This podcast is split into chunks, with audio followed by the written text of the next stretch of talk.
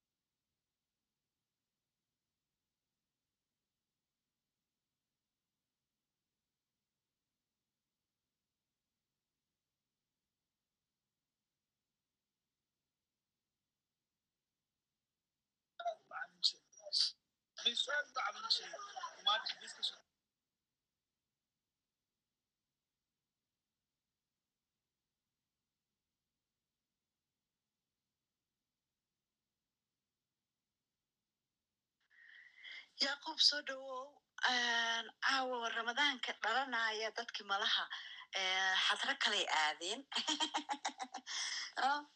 Yaqub ma maqle si fiican baan kuu maqlayaa mar waluuley adiga yani si aad baa idin salaamaya caawa maxaa idinku dhacay hadda? Labaatan daqiiqa hadda barnaamijka uu dib u dhacsan yahay. Oo sideed iyo barka miyuu ahaa? Mise sagaalka iyo bar barka weli maskaxdayda ku dhegan mota sagaalkii barka hadda saacad baa go'day soo ma aha. Yurub ka go'day. Ka gooda aniga sagaalka iyo barkii weli way noo tahay. Ha laakiin maku ha saacaddii waxa waye saacad markay go'day annagu mar kastaba maaragtay waxaa ewel looga dhigay moogtaha annaga nagu habboonay marka saacaddii maadaama naga go'day baan maaragtay adinkana idin naxariisanaynay oo labada isbuuc isbuucii u dambeeyey calashaan sideedii barku ahaa? Hadda hadda kabacdi waxay noqonaya xataa inaan sagaalka iyo barka waayo xataa taraawiixda waxaan ka soo bixi doonaa almost eight fifty meelaasaan ka soo bixi doonaa. may waa ka tashan doonaa barnaamijka markuu dhammaado waa ugu talagalay ramadaanka sideen yeelayno maadaama isniin kasta joogto waayo moog tahay. So waan iskala qaqaybi doonaa haddii alla idmo maaragtay hadeertaana way soo socdaan dadkii intaa yar dib u dhacaha iska kaya galo caawa. Way saacaddaas isbeddelka waxa waaye xoogaa jahwareeray keentay. Way saacad samarkii baa la galay. Ewel laba saac baad naga horreyseen hadda saacad unbaad iga horreysaan. Taasaa marka cilada keentay dadku malaha caawan waxay xiiseynayaan arrintan isbedelada muqdisho iyo siyaasadana waa la xiiseynaya umanani ha maya dhib ma laha laakiin tiamkii ayagu waxaas ma xiiseynayaan wadaadadii ma jiraan halka maba ku jiraanba club house hadda? Okay. Ha. Saaxiibada hoos joogaa soo dhaweynaya waxaa ii muuqanaya walaalka xasan deeq haybe oo marna aanu aanu ka soo wada shaqeyn jirnay idaacaddii star f m nairobi. Xasano korkaale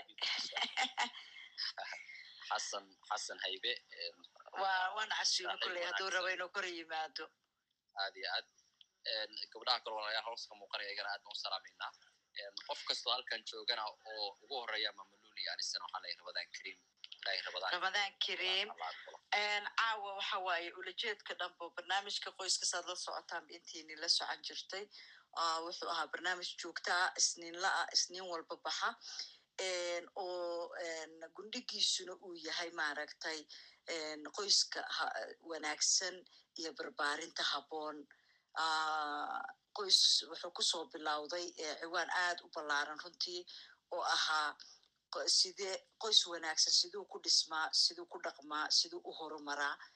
Halkaabaa laga soo bilaabay qoyska wanaagsan siduu ku dhismo oo ayay ka bilaabatay. Xasan oo soo dhawow walaal aad iyo aad ba umahadsan tihiin waa hoosteyda weliban inaad ugu celisaan baa ila quman anigu carruur iyo waxbaan carruur caashir iyo wax siisiinahayaa waa rabaa ku salaamayna insha allah waa lagugu celinaa hoostaada waa iska dhegaysanaysaay salaanta aan ku salaamayna adiguna dhankaaga inaadna salaantoodna maqashaan rabne allaha ku barakeeyo allah idin barakeeyo adiga iyo yacquub iyo anise iyo faiziya khiyaarta dhammaan hoos ka muuqata aad iyo aad baan u salaamaya allah idin barakeeyo Masha Allah, Barnaamij aad u salaam fiican Allah. Maya marka caawa calaashaan dhan dhanka diinta iyo dhanka psychologygaba waa laga fiirinayaa maaragtay qoyska wanaagsan in nooca uu yahay ramadaankana maaragtay waayo habits badan ayaa samaysmay sagaal ko iyo tobankii bilood ee u dambeysay ramadaankii dambe ka dambeysay habitkaas sidii lagu goyn lahaana waa in la isfaro xoogaa maaragtay xoogaa si cilmiyeysan ah, cashir loo qaato haddii alla idmo marka waa isdiyaarin hoostaadan kugu celinayaa salaan sharafeedan ku salaamo walaan iyo aad baad umahadsantihin jazaak allah khayr allaha ku barakeeyo ustaad xasanow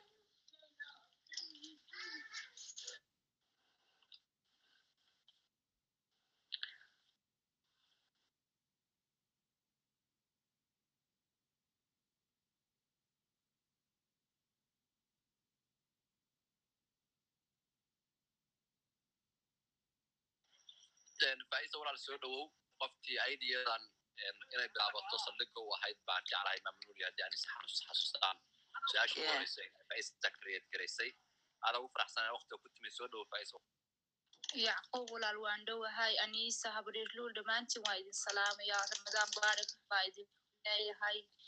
Habaryarluul iyo adiga iyo hawl badan baa qabateen. Aadaa idinkaga mahad celinayaa maasha allah waxa waaye horta horeeto. Yaquubow horta si taariikhiyana bal hadda walaalaha nala jooga intii aan la soconin wejiyo cusub baan u jeedaaye. Bal dulmar horta barnaamijkan asalkiisii heerarkuu soo maray. Bal dulmar. Aad oo mahadsan tahay maamo. Marka hore saaxiibada markaa rabadaankiim leeyahay. Barnaamijkan waxaan soo bilownay waxaan maranaya kiisii hadda haddaan khaldana waa la qaban doonaa lixaad inuu caawa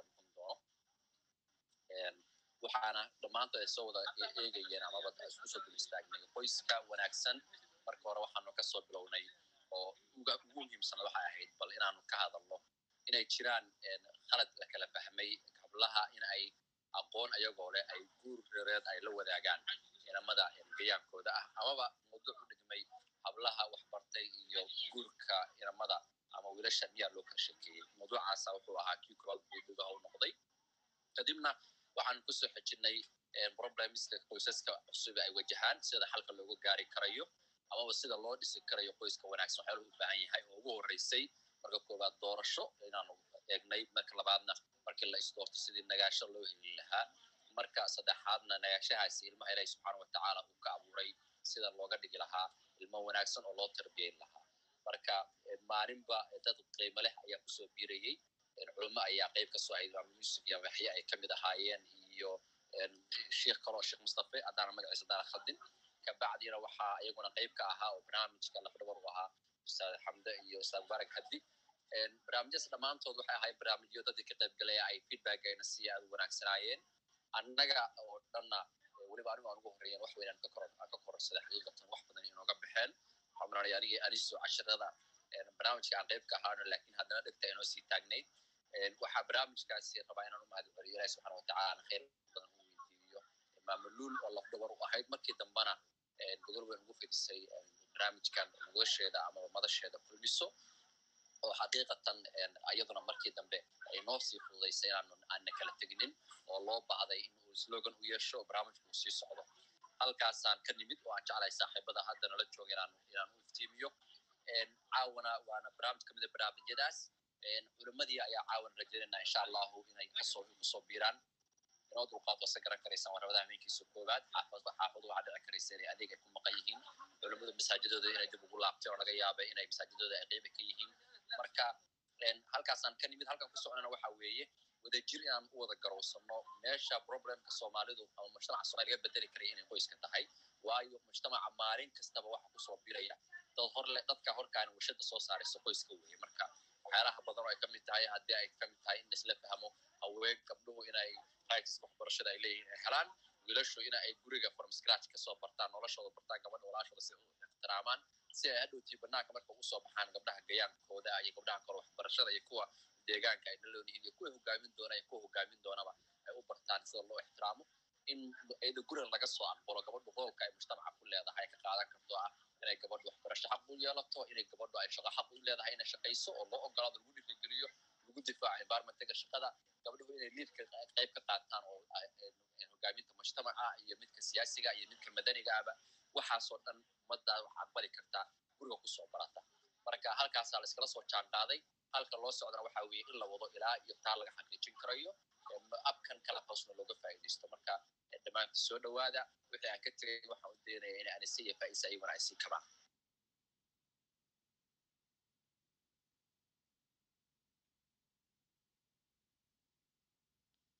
yacquub si fiican baa uga dhawaajisay runtii waxa kaloo ku dari lahaa xalinkan waxa kaloo iyadana uga hadalnaa sidee dhaqankan xun oona daba taagan sidaan iskaga jari codkaaga haddaan anigu sida hoosena aad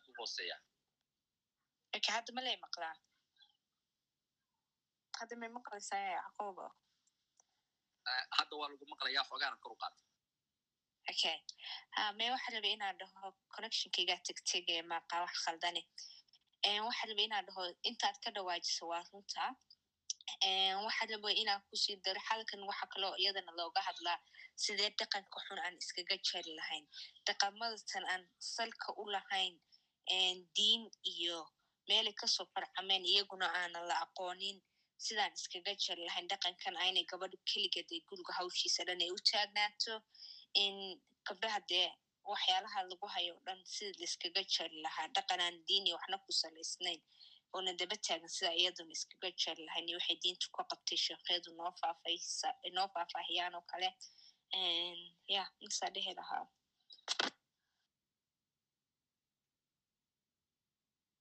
absolute waa inta aad wada marteen tiamka uun sadiq laabsalax baad ka tagteen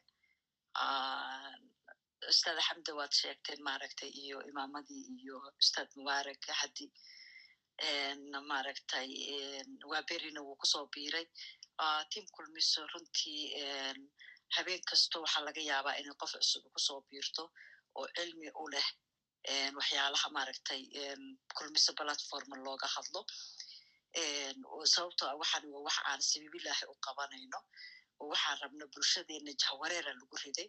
Xag caafimaad ha noqoto xag qoys ha noqoto xag nololeed ha noqoto. Xag diin ha laga soo galo caafimaad ha laga soo galo dhaqan ha laga soo galo meel kasto ayaa laga soo galay. Marka platform kulmiso waxyaalaha lagu qabto waa un wax cilmiyeysan cilmi ahaan u baxaya xaqiiqda wacyiga taagana maaragtay. Mar kasta iftiiminaysa toosh ku sidaysa meelaha qaarkood dadka qaar way dhibsadaan. Meelaha qaarkoodna caadi bay noqotaa oo xaqiiqda waa qofkaan is-indho tirayna xaqiiqda waa ku noolnaha nolol maalmeedkeenay ka mid tahay. Barnaamijkaas hadeertaan maaragtay sugida cunto karinta. Cunto karinta wax dhiba malaha qofka bini aadankaah ayada maanta dhan way karin kartaa hadday doorato. Lakiin meesha aan ka aadno waxay tahay barnaamijkii kow ugu horreeyey oo lagu furay arrimahan maaragtay qoyska oo ahaa gabdhaha waxbartay iyo ragga ma loo kala sheekeeyey. Waxay ahayd maaragtay wacyi isdaafsi ra'yi isdaafsi aan dhihi lahaa rag badan oo markaa meesha soo koray waxay yidhaahdeen arrimaha ay ama ka sheeganayeen ama ay xoogga saarayeena waxay noqotay cunto karinta. Kuwa qaar fikirkooda uu ahaa gabadha waajib bay ku tahay inay maaragta iyadu mas'uul ka tahay cuntada guriga laga karinayo. Kuwana waxay lahaayeen warheede waajib kuma aha lakiin annaga kuma soo barbaarin la iima soo barin inaan cuntadii kariyo. Marka dhaqan ahaan uma baranin sidaas baan uga sugayaa gabadhu inay wax kariso. Waxaa la istusay oo kaleeto maaragtay qurbaan nimid ragguna mar kastaba xataa waagii hore xataa nabaddu intay jirtay raggay ahaayeen waxa shaqo tegi jiray sacuudiga iyo meelaha janaalayaal waa kuwii la dhihi jiro ka soo shaqayn jiray marka raggu ay dhoofaan gurigooda ka tagaan yaa u kariya cuntada ayagaa karsada dantaa barta dhaqankii guriga hore oo abaabintaa laga soo haleeyey oo waxba lama soo barin marka wixii markii la istusay barnaamijkaas barnaamijka ku xigay waxaa laga dhigay ciwaankiisu wuxuu ahaa gabadhu inay cuntada kariso ma u gooniba imaamadii baa yimi ayagoo xagga diinta ka aadaya dhaqankii iyadoo dhankiisa laga aadayo gunaanidkii wuxuu noqday waajib iska dhaafay shaqay ku leedaha marka hadday samaysana waa isxaan ay samaynayso iyo kalgacal ay samaynayso. Iska daa inay cunto kariso waajibkeeda ee waxaan hataa waajib ku ubadka caloosh uurkeeda ka soo go'ay oo ayada ay dhashay inay nuujiso waajib kuma ah waxay xaq u leedahay in ay tiraahdo maaragtay wiilka aabaha u ah. Jaale haddaan rabta inaan kuu nuujiyo lacag mushaara bixi. Laakiin gabar soomaaliyeed ma dhacayso caalamka intaan ku nool lahay kolley horena uma dhicin. Fikirkayguna waxay ila tahay inayna dhici doonin in maaragtay ay tiraahdo ilmaha ayga aan nuujiye lacag kaale ugu sii marka saa markii doodaasi ay halkaa tagtay baa maaragtay aan waxaan dhahnaa waxaan aan jidayno. Markaas baa la sameeyey ciwaankii weynaa oo ahaa maaragtay qoys wanaagsan siduu ku dhismaa siduu ku dhaqmaa siduu ku horumaraa. Kii ugu horreeyey laga bilaabay marka sukaansigiiba bilowgii horeetaba barashadii koowaadba waa ayo qofka aad baratay. Sidee may tahay inaad maaragtay isu barataan? Maxay tahay qofka inaad ka baratid ayadoo weli caata xoogga la saaray laisxasuusinayo laba qofo waxaad tihiin qofba guri lagu soo barbaariyey yes isku diinaan naha isku dhaqanaan naha lakiin qofba waalid baa soo barbaariyey qofba xaafad bay ku soo barbaartay. Qofba nooc baa loo soo barbaariyey qof xorriyad buuxdaa lagu soo barbaariyey haddii la rabo. Qofna maaragta cadaadisaa lagu soo barbaariyey so inaad isbarataan iswaraysataan oo maaragta laabta iyo jacaylka iyo dareenka laysu qaaday keliya ayna sheekadu noqonin lojigi iyo xiskana lagu daro oo la yiraahdo walaalay macaani bal kuriinshadaada iiga sheekeen maxaa noloshaada ku soo dhibay? Maxaa jeceshahay? Ayaduna sidoo kaleeto oo laba qof oo soo baratay oo isxog og oo dhinac walba iska soo wareysatay oo isdooratay ay noqdaan. Qaybtaa markii laga soo gudbay oo la yiri okay dadkii waa loo sheegay way issoo way isdoorteen way israaceen marka wayba is arooseenba topicii marka isniintii ku xigay waxaa laga qaaday marka labadaa qof ee is aroostay ee isi soo calmatay ee dhinac walba iska soo wareysatay ee isla soo jaan qaaday maxay tahay marka sidee intaan ubad imaanin? Way ubad markuu yimaad culaysaa imaanaye sidee marka guurkooda gurigooda qoyskooda u dhidba asta maalintaas isniintaana wuxuu ku baxa cashirka wuxuu ahaa lamaanahaasi sidee ay ku midoobaan ayuu nuxurkiisu ahaa.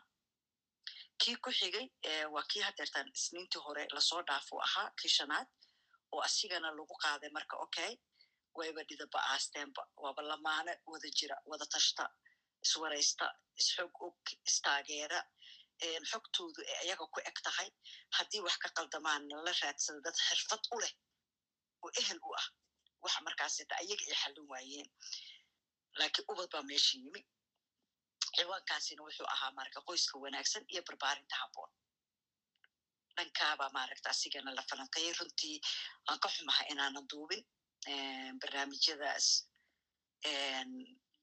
Barnaamijka barbaarinta habboon iyo qoyska wanaagsan habeenkii markay dadkii dhegeysteen aad habeenkii ugu badneeday ahayd ayay marka wuxuu ka yimid dalabku dhammaantood uy dhaheen barnaamijyadan ha noola duubo sababtoo kale wakti baan nahay isku meel ma joogno shaqan ku jiri karaa barnaamijkina waa muhiim sidaa daraaddeed barnaamijyada walaalay noo duuba so hadeertaan kan wuu duub mooyaa barnaamijyada kaleeto oo kulmise ka baxo waa la duubaa laakiin qoyska annagu waxaan isdhehayna dadka jooga un haka faa'iidaystaano laakiin waxaa soo baxday in bulshadu ay u baahan tahay taasina ay go'aanka uu noqday maaragta hala duubo. Marka caawu ka bilaaban doonaa dulmar asigoo ana waxaa dhan waxaan idinkugu dulmaraya waxay tahay taariikhdiisii iyo halka uu ka yimid. Ustaada nimca soo dhowow kor iskeen insha allahu tacaala. Aad baa umahadsan tahay. Marka caawana waxaan joognaa calaashaan qoyska wanaagsan mar kastaba ma harayo qoysna wuxuu ahaa maxay hayteen sidiisaba guur marka la yiraha waa qoys. Sababto guur waxa ka dhalanaya waa qoyskii qoys marka la yirahna waa hooyii aabo iyo haddana carruur lagu daray. Marka waxa aan doonayno ulajeedkuna wuxuu yahay waxaa nagu bata far isku fiifiiqa. Dumarkii raggii bay eedeynayaan raggii dumarkay eedeynayaan bulshadii waxbay eedeynaysaa marka annaga waxaan bedelnay jahadii loo socday waxaan u bedelnay maxay yihiin waxa wanaagsan oon rabno? Waxa wanaagsan oon rabno markaan casharo ka dhigno. Si ummaddii uga faa'iidaysato wixii tooga tusaaleyn ugu noqdaan qayb uga noqdaan isbedelna saas uu ku dhasho. Ulajeedkuna uu yahay isbeddel aragtiyeed inuu dhasho. Aragtida laga haysto waxyaalo badan aan diin shaqo ku lahayn oo diinta loo nisbaynayo waxyaalo badan oo dhaqan aan shaqo ku lahayn laakiin meelo kale laga keenay oo maaragta dhaqankii loo nisbaynayo. Waxyaalo badan oo shaksi asiga ka soo fulay oo haddana maaragta ama diintii lagu dabaqayo ama maaragtay dhaqankii lagu dabaqayo inaan waxaasoo dhan beri ka noqono oon ka nadiifsanaano ayaan rabnaa. Haddii allah awooda la idmo.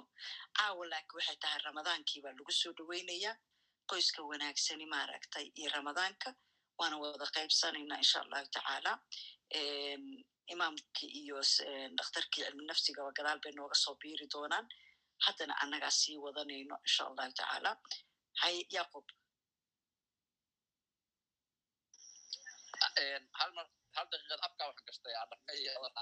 qarsay okay dhib ma laha raxma soo dhowow walaal saa u jeedid ba cawada ramadaankii baa loo dabaaldegayaa waxa waa isdiyaarin baa lagu jiraa may maqashaa raxma okay telefon markuu qofka u soo galana club house taasuu ku xun yahay nimca walaal may maqashaa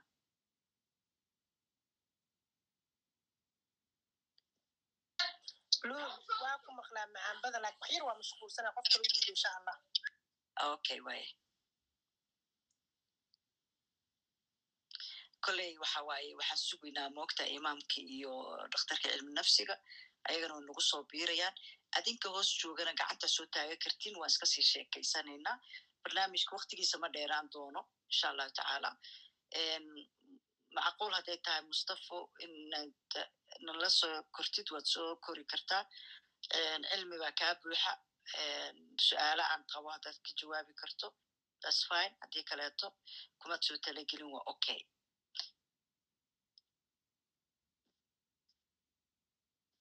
asalaam waraxmatullah bilan soo dhawow ha weydii waan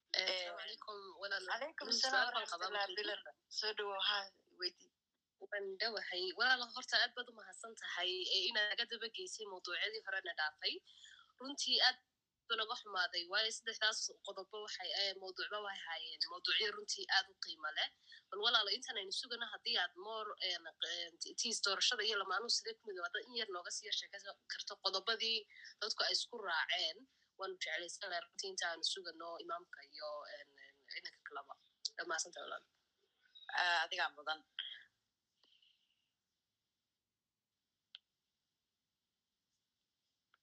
waan samayn doonaa insha allah haddii maama suurtagal ay tahay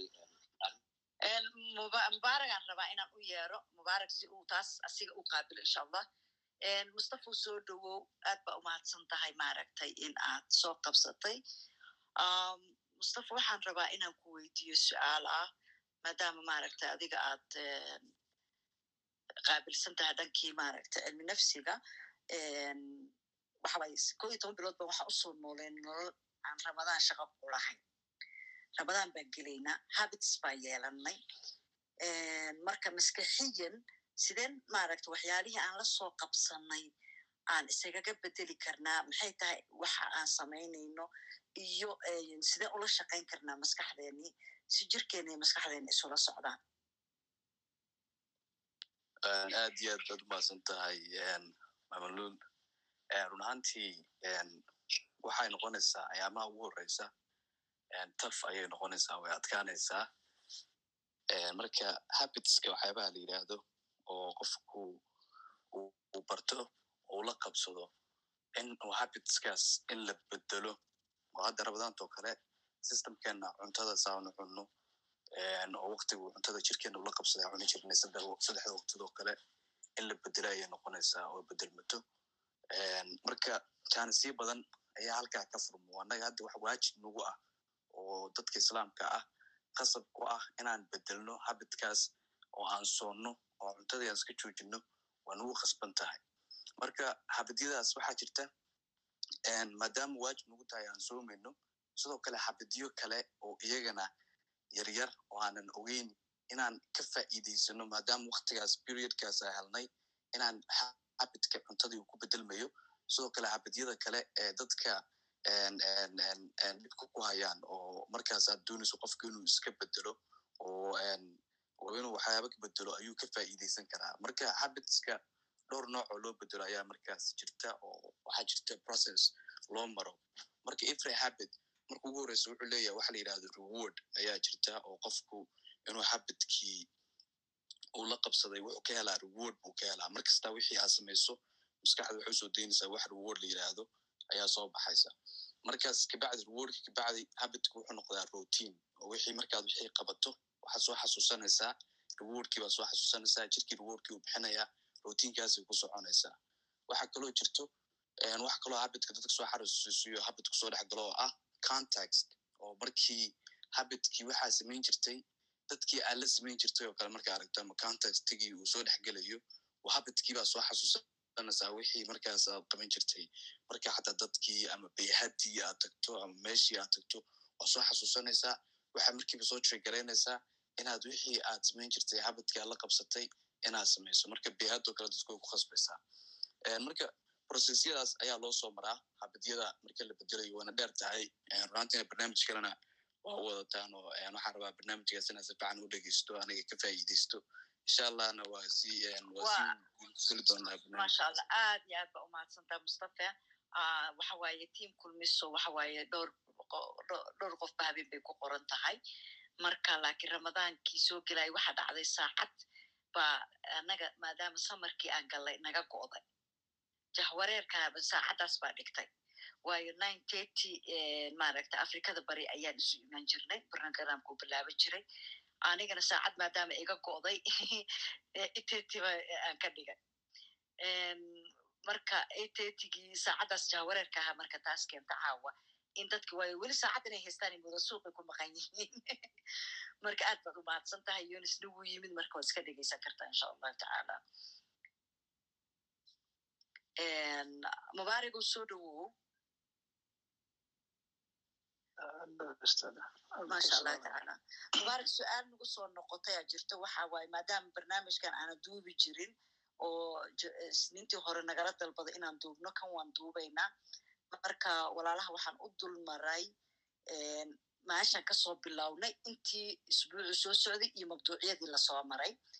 Marka waxaa timid su'aal ah maadaama aadan duubinina xoogaa astaamihii aad ka bixiseen xulashada lamaanaha kow markii shukaansi ay taagantoo la isxulanaayo habkii laisu xulanayay iyo talooyinka a ka bixiseen hadda mana siin kartaa tala su'aal abaa timi marka taas baan kuugu yeeray on eri maaragta ustaadka u yeer. Asigu maaragta taana ha daboolo qoyska wanaagsan tan ana ha daboolo kadibna waad mahadsan tahay. Waa su'aal wanaagsan weyaan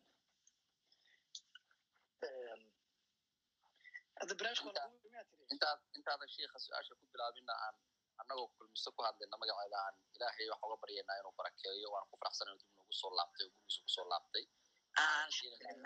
Insha allahu ramadaankana nagu talagalo oo maaragtay erashtii reer karo horla haddii ay jiraan maaragtay within kulmisa monday iyo kasta ila waa la ballansan yahay wakti baan isleeli doonaa taastan isniinta ramadaanka saa u wajihi lahayn laakiin yaquubow sababta aanan mubaarak u dhihin mubaarak uu soo dhawa waxay tahay siu jigjigo uga soo noqda aniga asugoo isla soconay barnaamijyo badan iyo wax badan baan ku soo jirnay marka kalaab house u baahan dirtan qolkii kulmise lagu jiraa ma ogiye banaankaasaan isla soo joogna marka anigu jaa. Soo dhaweyntii jigjiga ka soo noqoshada baan sameeyey mar hore anoo nimca iyo iyo arise iyo kooxihii kale oo kulmisa matalaya iyo saadiq yaa odhanaya okay aad baad mahadsantahay qayb baan ka ahayd ha mubaarak waan duubaynaa adiga safar baad ku maqnayd isniintii hore baa baahidaasi bulshada ka timid in maaragta inta joogto una ku filayn dad badan baa maaragta yimi oo yiri barnaamijyadii hore waxay nagu dhaafeen ama shaqan ku jirnay ama waktigaa waan jiifnay. Marka fadlan barnaamijka maadaama wakti joogta ah aad ka dhigteen oo uuna xiliyo kala duwan soo gelaynin walaalayaalow duuba. Marka caawa wuu weyaan laakiin waxaa duubaya cod uun podcast ahaana loo dhegeysan doonaa insha allah. Podcastiga kulmiso ayaa la baarayaa podcastiga waa sameeye cod ahaan baa loo dhegeysanaya okay okay. Ha wa dawa waa arrin fiican weyaan dadka club houseka dadka inta ku jirta haleeli karayso iska kooban tahay dadka weli weli android bay aada u adeegsadaan marka androidkiina halka laguma soo geli karaa si androidka hadda club house sharcigii wuu soo bedeloyaa shan iyo tobanka may ka bilow androidka waa imaanaya imanaya soo maha may suuq weyn ba xaga kaga maqan iyo laftirkooda waa waa ku tiri jiraan way qabanayaan aad baad aad tihiin weliba programkii programmadoo dhan haddii xataa lagu celin karayo oo la soo bilaabi karayo aad ya waa samayn doonaa haddii allina caawa waxaan samaynaynaa keliya ramadaan isu diyaarin iyo su'aalaha bulshada ka yimaada un baan qabanaynaa dan waa gabagabada sida caadigaan u tashan jirnaa u tashanayna si wiigaga soo socda haddii la rabo haba lagu celiyo si u duubmaan insha allah su'aasha waxaan u fahmay inay ahayd doorashada hore lamaanaha ama qoyska hore marka la dhisayo doorashada ugu horeysa absolute. waa saldhigii buuggaaga maaragta garaadsintaada guursan saldhigii buuggaaga taas waa in kuugu yeeray aad aad ad maasantahay masha allah waa mawduucan passionate ku ahayd mar walba iska diyaarino inkastoo mar walba ay qurux badan dadkii wax loo diyaariyo haddana waxaad niyadda ku hayso waa waa mar walba waxa weeye waa waa diyaar ahaato waa waa su'aasha waa su'aal runtii muhiim ah de horta qoysaskeeni maanta nolosheenu hore aanu ku noolayn way isbedeshay torally nineteen two thousand early two thousandki sida loo hasaawi jiray maanta wax weyn baa iska bedelaya su'aalo muhiima jiro maanta ay tahay in la isku weydiiyo. Shalay muhiim ahayd marka xilligana inta badan waxaad moodaa inaan in laga faa'iidaysan xilliga haasaw ah oo sida caadiga ahayd un de dad la sheekaysto un wakti badan halkaa la isaga lumiyo. Laga yaaba da sanadaaba la socdaa mar mar ka waxaad moodeysaa in muddadii dheeradee la wada soconayo inay sii dheeraanayso. De taana waxaa laga yaaba inay waxbarashada iyo shaqooyinka iyo howlaha inay sabab ku leedahay marka totally cawlamada ama globalizationka saameyn weyn buu nolosheena ku leeyahay guri ilaa iyo meesha ugu sarreysa marka saameynta inagoo la jaan qaadayna furitaankiina hadaad eegto wixii la isku furi jiray labaatan sano ka hor maanta laiskuma furo boqolkii sideetan waxa la isku furo waxa weye waa waa arrimo cusub oo xilligan la jaan qaadayo waktigan uu keena weyaan casrigan casriyowga saameynta inuu leeyahay marka hadafkan de mawduucaan aanu galin waxa weye balwiran dadkii hore waaba iyagu korriimo kale iyo xirfado badan ay bartaan iyo isbarasho badan oo labada qof ay isqabaltooda inay isbartaan looga baahan yahay baa jirte borta dhalinyarada sidee loo jeeya seventy percent bulshadeena waa waa dhalinyaro sida la tilmaamayo dana intaasa maalmaba de intaasa isguursanaysa anagood weliba maraykankan joogno tobanka gu tobanka guuree dhacaa ku dhawaad saddex afar meelaha inkastoo de daraasa ixsaa'iyaad saxa oo lahaya aanay jirin haddana saddex afar ka mida waxaad arkaysaa muddo yaroo kooban lix bilood gudahoodan ay ku kala tegayaan marka waxaan marka aad waxaan u aaneeyaa in furitaankan qaybo badan oo ka mid a in bilowgii hore haasaawihii lagaga faa'iidaysan lahaa fursaddan in la soo dayacay oo anigu xilliga haasaawaha waxaan waxaan u dhigaa in saxa tacbiir inay tahay xilligii kambanigu inta u interview garaynayay qofkii oo hayar garaynayay.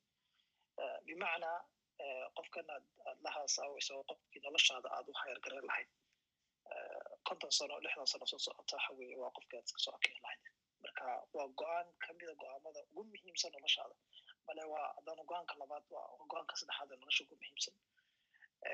Marka xilliga xilliga haasaawaha sidee looga faa'iidaystaa? Marka qofba uu qofka uu ka wacaal badan yahay xog ka qabo waxa uu doonayo iyo waxa isaga baahidiisa uu qabo iyo qofka uu waxa uu ka doonayo uu uga ogaal badan yahay uu ka faa'iidaysan karaya xilliga haasaawaha bimacnaa yani hadda kambaniyadu marka ay cid hayar gareynayaan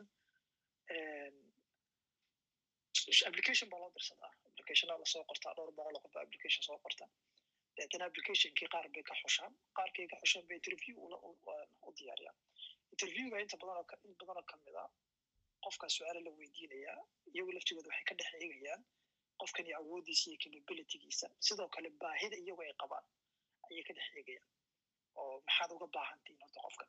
Horta waa inuu qofku yaqaano wuxuu kambanigu waa inuu yaqaano booskan ka banaa iyo shaqada looga baahan yahay iyo qofka looga baahan yahay buuxin karaya. Dabeetana interviewga baa lagu ogaanayaa qofkan inuu booskan buuxin karayo xilliga xasaawahana saxa tacbiir waxa weye waa waa waa waa waktigaasoo kale weeyaan marka in dhalinyarada la yidhahdo hanaankii hore loo hasaawo jiray torale hanaan ka duwan in loo hasaawo waayo wixii laga iska wareysan jiray wixii laga wada sheekeysan jiray way kasi way sii adkaanaysaa. Marka xilligaa in laga faa'iidaysto oo serious la noqdo qofku qof kale waxa uu baahan yahay uu u soo bandhigo waxa uu doonaya u soo bandhigo riyooyinkiisa inuu yaqaano. Waana arrin muhiimaya arrinta ugu muhiimsan waxa weeye inuu qofka horta yaqaano isagu adigu xaggaad u socotaa maxaad doonaysaa labaatanka sana soo socda inaad ka shaqayso ama majaalkaad ku doonaysa maxay waayo qofkan isla laftigiisa la haasaawaysa laftiisu waxa weeye aad doonaysa nolosha inaad ku midowdaan isna riyooyin buu leeyahy riyooyinkaaga haddaadan garanaynin waxaa laga yaabaa in caqabada isku noqdaan labadin riyo tusaale oo kale qofkan aad u hayr garan tusaale waxa laga yaabaa inaad gabar doonayso inay show furato ama de t v program inay furato ama inay ganacsato noqoto waxaa laga yaabaa ninkan la haasaawaya haddaana iyadu taa u sheegin marka hore yaaba inuu diidaba hadhow caqabad isku noqdaa markay isguursadaan yidhahdo de riyooyinkeeda dhan buu caqabad ku noqdo laakiin maanta markaad garanaysid waxaad doonaysa inaad samayso meeshaad u socota markaad garanaysid ugu yaraan waxaad noloshaad ku soo birinaysaa qof waxaan kula fahmaya oo isku meel ujeedaan ama ugu yaraan aan caqabad ku noqonin riyooyinkaaga marka in xaalado seriousa laga wada sheegto laga wada sheekaysto xilligaa hore haasaawa marka sheekooyinkaas qayb waxaa jirta su'aalaha oo muhiima qofku isaguna isweydiiyo qofka ula haasaawa isweydiiyo mashaakisha marar qaar ku jirta waxa weeye qofku isagaa keliya wuxuu eegaya wuxuu leeya war anigu qof igu habboon baan raadinaya qof igu habboon qof igu habboon qof qofaan jeclaha doonayo oo qof isagu iska dhex arkayo laakiin cagsigeeda dhankan lama eego lama yidhahdo okay qofkan anigu munaasab okay isagu munaasab horta migu yahay anigu munaasab ma ku ah anigu laftigiisa qofkan aan nolosha la wadaagayo munaasab ma ku ah waad dhankaaga keliya dad ka fikirtid qofka dhankaaga uu kaa qancin karaya laakiin qofkan adduun dhan buu wataa isagu laftigiisa oo uu doonayo oo rabo inuu kaa dhex arko marka haddaadan u fududayn arrintaa oo waxaa ka wada sheekaysa si seriousa ka noqon dhinac waa laga yaaba inaad dabooli karta dhinaci kale haddana waxa weeye caqabad laftooda inagu noqoto ayaa dhici karaysa marka waxaan waxaan halbeegyada qofkaad doonaysa nolosha inaad la wadaagto ay tahay inaad ka eegto marka su'aalaha laga soo tago oo qofku inuu isagu isbarto waayo iimahaaga waa inaad taqaanid. Waxaad ku fiican tahay waa inaad taqaanid. Riyooyinkaaga iyo waxaad doonaysa mustaqbalka ina waa inaad taqaanid. Qiyamkaaga waa inaad taqaanid. Baahiyaha gaarka adigu aad leedahay doonaysa kuu muhiimka qof waxba aad u muhiim u ah. Maxaa kuu muhiima? Waxaadan aqbali karaynin. Waa maxay? Qofkan waxaadan tolerate garay karin waa maxay? Maxaa tolerate garay karaysaa arrimahaas oo dhan damar aad taqaanid. Oo naftaada ka taqaanid. Oo damar marka aad meesha aad timaadid xilliga haasawaha aad ka faa'iidaysan karayso bas qofkan waxaad ku eegeysaa waxa laga yaabaa adigu aad leedahay diinta isagu leey waad ka ilaalinaysa alaga inaa carab badan tahay qofka hadduu isna badan yahay waxaa dee caqabad bayda ku noqonaysa inaad kala leexataan weeyaan meelahaas kale iimaha kale inaad kala leexataan waxaa qofku inuu jecel yahay in isaga markuu khalad iyo wax dhacaan in isaga la raaligeliyo jecel yahay qofkan kale nolosha doonaysa la wadaagta hadduu isna yahay qof isna jecel la raaligeliyo waxaa laga inaad kala aamusaataan marka iimuhu inay kala duwanaadaan marka taa su'aalaha marka laga soo tago waxyaabahan isleeya aad ba muhiim waxa weye in thaqaafa isu dhow in horta la leeyahay thaqaafa isu dhow dhaqankuna isku soo dhow yahay eg keliya labadiina keliya isma guursanaysaan wax isguursanaya qoysas baxta isguursanaya been baa jirta fakatay oo ah soomaalidu waa isku dhaqan isku thaqaafad soomaalidu isku wada aad bay guurka iyo arrimahooda ugu kala duwan yihiin dhaqan dominanti baa jira oo ah reer guuraaga dhaqankooda oo inta badan laga la saydareeyey dhaqankii kale badnaayo soomaalida marka soomaalidu marka isku dhaqan ma ah marka inaad maadaama reero ay isguursanayaan oo qayb ka yihiin guurkan inaad qofaad isku thaqaafad dhowdihiin xataa barbaarintiiba nooca nooca barbaarneed baa xitaa laftigeeda usaa qayb weyn ka ah labada qof qofka curadka iyo qofka ku soo gurigooda guri dambeysa ka ahaa waa torale waxaa laga yaaba inay kala duwan yihiin marka xitaa meeshu qofkan kaga jiro thaqaafada keliya maali xitaa barbaarinta gurigooda lambarkuu kaga jira xitaa dhalashada aad bay muhiim u tahay marka thaqaafada inay thaqaafada isu soo dhawaato wax badan baa ka ratibmaya wada hadal baa ka ratibmaya wada xaajood baa ka ratibmaya wada mushkilada khilaaf soo dhaca laga yaaba inuu dhacaa dhici karaysa oo rabaa in la xaliyo aragtida xitaa reeruhu ay sheegayaan waa arrin muhiim arrinta labaad waxa weye in la soo dhawaata ay tahay adduun aragga labada qof adduun araggooda soo dhow nolosha sidii u arkayaan bimacna yani qofku halka uu ka soo guranayo frequenceka meesha uu hadalka ka imanaya da qofka qof dee haddaanay soo dhawaan waxba noloshu waa isfahm isfahm weya wax ugu muhiimsan haddana qofkan aanu afkaartaadii halkaad ka imanaysa aanu kula fahmi karin waa waa waa waa xabsi xabsi weya marka in labada qof ay weeraan adduun aragoodii iyo meelahay ka kala imanayaan ay isu soo dhow yihiin bimacnaa laba qof hadee aqoon leh ama dad wax wada aqriya inay wada yihiin ama dad weeraan waa inay adduun aragga nolosha sidii loo eegay waa isu soo dhowdahay arrinta kale aadka muhiim iyadana waxa weye waa qiyamka qiyamka valueska maxaad qiimaysaa maxaa qofku wuxuu qiimaya labada qof? Waa isu soo dhow waxaa laga yaabaa gabadhan inay valuegeeda tahay in qoyska uu aabo family mana oo familigu number one uu yahay oo carruurta waqti la qaata iyada waqti la qaata inay inay ku riyoonayso. Weligood ba soo sawiranaysa baa dhici karaysa.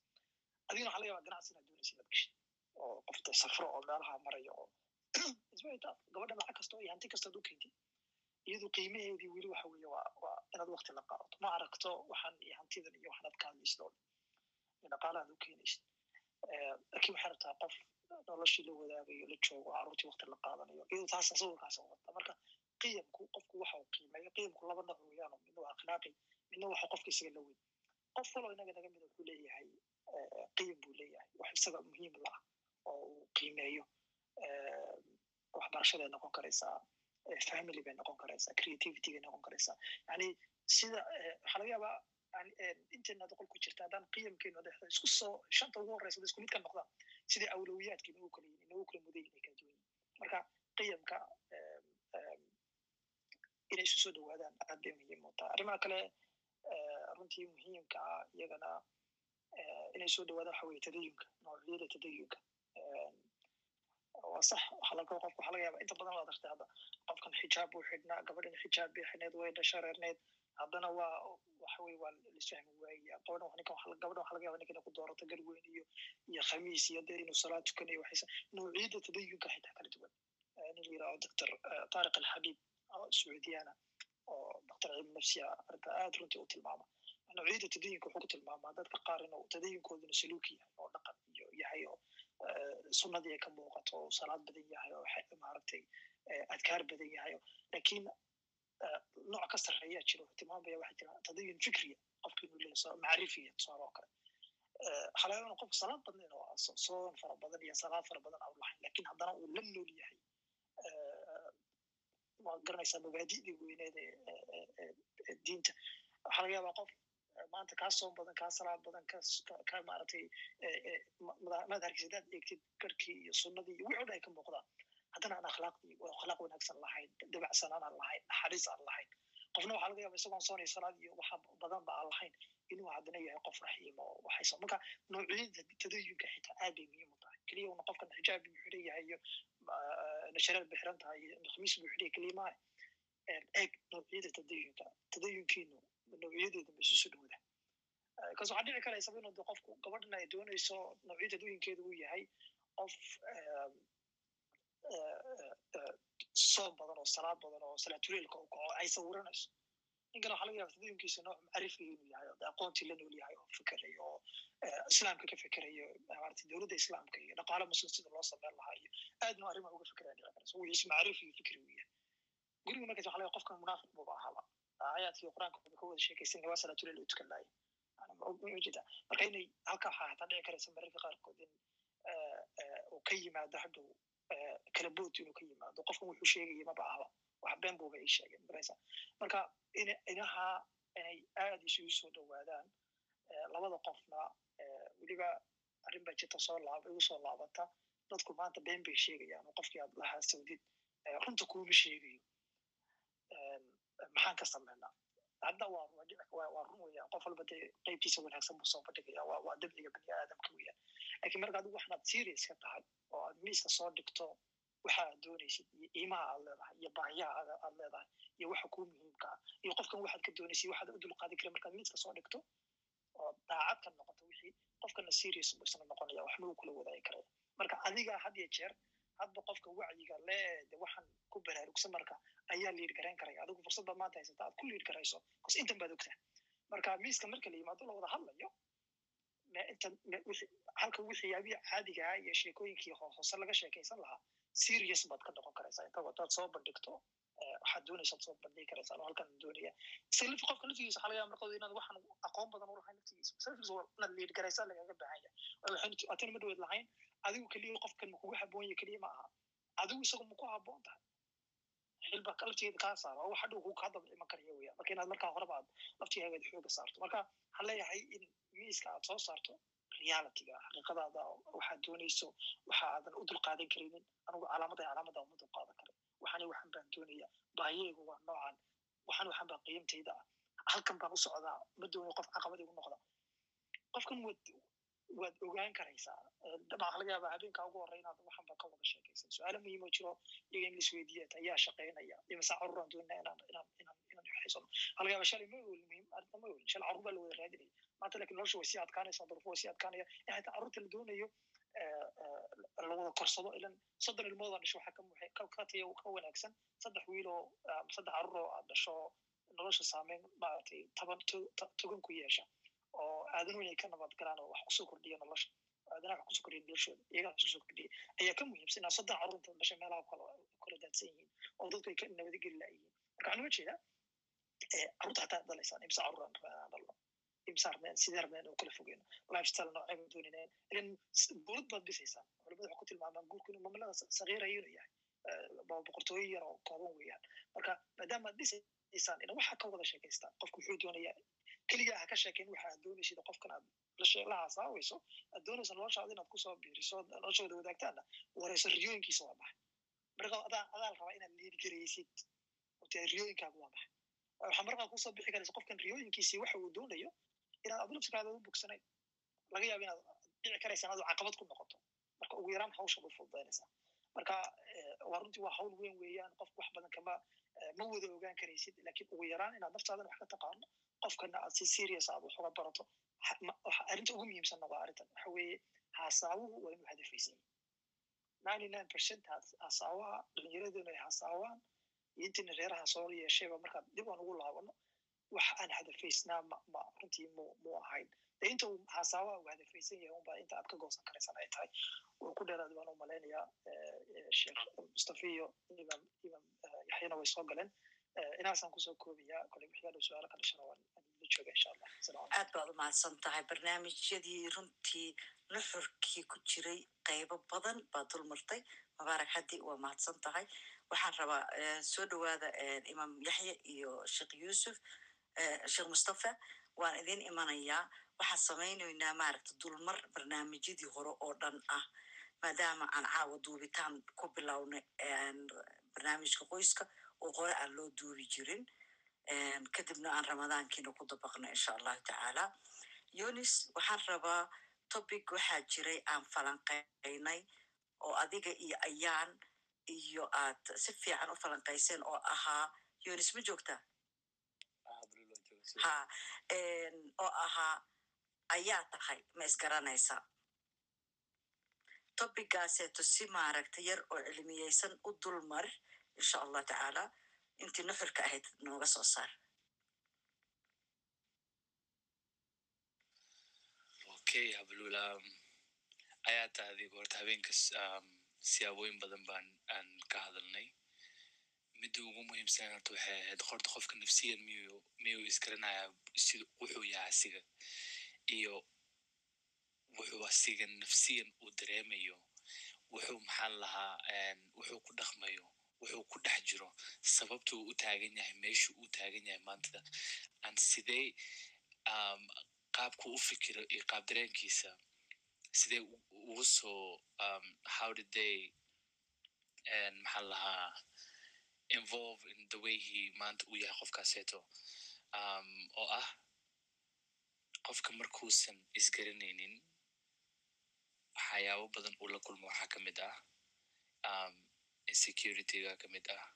Habalol insecurity af somalia maxaa lagu dhaha kalsooni daro kalsooni daraa ha kalsooni darada inuuna qofka maanta dhamaalo wax uu rabo iyo wuxuusan rabin uusan kala sheegi karaynin ina noloshiisa nolol maalmeedkiisa every single day ay tahay mid shal uu ku noolaa unbuu maanta uu ku nool yahay an inay dhacda xataa like for the past ten years inuu isla qofka isla meeshale uu taagan yahay isla sida uu fikirayo isla qaababkii uu wax u samayn jiro uu sameynayo so ayaa taa adigoo habeenkaan ka sheekeyn marka arrimahaas dhamaalaan soo falanqeynay oo ah qofka mar walba siduu asigu isku garan karayo siduu isku miisaami karayo and how to actually understand maxaa lahaa how to use maskaxdiisa iyo dareemihiisa siduu maxaa lahaa guushiisa ugu gaarayo.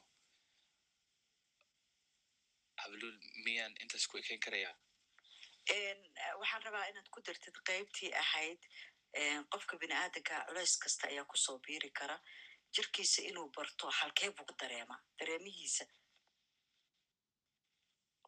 qofka markay culeys ay ku soo biirayaan ya waxaan ka hadalnay emotionka bini aadanka siduu uu maxaa loo kala saari karayo iyo qofka horta anaga soomali markaasoo kale horta qof waxna soo barmalaa emotions iyo maxaa lahaa inay nolosheena saameynta ugu badan ay yeelan karayaan in ay yihiin for example carada cabsida maxaa lahaa inteed ka dareentaa markii aad dareemahaaseeto aad dareemaysid. Dareemahaas markaad dareemaysid fikrado noocee ah baa la socda ilaan moogtahay fikir walba dareen buu dhaliyahay taas keli waxaa ogaan karaysaa marka adiga isgarinaysid waxaa tahay and uh, we also waxa kalan aan aan ka hadalna waxay ahayd qofka nolol maalmeedkiisa bal maanta subaxdii markuu soo kaco intuu fikirkiisa uu ka bilaabayaa where where do you start? Because dadka badanaa waxay sameeyaan waxaa weeye markaad isgaranaynin aad ogeyn horta maskaxdaada iyo dareemahaada inay shaqo ay ku leeyihiin nolosha maanta meesha aad ka taagan tahay wixii shalay unbaad soo qaadaa aad maanta aad keenaysaa. So that means what? Shalay iyo maanta wax farqi ah haba yaraatee u dhexey ma lahan. You just transferred what you did yesterday a maanta aad keentay. Lakin qofka markuu isgaranayo subaxda wuxuu markuu indhahaba uu soo qaado uu akhristo cadiisa uu ku soo kacayo. Midda ku xigta waxaa ah maanta horta qaab what do i want be today what is the greatest version aan maanta aniga aan noqon karayo? Maxay tahay? Marka halkaaseeta marka qofka markuu su'aalahaas isweydiin karayo unbu ogaan karaya horta wuxuu yahay asiga. Because majority of us waxda markaa soo kacno we just transfer everything from yesterday and then xoogaho all of a sudden when maskaxdin se u subaxdii waxaa weeye. If you recall the problems of shale and the problems of last year waxay tahabo um, the body now it's gonna activate waxay activate garensa chemical yashi dhamale then you cannot think greater than how you feel marka because already you're altered. But lakini what if marka qofki hadduu samayn karayo tan? Oo ah subaxdii markuu soo kaco uu dhaho maanta qaab noocee raba inaa u noolaado and su'aasha ugu muhiimsan waxaa waaye what would it feel like to be qofkaas aan rabo because feelingka waa midda ugu muhiimsan oo vibrationka ah oo kuusoo jiidayo um, experienceka noloshaada aad aad keensanaysid so subax hadduu qofka soo kaco dhaho um, maxaan rabaa inaan maanta aan dareemo maxaan rabaa inaan noqdo so today let's say like you want be more confident. So midda ku xig dareemahaas inaad keentid way because usually what happens is and kaba soo qaad aan waxbaa maanta lacag baa kugu kala go-ansanaya waxyaabihii experience intaas intaada gaarin waxaa ka sii fikirtaa sida u xumaan lahayd okay? Xumaatada aad ka fikiraysa marka waxay kuu dhalisaa dareemo. Dareemahaasna which literally means you're practicing for the for the experience. Maysan dhicin but you're mentally and emotionally practicing it. Now you waa qabanaysaa marka vice versa aad ka dhigaysaa marka. Kaba soo qaad maanta haddii aan guushaas aan gaaro maxay dareemeeda noqon lahaayeen? What would it feel like because nobody asks that question. Taas waxay ku kalifaysaa marka inaad frontal lobkaaga ku furmo. Ee hadda kadib marka uu nolosha maxal ee maskaxda ay ku sawirto waxay noqon lahayd. Kadibna markii thoughtkaas uu ku imaado dareemihiiba la socdo marka. Soo subaxda markaa soo kacda waxaad weydiinaysaa maanta waan soo kacay. And it's a different day. Weligii allahi noloshaan ma noolaanin. And waqti the only moment aan nool waa hadda haddaa shala noqoto haddaa beri noqoto so hadda maxaan ku noolahay taasna marka waxay ku ogolaanaysaa inaad mar walba conscious ahaatid because when you understand markaad fahantid um, thoughtskaaga iyo dareemahaaga inay noloshaada ay yihiin exactly waxaad la kulmaysid and remember dadka badan waxay umalaan inuusan ilaahay uu choice uusan siinina umalaan you have a choice to think whatever you want to think. Hadda ka hor anagii culimo kalaan hadda ka hor maalin hore aan si fiican isku fahansiinay. Bini aadanka horta miyuu lifekiisa u create gareeyaa mise wuxuu ku socdaa direction map ah? Marka mid soo baxda waxaa waaye we create our life. Anagaa nolosheena maxaa laha abaabulno? Exactly waxay noqonayso and exactly sida ay tahay. So when you wake up in the morning aa ogaati maxaa lahaa maanta waxaa rabaa inaan noocan aan dareemo dareemihii aa produce garaysid and you never ever go unconscious. Okay? Because dadka unconscious waxay noqdaan waxaa waaye when they become uncomfortable markay noqdaan ay dareen xoogaho qaldan ay dareemaan that is marka when a program jumps in oo ah oo maskaxdeeda ku jira laakiin qofka markuu isgaranayo he'll face it. wuu fadhiisanaya horta take a moment maxaa laha inuu jirka u ogolaado inuu dareemihii ay dareemaan markay chemicals qaldanna ay degaan takes about fifteen to twenty minutes inuu qofka maxaa laha xoogaho yaro qaboobo depending on how high and maxaa u gaaray and psychology marka laga hadlayana the period maxaa lahaa dareemahaas aad dareentid intaa ku qaboojinaysid it's called a refractory period al dhahaa haddaa intaaseed aad soo gaabin karaysid wax wanaagsanay kuu noqonaysaa markaas garanaysid waa soo gaabin karaysaa but if you let that emotionkaas inuu sii dheeraado it becomes a mood. Okay saddex beri kahora saddex beri kadib aan ku imaanaya or maxaa kugu dhacay so niyo saddex beri kahore waxaas igu dhaceen so that means what you feel you, you pull that emotion now it's a mood. If you let it haddaa sii daysina dareenkaas jirkaa ku sii jirto now it becomes a temperament. It becomes a personality marka mar marka qofka markuu isgaranayo uu ogyahay dareemaha waan dareemayaa markay jirkayga ay degaan wixii maxaa lahaa? Isoo isoo wajahay waa la tacaalaya ana will never go unconscious. Taas qofka maxay ogaanaysaa marka inuu mar walbo habkii uu rabo asiga inuu ku noolaado inuu noloshiisa u noolaan karayo and that allows marka qofka wuxuu markaas wuxuu dareemayaa freedom. Inuu mar walbo wuxuu asiga uu rabo uu helayo. And taasna wallah horta ma suurtageli karto adigoonan horta aan naftaada garanaynin oo connection aadan la lahayn. Midda ugu sii muhiimsan waxaa waaye inaadan connection allah subxana watacaala lahayn. Dadka hadda alxamdulilah the studies we usually do anaka ahanteeda geeskeyga. We just found that dadka badana they have a big disconnection with with allah subhanahu wa ta'ala due to a lot of things oo maxaa lahaa or um, their past experience and they were robbed of their religious innocence marka.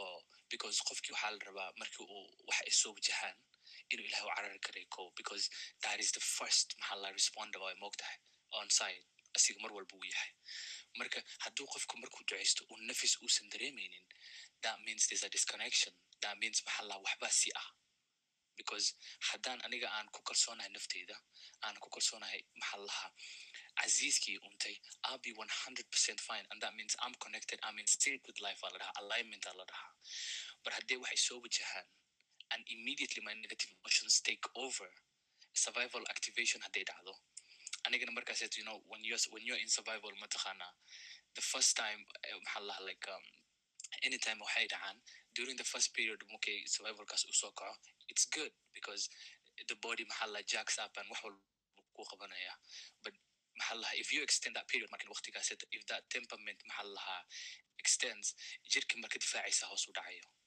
adiga markaas when you are altered horta you cannot think straight. Maba isgaranaysa markaas that's why qofka xataa wuxuu ku dhaanaya waxaan ku hadlaya ma garanayo know you become confused? Marka aad isgaranaysid and you understand maxaa lahaa that you have yourself and you have maxaa lahaa power kaa weynaa kuu jiro. Majority of the time nolosha waad ka meel gaartaa waa ka baxablooda aada umahadsantaa yonis waxaan rabaa si yar oo kooban one minute inaad ku dhamaystirtid ood sheegtid. Qofku sidee maaragta hadda ugu noolaata shalay waxa ah iyo berri waxa ah ay uga bixi kartaa um, taas waxaa la dhahaa um, being in the present moment sada waqti xaadirkan oo maanta waqtigan aad taagantaa ugu noolaan karaysid. So taas dadka markii ay baranayaan horta ko uh, we start off with the meditation aan ku bilaabana because meditation qofku wuxuu ogolaanayaa inuu waqtigaas uu ku noolaado. For example inaad inaad iska baxdid gurigaaga meel aad iska fadhiistid meel oo xoogo oo qabow oo joogi deganaa um, kadib indhaha la qabo cod le ka dhex raadi guriga wuxuu raba ha ahaado and usual haddee taasna distraction ay ku noqonayso waxaa isticmaali karaysaa youtube-kaaga anything white air een, maxaa lahaa cadceeda xeebta maxaa lahaa biyaheeda kadib markaa daarto codkaas leegu mashquula adiga maskaxdaada markay fokato soo celi way tegaysa haddana soo celi every time asaas aad samaysid focuskaga improve gareysmayo aan waxay ku ogolaanaysaa marka inaa waqti xaadirkan aad ku noolaatid beri ma aadaysid that means what? Anxious ma tihid shala ma joogtid means what? Depression depression ma jiro oo wix shala tageen way tageen and you're ready maxaa to let go. But that process marka it requires you marka it requires a lot of unlearning. aa jirta marka oo qofka inuu waxyaabihii dhammaalu shala soo wajahay uusan naftiisan u cafinin inuu cafin karayo because anaka majority of the time dadka kaleeto waan u fududnahay sidaan dadka kale aan u cafino anaka laakiin isma cafino marka marka meditationkaa bilaabaysid waxyaaba badanaa jiro ay kugu soo tufeysaa jiro oo marka hore aad ka cararaysid inaad maxaa lahaa aad face garaysid laakiin waqti waqtigaas way ku soo baxayaan kadib waraaqad baad ku qoranaysaa then marka wixii aad aad shift garaynaysaa meditation marka markaa bilaawdid focuskaaga horta wuu improve garaysmayaa okay the first the first moment it's difficult because jirkaaga um, you know um, habits uu leeyahay oo uu la qabsaday marka maanta maa lagu wuxuu ku dhaha kacsaan sameeya marka. It's a little bit difficult to control the body but jirkaaga inaa ka adkaatida laga literally because jirkeena it's like a stallion. Markaad aad maxaa la faras aad train garaynaysid markuu kaco waad fadhiisanaysaa markuu kaco waad fadhiisanaysaa eventually markuu ku dhegeysanaya. Submissionkaas markuu imaado kadib aa marka controlkaaga iyo powerkaaga uu soo laabanaya. Majority dadka waxay waxaa ku dhex jiraan waxaa waaye jirkoogii baa maskaxdii noqday. Literally like the body has become the mind marka meditationkaas markaad bilaabaysid waqtigaas xaadirkaad ku noolaanaysaa you're not tomorrow ma joogtid shalana ma aadaysid focuskaaga dhamaale waxaa saaraysaa codkaaseeto just soft focus. And in the process markaa rabtina ku noolaatid in the present moment be nice to yourself. Okay. taasna waxaa ku sii waxaa ku sii kabaysaa anything greater than you is for allah subxanahu watacaala that means what wixii aad qaban kartid qabo wixii kale aad qaban karinne awoodi ka u daa taas it actually rubs of every single depression oo kugu jiro iyo waxyaabaha aad ka weysaneed because waxaad fahmi karaysaa waxaan aniga aan qaban karin dee rabbigii unta baan u daynayaa it, doesn't necessarily mean like maxaa lahaa you have to um, and maxaa la like um, stress over everything. No. qabo wixii fiiri la tacaale intay ku ekaha aniga inta ilaahay u dhaafi karaya alxamdulilah intaas waa qabte an mideeda kale when, you practice this practice mataqaana actually maalo hore ayaanaan ka wada sheekaysananay you become so connected to allah subxana wataala when you understand waxa la dhahaa universal laws baa jira um, or ah, what you think what you feel you attract with your life. Marka present moment waa ku noolaanaysa waxaa mar walba horta you can practice it through the meditation. And when you're not obsessing about the future you're not obsessing about the past. waqti xaadirkana ku nooshahay wax walba ku fudaan but you have to start with the forgiveness because waxaa nagu jira a lot of chemical blockages a lot of energy blockages. maana jirka nooga jiro oo aad iyo aad no affect garena marka waxaa laga rabaa inaa mar walbo cafiskaaseeto horta ya- i- maskaxda hadda markaa meditation bilaabaysid just watch where your mind wanders. meeshay aado just write it down. Okay maskaxdeed mar walba waxay aadaa qoftaas seet maxaa laha aan hadda kahor wax igu samaysaan cafin lahay so you have to start the forgiveness. Forgiveness kan ma ahan qofka aad ogeysisid waa ina adiga nafsiyan ay kaasoo godo you don't need to maxaa laha qofkaas kale inaa ogeysisid. It's not it's not about the other person it's about you. Marka little by little marka as you let go of marka the old hearts as you let go of mataqanta every single thing marka your body wuxuu ku ogolanaya to trust you inaan waqti xaadirkan aad ku noolaatid every single day. Dad baa hadda waxay ku dhahan like aniga hadda waan fiicana wax walba haysta but I'm uncomfortable. The reason you're uncomfortable is there's a lot of mental maxaa la maskaxda waxyaaba badan ay jirto ay kaa block garaysa aad ku protect garayso but at the same time subconsciouska kaa cunayeen so you have to find it out exactly that seedka meeshu kaaga imaanaya.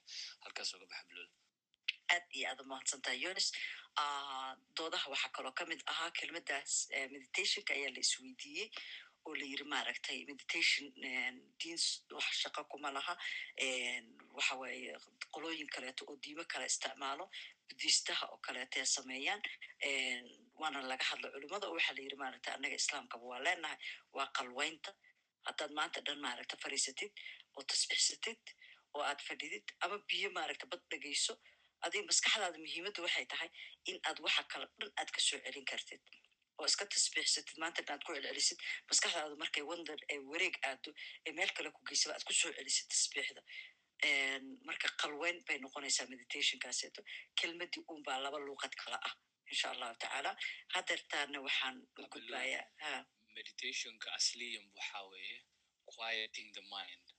That's absolutely it's Yeah. the analytical mind ka jirto because what separates maxaa lahaa the conscious mind from the subconscious mind waa analytical mind ka weeye analytical mind waxaa mid maanta dhamaala buuq badanan always maxaa laha tries and pictures for you maxaa laha waxyaaba qaldan marka when your survival hormones activated. So marka meditationka aad bilaabaysid ba uh, the whole reason for the entire meditation is just to quiet the mind because hadda waxaa jira there's a lot of noise going on in our head. Iyo maskaxiyanka anaga nooga buuxo aanan garanaynin you know Mm. um, it could be from all past so many things. Hadda for example marka ani ko aan bilaabay maxaa la meditation qof aa maskaxda iskaga dhex i don't even know who that is you know. It was crazy because wallahi because I would even hear some voices or that waye like you know it was so many things I jiro and I had to declutter everything. So the entire reason of meditation ku waxa weeye magaca magaca la baxa waa maskax aamusin bis that's it ya dad badan waxaa laga yaabaa markii la yiraahdo codad baad maqlaysiin in ay dhahaan. What? Maxaa ka hadlaysiin laakiin tusaale ahaan weli adigoo ma istaagtay ma aado jikada adoo wax ka doontay maskaxdaada wax kale ma kuu sheegtay ee haddana ma aado qolka jiifka saa wixii kale uga soo qaadid ee dhex adigoo sii maraayo ma istiri. Hey jikadaaba u socotay maxaa kugu dhacay? So nafsiyan cod kale oo annaga aan leenahay oo nagu dhex jiraa jiro oo nala tashada oo nagu buuqa. Mararka qaar go'aanka aan qaadan lahayn buuq ka keena oo naga hor istaaga. Mararka qaarna meel aan u socon noo dira. Marka waa inaan annaga isla saaxiibno. Shaksiyan markaa adiga isla saaxiibtid ayaad heerkaa gaari kartaa. Isla topigaas annagoo ku sii soconayna waxyaalihii aan hore u soo marnana dib u celinayna maadaama aan barnaamijka aan duubayno imaam yaxyaan u tegaya imaam yaxya qaybihii badnaa oo la soo maray waxaad adiga xoogga saaraysa isjeclaanta iyo qofku inay ayadu isjeclaato waalidku inay labadoodu isjeclaadaan ilmaha iyo waalidku inay isjeclaadaan bulshadu inay isjeclaato. Xoogga waxaad saaraysa dhankaas jacaylka ah. Marka adigoo maaragta sidii yonis uu u dul maray dhankii maadiga wixii aan ka soo qabanay dhankaas dhankii diinta ka maray bal adna soo dhawow oo dul mar insha allah bismillah alxamdulilah wasalaatu wasalaamu calaa rasuulillahi sala allahu alay wasalam waxaan marayn waa soo daahan marayn anigu dhib ma laha ee qaladka dhacay waxa waaye saacad baa samarkii la bedelay soo maaha anigana saacaddii waan hilmaamay. Marka eight thirty aan ka dhigay afrikada bari meeshii nine thirty noo ahaan jirta marka aniga waay qaladka laa bas waxba qaban qaban alxamdulilah marka alxamdulilah wasalaatu wasalaamu cala rasuulillah horta ilahay jala wacala waxaan ilahay ka baryaynaa inuu ilahi subxaana watacaala na fahamsiiyo jacaylka. Jacaylka waxaa ka soo horjeeda nacayb. Marka dadku ma fiirsadaan waliba khusuusan bidaat annaga soomaali ahaan jacayl marka la yidhaahdo qofkii waxaa ku soo boodaya wiil iyo gabar isjecel ama oday iyo xaaskiisii isjecel jacaylba marka la leeyahay waxa waa sifa caama jacaylka meesha ugu sarraysa waa ilaahay jacaylkiisa. Jacaylkana waxa la yidhaha aslan qofkaad jeclaanaysid ama waxaad jeclaanaysid waxbaa isku ken xidhan marka waxaad u baahan tahay baa ka kale hayaayo. Sidaas darteed baa waxaa bilaabmaysa inaad qofkii jeclaatid waxaad ka heshay ayaad jeclaanaysaa. Asalkiisuna jacaylku waxa weye marka la qayaxayo waxa la leeyahy waa powerful feeling maxaan ku of admiration ad- admiration maxaan ku idhahdaay oo qalbiga ka soo baxa. Waayo yani nooc noocan ma waa wax maxaan ku idhah dareen aad iyo aad u awood weyn oo ka helitaan ah. Marka ka helitaan ah kaasaa waxa weye qofka bani aadanka haddii uu qalbiga galo isbedelo badan ayuu soo saaraya waxa weye intaas jacaylkuna sidiisaba haddii aan u soo noqonno qofka bani aadanka waxa laga yaaba marka qaarkood wiil iyo gabadh baa waxa kuleeyahy laba sano ayaan ayaan wada soconnay saddex sanaan wada soconnay jacayl baanu raadinayna jacaylka sidiisaba bani aadanka wuxuu ku dhacaa within three seconds saddex ilbiriqsi ilaa iyo toddoba ilbiriqsi inta u dhaxaysa ayuu qofka bani aadanka ku dhacaya. Kadalik markuu ku dhaco laba nooc maadaama uu yahay midna waxa weeye waa jacayl la yidhaahdo waa jacayl hargab ah oo ku dhaca mid walba. Maanta waxa laga yaaba khusuusan aad iyo aad ragga ayuu ku dhacaa. Qofta dumarka waxa la jacaylka haddii ay jeclaato waxa weeye ma jeclaanayso ma odranayso waxa waan jecelahay ilaa inay dhab ahaan ay cumuqeeda markuu galo ayuu maxaan ku dhaha jacayl ku soo baxay. Lakin ninka ragga ka helitaankaasi ma tii uu arkaba wuu ka helaya saddexdaas afartaa aan ii sheegay toddobadaa saddexdaa ilbiriqsi iyo u maxaa toddobadaa ilbiriqsina afar dariiqo ayuu soo maraa. Afarta dariiqo soo mara waxa weeye cilmiga cilmi nafsiga qofka bini aadanka uu action ku qaadan karo waxa la yidhahdaa afarta dariiq waxa weye waa aragtida aragtida iyo maqalka wada socda ama waad aragtay ama waad maqashay. Midaas isla markaaba caqligii baa cabiraya caqligii markuu cabirana qalbiguu aadaya qalbiga hadduu aada kadibna waxaa imanaya body language. Waxaa imanaya in hadalkiibaa imanaya macarabkaa laka hadli ama maxaan ku dhaha gibigaaga wuxuu ridayaa kehelitaankii wuxuu kugu ridaya horta sidiisa jacaylka waxa la yidhaha waa farxad. Waa farxaduu qofku ku farxayo. Farxaddaasi ama jacaylkaasinaba sidiisa waxa lagu leeyahy waa hormon ilaahay ku abuuray bani aadanka oo shaqeeya. Weliba labada hormon midka midka la yidhaha oxytocin. Hormonka oxytocinka ayaa si aada u shaqaynaya isla markiiba.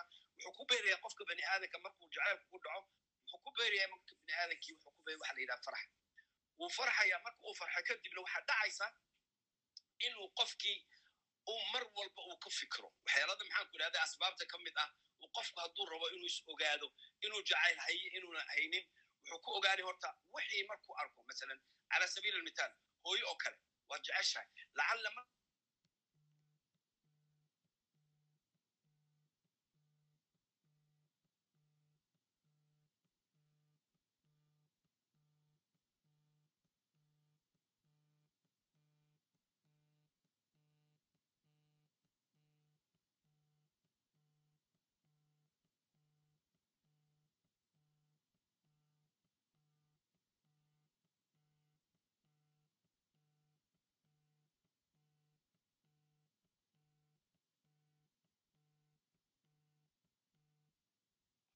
baa loo sheegay inuu aabihii dhintay. Isla markii dhegtii baa maqashay. Dhegtii markay maqashay mubaasharatan waxay ahday caqligii. Caqligi wuxuu ku hasaarayaa inuu aabihii yahay inuu adeerkii yahay labada. Kadib qalbigu aaday isla markiiba waxaa imanaya body languageka imanaya waxa weeye. Indhaha limaynaya naxdintii hargab maxaan ku idhahdaa waxyaaladii badnayd ay ku soo dhici lahaa. Falidalik waxa weeye midda aan haddii ilahay yidhaahda aan sii rajayna insha allahu tacaala darajada ugu sarraysa waxa la yidhi jacaylku waxa weeye waxa weeye waa inuu qofku uu sacrifice u sameeya markuu jecel cala sabiil mithaal darajada u hoosaysana waxa weeye qofku qofku jecel yahay kama dhaqaaqay kama tegay mar walba wuu garab joogi. Iyadoo sidaasa waxaan anagu mar walba aan idhahnaa jacaylku maadaama uu halkaas joogay iminka dadkeenni haddii cala sabiil mithaal laga soo qaado soomaalideenni isguursan jirtay jacayl ma jira mise ma jiro waa jiray. Maxaa caddayna waxaa caddayna markay isguursadaan kadib way ku wada nogaadayaan qofba mid baa horraynaya mid baa dhimanay. ala weliba iyagoona kadalika hadna is arkinba waxaa laga yaabaa iminka noocan ma maantadan aan saddex sano qaadanayn ama laba sano qaadanayno waxaa laga yaabaa inay labadii iskula hadlaan haddana weli baadhis wax markaasaa lagu leeyahay baadhis baan ku jiraa. Baadhistaba sideedaba baadhista iyo kalsoonida aan ka rabo iyo been buu sheegaya been aan sheegin waa waxaan waxa la yidhaahdaaba jacaylkaba sidiisaba guurka waxa sabab asbaabta ah maxaan kula ka horreeya ee wax la isku raadinayo guurka xataa gaaladu markii ay sameynayaan waxay kuleeyihiin waxa la yidhaha romantic states romantic states iyo power struggle. Waxay ka dambeeya guurka waa power struggle. Sida ay soomaalidu ay tiraahdo been baa lagu soo xerogeliyaa runna waa lagu dhaqaa runna waa lagu dhaqaa. Waxa weye power struggle yani power iyo struggle iyo waxa weeye powerku waa awood. Strugglena waa dadaal. Yani waxay ka dambeeya soomaalida sidaas darteed waxay dhahdaan beenna waa lagu soo xerogelaa runna runna kolleyba meeshaas been uma baahna. Leanna waxa guurka kadib waxay rafaad iyo jab iyo ninkan wuxuu igu sheegaya u lahaa.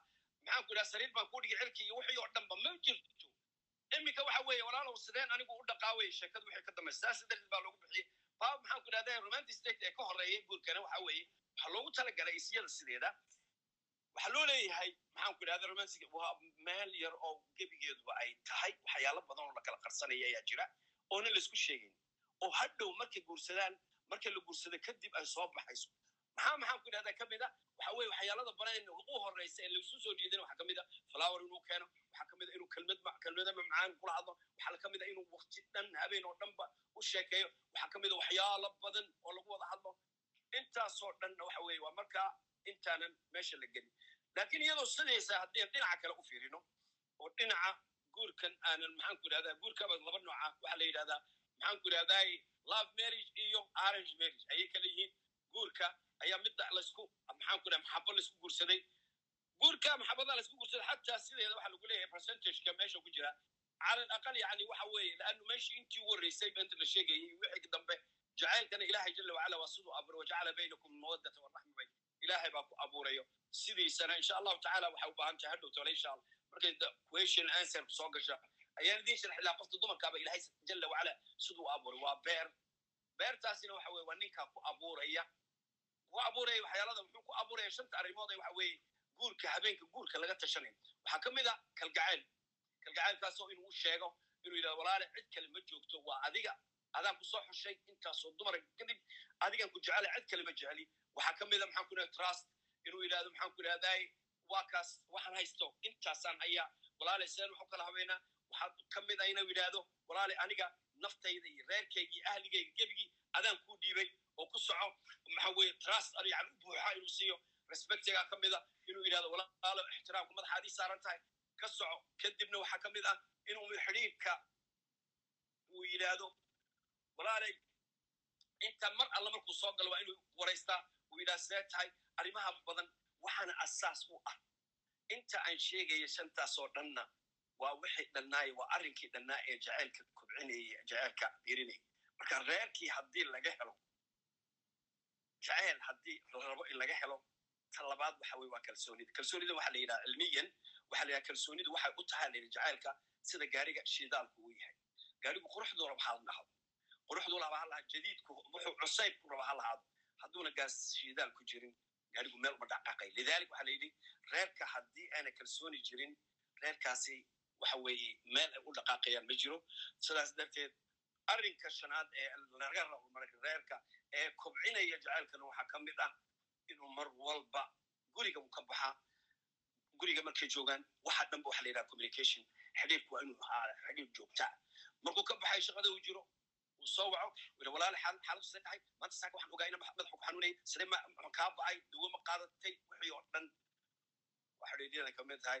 Reerkii ilmihii sidee yihiin? Wixii oo dhan iyadana ku kacay waxbaa la isku darsanaya waxaasaa jeceyl kordhinaya ninka raggaana asal u ah wuxuuna asal u yahay leanno laba arrimood oo muhiim ah maadi iyo macnawi yaa jira. Oo shareecada islaamku ay dhigteen ninka ragga ay ka rabto inuu la yimaado. Maxaa ka mid ah? Waxa la yidhi xaqa ay ku leedahay qofta dumarka waxa la yidhi annafaqatu walmahar walmucaashara tayiba waa labadaas. Nafaqadii maharka yani gacanta inuu ugu fiicnaado wey. Walmucaashara dayibana waxa weeye wanaag iyo afar iyo labaatanka saacadoodba inuu ammaanteeda maxaan ku waraysigeeda waxyaalada wanaagsan oo dhan dhowla caddaynta waxyaaladaas oo dhan waxa mucaasharata dayibay ka mid tahay.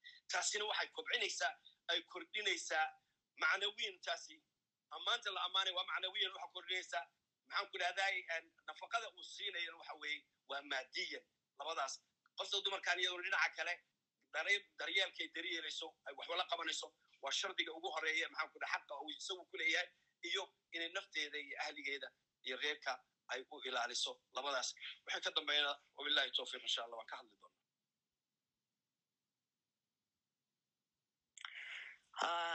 asalaamu calaykum markale raalli ahaad imaam yaxye may maqlaysaa horta?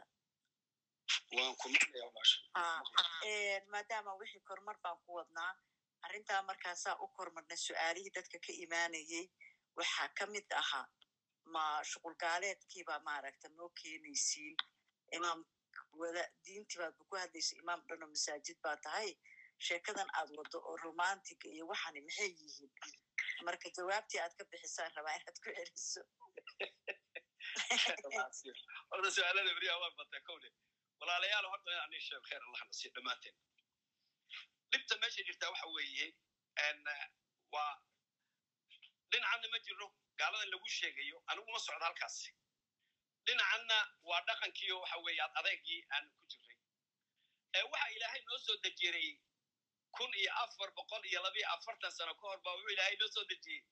Romansigii dhabtahaa iyo kalgaceylkii dhabtahaa nin keliyaatoo sagaal dumar ah isjecelaysiiyey oo maxabo hadda waxa waxaa nebiga calayhi salaam marka laga hadlayo adduuni marka laga hadlayo caaisha radi allahu tacaala canha bay ayalaan kunna narar hilaal bay tiri. Waxaan arki jirnay iyay ka hadlaysaa iyadu nafteeda kama hadlayso. Waxay ka hadlaysaa waxa weeye dumarka dumarku uu qabo oo dhan kunna annaga ah jamac ahaan nara alhilaal. Waxaan arghaynay waxaan arki jiray bisha. Tuma alhilaal haddana bisha. Tuma liha talaatata ahilla saddex bilood. Bimacnaa saddex bishaan arki jiray bimacnaa noocan waa laba bilood. Ayaan ku jirnay maa uuqidaa guriga nebiga salawaatu rabbi wasalaamu calayh. Laguma kerin ay dab lagama daarin bay tiri.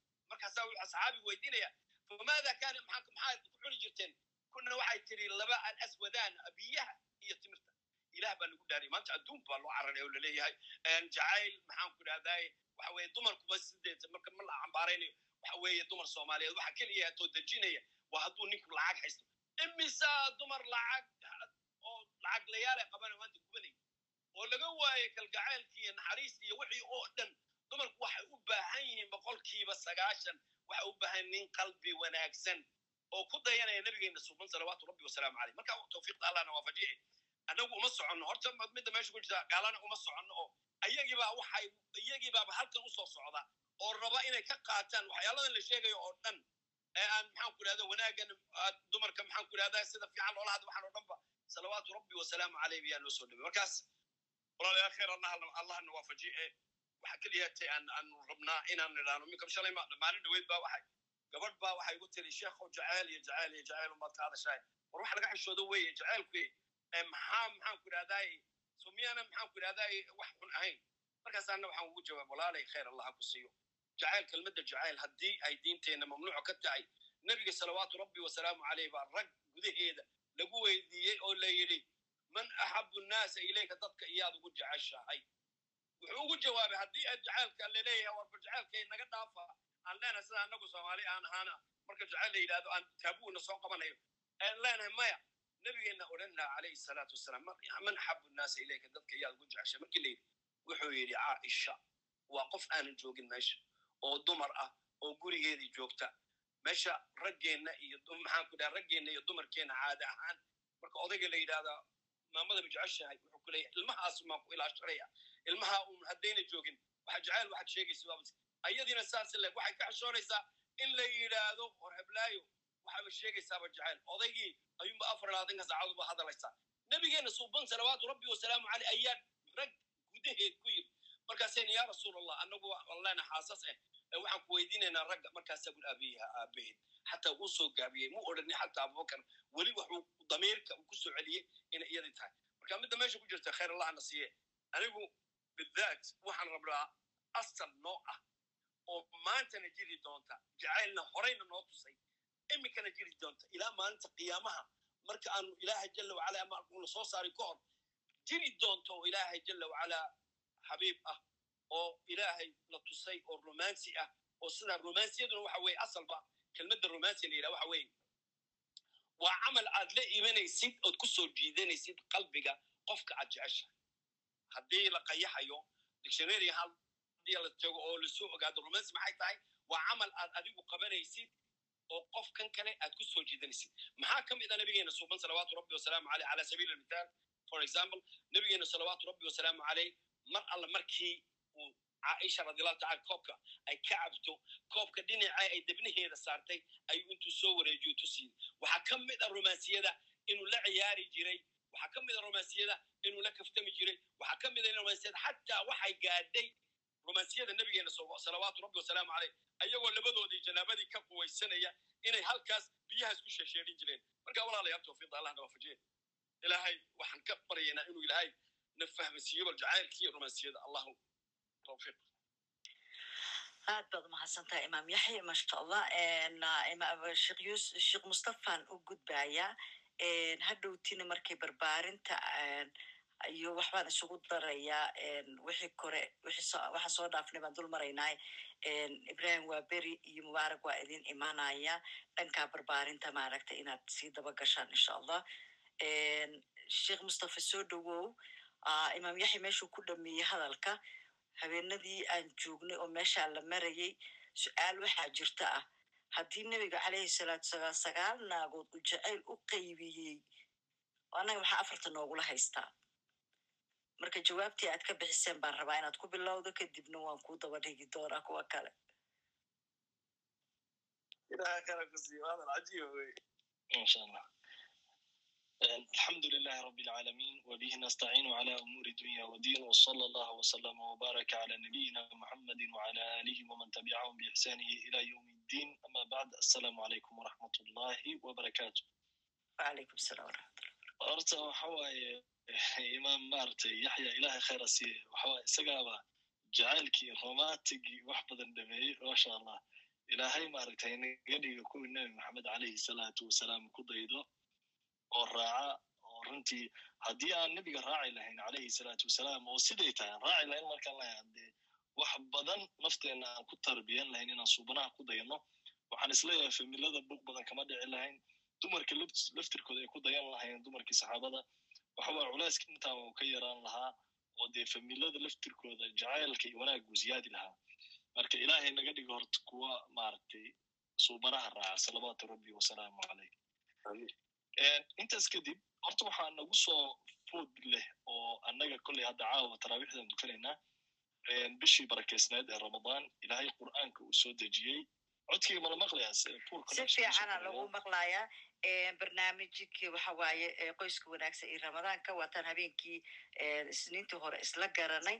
Marka waxaan rabnay maadaama aan hore u duubi jirin oon kan duubnay in aan dul marno horta barnaamijyadii horeeta xigmadii ku jirtay. Kadibna aan maaragta insha allah waktiga ugu dambeeya ramadaanka keliya u goyno. Marka ilaahay horta nabad ha nagu gaarsiiyo oo bishaa barakeysan ee ramadaan ilaahay kuwa soomahay naga dhigo intaas kadib jacaylka guriga nebiga calayhi salaatu wasalaam qof kasta oo muslim ah tusaale wanaagsan baa runtii ugu sugan oo siduu nebigu ula macaamili jiray caaisha radiallahu canha macaamilkii nebiga calayhi salaatu wasalaam iyo siduu xaasaskiisa ula dhaqmi jiray. De horta guurka ragga hadda aan la hadlayin in yar ka hor waxyaabaha aan ku mashquul waxaa ka mid ahaa qoys saasoo kale is haysto nin intuu guursaday gabadhii ay aad u miseertay weligii markii ugu horreysay ahayd maaragtay gabar miseersan inin gabadhiisa la guursaday aan toos u dhex galo. Wallahi anigiyaa wareerayba waa wareeray. Meel hadalka aan ka qabtay meelaan ka dhameeyaan garan waayo mogta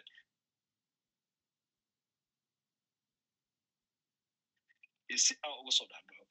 Marka horta haddii la guurdhow ninka la guursado ninkana waa inuu ugu talagalaa haddii wax la guursanayo in sasabitaan badan iyo qancis badan iyo raalli ahaansho badan iyo inuu dabaal noqdo inuu isku diyaariyo ilan isaga wuxuu qaaday tallaabo oo waxa waaye sahlan ma ahan. Haddii intaan guurka la gaarin ka horna walaalayaalow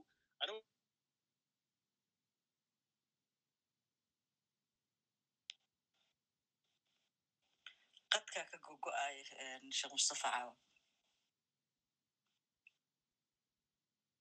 Mustafa aad igu qosliyey wuxuu yidhi dabaal waa inaad qod waa yara sugaynaa maadaama maikiisi soo baxay waxaa laga yaabaa telefon baa soo galay qadku kama goyn. Wuu soo noqonayaa. Iyo markaan maaragtay sheekh mustafa waad naga go'da cabaar baad naga maqnayd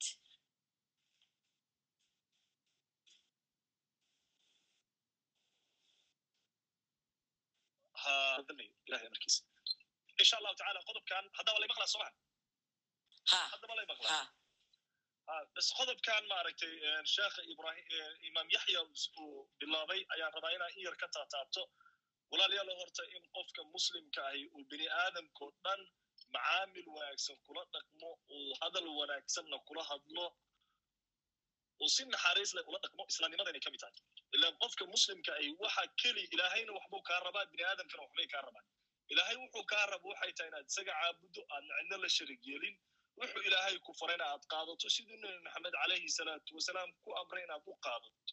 Bini aadamkana waxay kaa rabaan waxa inay kaa nabadgalaan si wanaagsan aad ula macaamisho. Macaamilka ugu horreeya ixsaan u samaynta cidda ugu horreysa kaa leh waa dadka kula nool ee maaragtay ilaahay subxaana wa tacaala gabadha calafka kugu daray ilmaha ilaahay sababtooda sababtaada ilaahay adduunyada uu kugu keenay. Dadkaas waxay kaa rajaynayaan inaad khuluq wanaagsan aad ula dhaqanto qofka muslimka ahna waxa ugu weyn ee marka nebiga la weydiiye calayhi salaatu wasalaam jannada ilaahay maxaa lagu galaa marka la weydiiyene nebigu wuxuu ku jawaab inay tahay taqwa allah xusnulkhuluq ilaahay oo laga boqo iyo akhlaaq wanaagsan. Marka qofka gurigiisa markuu akhlaaq wanaagsan ula dhaqmo bal haddana bishii barakaysan baa nagu soo socotee ramadaan oo ah bil runtii qofka akhlaaqdiisa uu bedeli karo. Hadduu yahay qof ad adag dabeecadiisu ad adag tahay macaamilkiisa adag yahay waxaan aaminsanahay inay tahay bil complete transformation qofka uu noloshiisa ku samayn karo uu isagoo dhan isbedeli karo oo naxariistiisa hadduu qof xogaa ad adag u yahay naxariistiisa ku siyaadsan karo. Waayo ramadaanka marka laga hadlay waa wasiila waxaa lagu gaaraa ilaahay siduu sheegay cabsida ilaahay taqwa. Lacallakum tattaquun buu ilaahay leeyahay si aad taqwo u gaartaan marka iyadoo dhan baa waxaa lagu gaaraa qofki inuu noqdo qof naxariis badan qof wanaag badan. Waxaan hore uga hadalnay oo la sheegay barnaamijyadeena hore aad aa u taataabanoo looga hadlay in qofka runtii uu noqdo qof wanaag badan qof ixsaan badan qof jacaylka uu reerkiisa u qabo inta badan waxaa laga yaabaa annaga mushkiladana haystaa waxay tahay qofa wuxuu jecel yahay xaaskiisa zaa'id u jecel yahay dabcan gabadha ninkeeda aad ba u jeceshaa mararka qaar waxaa nugu adag in aan jacaylka aan isu qabno aan muujino oral ahaana hadal ahaana aan u verbal ahaana aan u muujino ficil ahaana aan u muujino way nugu adag tahay sabab kalena maahan waa dhaqankii waa caadadii environmentii beadi aan la noolayn baa waxaan waxaa aad xoogaa u adag in si maaragtay in la arko nin gabadhiisii gacanta haysto nin maaragtay gabadhiisii hadiyad siinayo nin maaragtay maantao dhan xaaskiisii ka sheekaynayo wanaageedii dadka mararka qaar waxayba ku malayaan nin sixran inaa tahay. Haddaa maantao dhan xaaskay khayrulnaas iyo xaaskay waxaas doqoro adduunyadaba la soconin oo maaragtay adarag badan oo raganimo lahayn. Raganimadii aaba luminaysaa gabdhahana saas oo kale hadday maanta oo dhan maaragtay ninkeedii ay u wanaag farays marka walaalayaal waxaasoo dhan waa wax maar runtii dhaqan iska bedelaad u baahan ah. Uusan ahayn dhaqan rasmi ah. Haddaad fiirisa nebiga calayhi salaatu wasalaam axaadiista nebiga laga soo wariye waxaa ka mid a in nebiga caaisha ixtiraamku u haye xaasaskiisa dhan isagoo ixtiraam u haye caaisha ixtiraamku u haye waxaa nebiga laga soo wariyey salawaatu rabbi wasalaamu caleyh iyadoo ag jiifto buu rabaa inuu kaco ama suuliguu rabaa inuu aado ama salaadu rabaa inuu dukado iyadoo ka fasax qaadanaya iyadoo weydiisanaya. Bal haddana waxaa la sheegay mararka qaar in iyadoo hurudo haddii uu soo agseexdo uu rabo asaga inuu baxo uu dana iyo xaajo soo samaysto aad buu u ilaalinaya nebiga calayhi salaatu wasalaam inuu ka kiciyo. Wuxuu ilaalinayaa bini aadamnimadeeda wuxuu ilaalinaya qofnimadeeda wuxuu ilaalinaya qofkan uu jecel yahay. Wuxuu ka ilaalinaya inuu hurdada ka qasa wuxuu ka ilaalinaya inuu dhibo wuxuu ka ilaalinaya kalifaadoo dhan. Ninka ragga ahna dee annaga ciddana la dhahay laqad kaana lakum fi rasuulillahi uswatun xasana waa nebi moxamed calayhi salaatu wasalaam nebiga marka caaisha ay ka hadlaysana waxay tiri akhlaaqdiisa qur'aan socdu ahaa dee waxaasoo dhan wanaagaas nimcadaas ixtiraamkaas qur'aanku ku jiraa bal nebiga cashar buu nasiyo wuxuu leeyahay haddaad rabtaad inaad isjeclaataan tilmaamuhu bixiye waxaa ka mid ahayd tahaadu taxaabu isu hadiyadeeya aad isjeclaataan waxaana xaqiiqa ah qofka aad wax yar hadiyadda maahan in maaragtay anu horta ubax ubax ma jecli. Ubax qof inuu ii keenay ma jecli. Been midii sheegaya barfuun iyo cunto iyo wax la cunay iyo haddaa ii keenta ilan dhaqankaygaa saasa. Ilan fiyoora fiyoora iyo haddaa ii keenta meelaa dhigamada aqaanba meelaa ku warana ma aqaan. Haddaad u keeni karto faraanti yar oo raqiisa oo haddaa lacag badan haysanin faraanti qaali haddaa u keeni karto wayba ka sii macaan tahay oo sadahaba u geli kartaa uga badin karto waxyaabahaas waxaa la sheegay qofka si kasta uu xanaaqsan yahay in maaragtay carada ay ka dejiso. Insaan baa leeyahay mararka qaar waxaa laga yaabaa qofkii siyaaba aadan rabin siyaaba ay qofku uusan rabin inuu kugu arko. Waxaa akhlaaqda ka mida in la bixiyo oo la wado gabadha. Banaanka la geeyo nebiga calayhi salaatu wasalaam uu samayn jiray. Xadiis maaragtay waxa ajnabiga uu ka hadlayo isagoo safiyo la socday masaajidka intay ugu timid bay isoo raaceen.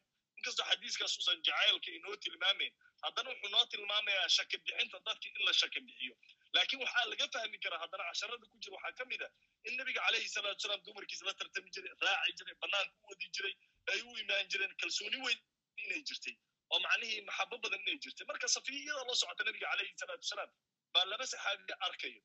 Waxay arkayaan nebigu qof dumara la socoto markaasay socod boobsinayaan markaasuu nebiga leeyahay calayhi salaatu wasalaam tartiibtiina u socda tartiibtiina way socod boobsinayaan qofka ila socda innahaa safiya buu dhaha qofka ila socda waa safiya qof kale ma ahan. Waa hooyadii safiya qof kale ma ahan. Markaasay leeyihiin nebi maxamedow calayhi salaatu wasalaam adiga maan kaa shakinay marka waxaad ka fahmi kartaa inkastoo xadiiska ujeedada loo keenay ay tahay dadka shaki hadduu ku jiro in la shaka bixiyo in naf iyo shaydaan dad jirto oo insaanka wax iska daniya karo in la shaka bixin ay habboon tahay lakiin dad kale annaga ka faa'idaysana xilligaas qofka nebiga la socda inay tahay xaaskiisa. Ay isla lugaynayaan isla soconayaan wakti isla qaadanayaan. Waxaa laga yaabaa dad badan oo ragga ka mid ah in wakti hore ugu dambaysay inay xaaskooda maaragtay israacaan banaanka iyo aadaan mararka qaar safar gaaban isla qaataan holdeeyo isla qaataan. Haddii ciyaal ilaahay idin siiyey waxaa laga yaabaa inta badan ciyaalka in lagu dhex jiro oo waktiga ugu badan ilmaha ay idinku dhex jiraan oo idinka laftirkiina aanan firaaqa badan isku helin haddii ka waran marka maalin intaad israacdaan aad maaragtay meel kofeya isla aadaan ama meel maaragtay ka baxsan gurigii aad bedelataan xaaladii aad ku jirteen. Ilan maalin walba haddii isla xaalad lagu soo kacaya aan la bedelanayn waxaa fiican dadku inay xaaladoodii bedeshaan. Mararka qaar laftirkeeda waxaa nagu yar sheekada. In dad la soo maray maaragtay maalmo qurux badan ila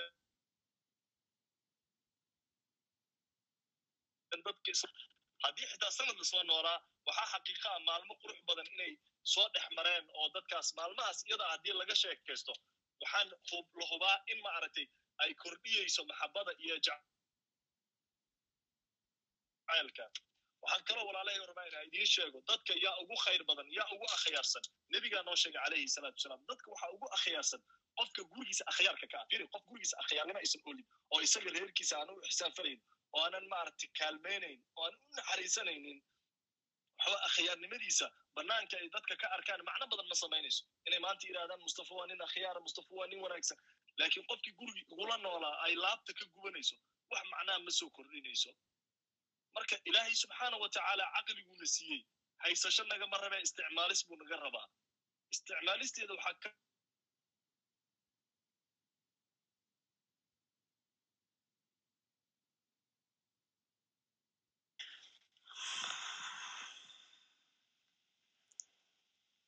gabadha uu qabo caawa qadkaaga qadkaaga aad buu u xun yahay wuu ku aamusinoyaa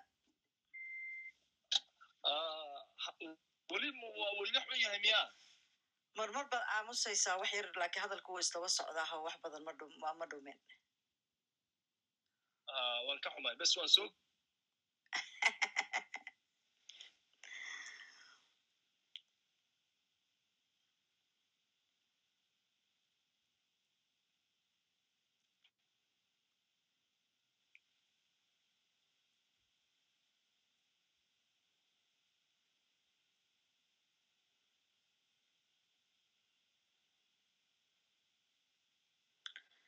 waan soo koobayaa asigoo yiri wuu jibka jiro waxba lagaama maqlin waan soo koobayaa markaa tiriya noogu kaa dambaysa subxaan allah hadda ma lay maqlaa ha waa khadkaygi waa fiicnaan jiray ma aqaan caaw dagaalka laygu wado. I don't know. Marka sheekh mustafa jacayl baa koyaan umalan sheekha iga Ah, allah. Usta- ustaadi khayr allah ku siiya horta jacaylka waa waa xaqiiqo jirto iyada laftirkeeda waxaan jeclaan lahaa in wakti la qaato een, maarata laga hadla jacaylka horta siduu u dhacaa muxuu ku dhacaa siduu ku bilowdaa iyada laftirkeeda laga hadla.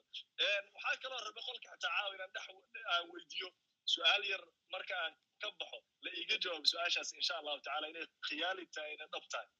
Aan wax aan maqlo waayo dhaqanka hadallada soomaalida ka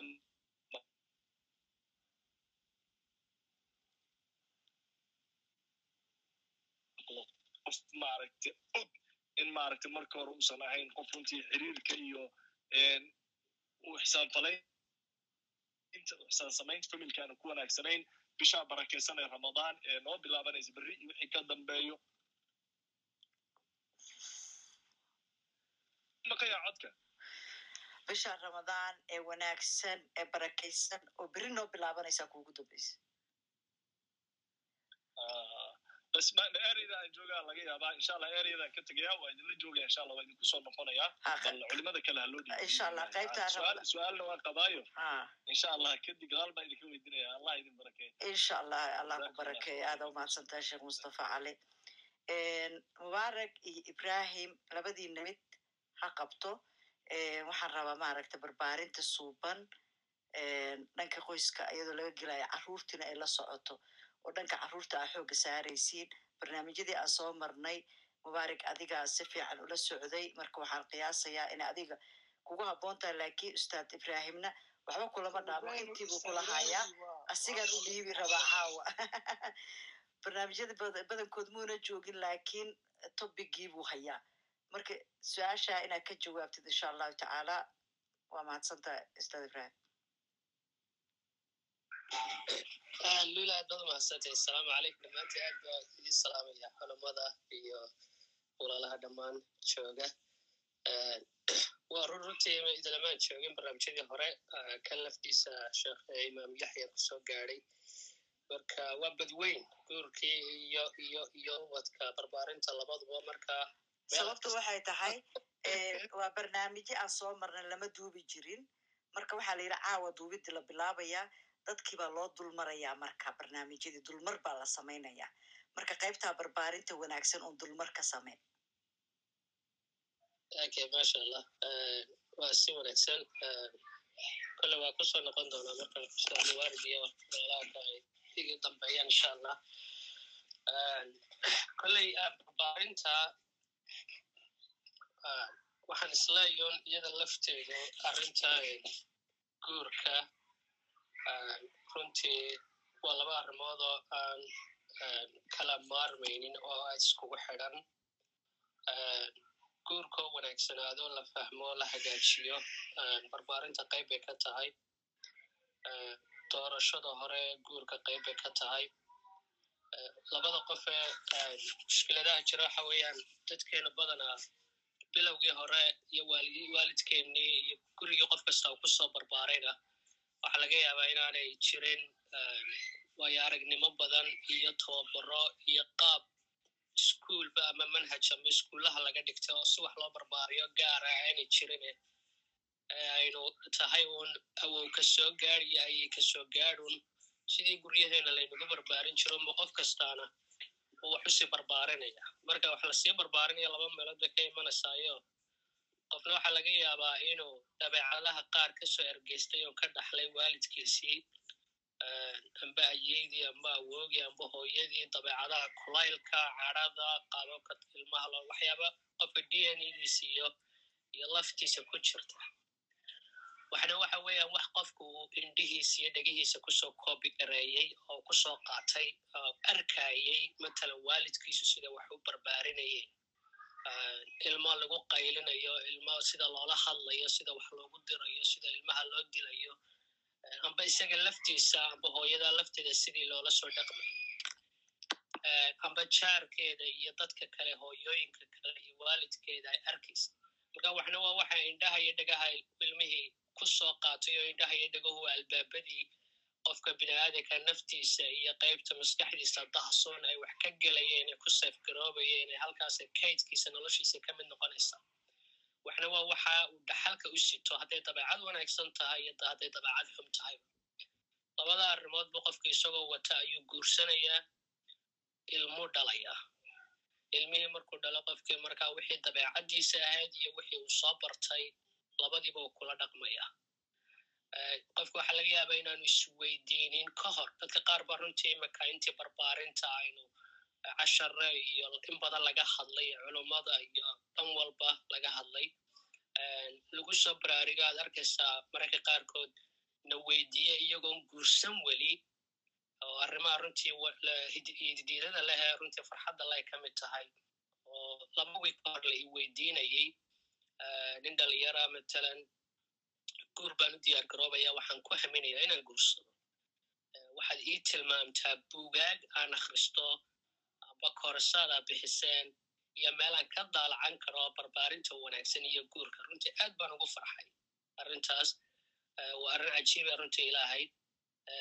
Qof dhalinyaro ah oo weli guursan oo ka fikiraya mustaqbalka haddii ilaahay ubad siiyo ilmihiisa siduu ula dhaqmi lahaa iyo siduu u barbaarin lahaa oo wacyiga iyo baraaruga runtii u baahannahay haddii kale waxay noqonaysaa in qofkii marka uu guursado inuu indhala-aanta iyo dhegala-aanta wixii isaga ku kaydsanaa marka wixii uu dhaxal ku soo helay iyo wixii uu indhaha ku soo koobigaraystay oo soo ergeystay uu kula soo dhex dhaco marka ilmihiisii kadibna uu sidii uun ku barbaariyo. Oo ah uun markaa ilmahaas korriinkaasun cunnada la siinayo dharka loo xidayo iyo canaanta iyo sidaa maxaad u samayn weyda balaas marka waxa u sii raacaya taas cilaaqadii labada qof lafteeda oo guurkii imika laga soo hadla filayo qodobka ay laga soo gudbay hadda labadii qof cilaaqadoodii haddii labadii qof iyaga laftooda aanay iskuba wanaagsanayn amba aanay isfahansanayn amba jacaylka laga sheekeynaya uu liito. Taasina iyaduna waxay noqonaysaa arrin aan caawinaynin aqoon darradii kale iyo waxyola-aantii kale jirtay. Oo waxaa dhacaysa in mararka qaar hooyadii ay yaro dadaalaysa ilmihii barbaarintiisii ku dadaalayso dabeetana aabbihii aanu fahmaynin oo mararka qaarkood waxyaabahaad la kulmaysa waxaa ka mid ah matalan aabbo ilmihiisii spoil ka dhigaya gacanta qabanaya sidan waxba ha u dirin waxa dilin ilmaha iyo hooyo kulul iyaduna ilmaha dilaysa wax u diraysa ilmihii markaa laba iskuol oo kala fikrad duwan ayuu ku dhex barbaaraya oo midna uu weliba hooyadii horteedii laga yaabo isagoo maqlay inuu ku leeyahay hala hadlin waa qalad waxba muu samayn midna aa leeday maya sidan uu sameeyey ilmaha waa in la edbiya waa in sida loo sameeya marka tafaahumka labadii qof ka dhexeeya iyaduna waa arrin saddexaad marka saddexdaa arrimoodba runtii waa saddex arrimood oo qayb weyn ka noqonaya barbaarinta gudaha u sii geli maayo insha allah intaasumaan ku furfuraya waanu soo noqon doonaa wixii kale waarihadi baan ku soo wareejin aad baa umahadsantii lul aad iyo aad baad umahadsantahay ustaad ibrahim waxaan rabaa mubaarig ma aha axmed baa nala jooga axmed maxamed soo dhowow habeenkii hore hadeertaan isniintii horene tobiga adigu qayb weyn baad ka ahayd barbaarinta oo si fiican baad ula socotay meelihii laga taataabtay oo dhan wixii ibrahim kheyr allaha siiyo uu maray inta aad isleeda wuu ka tega ku dar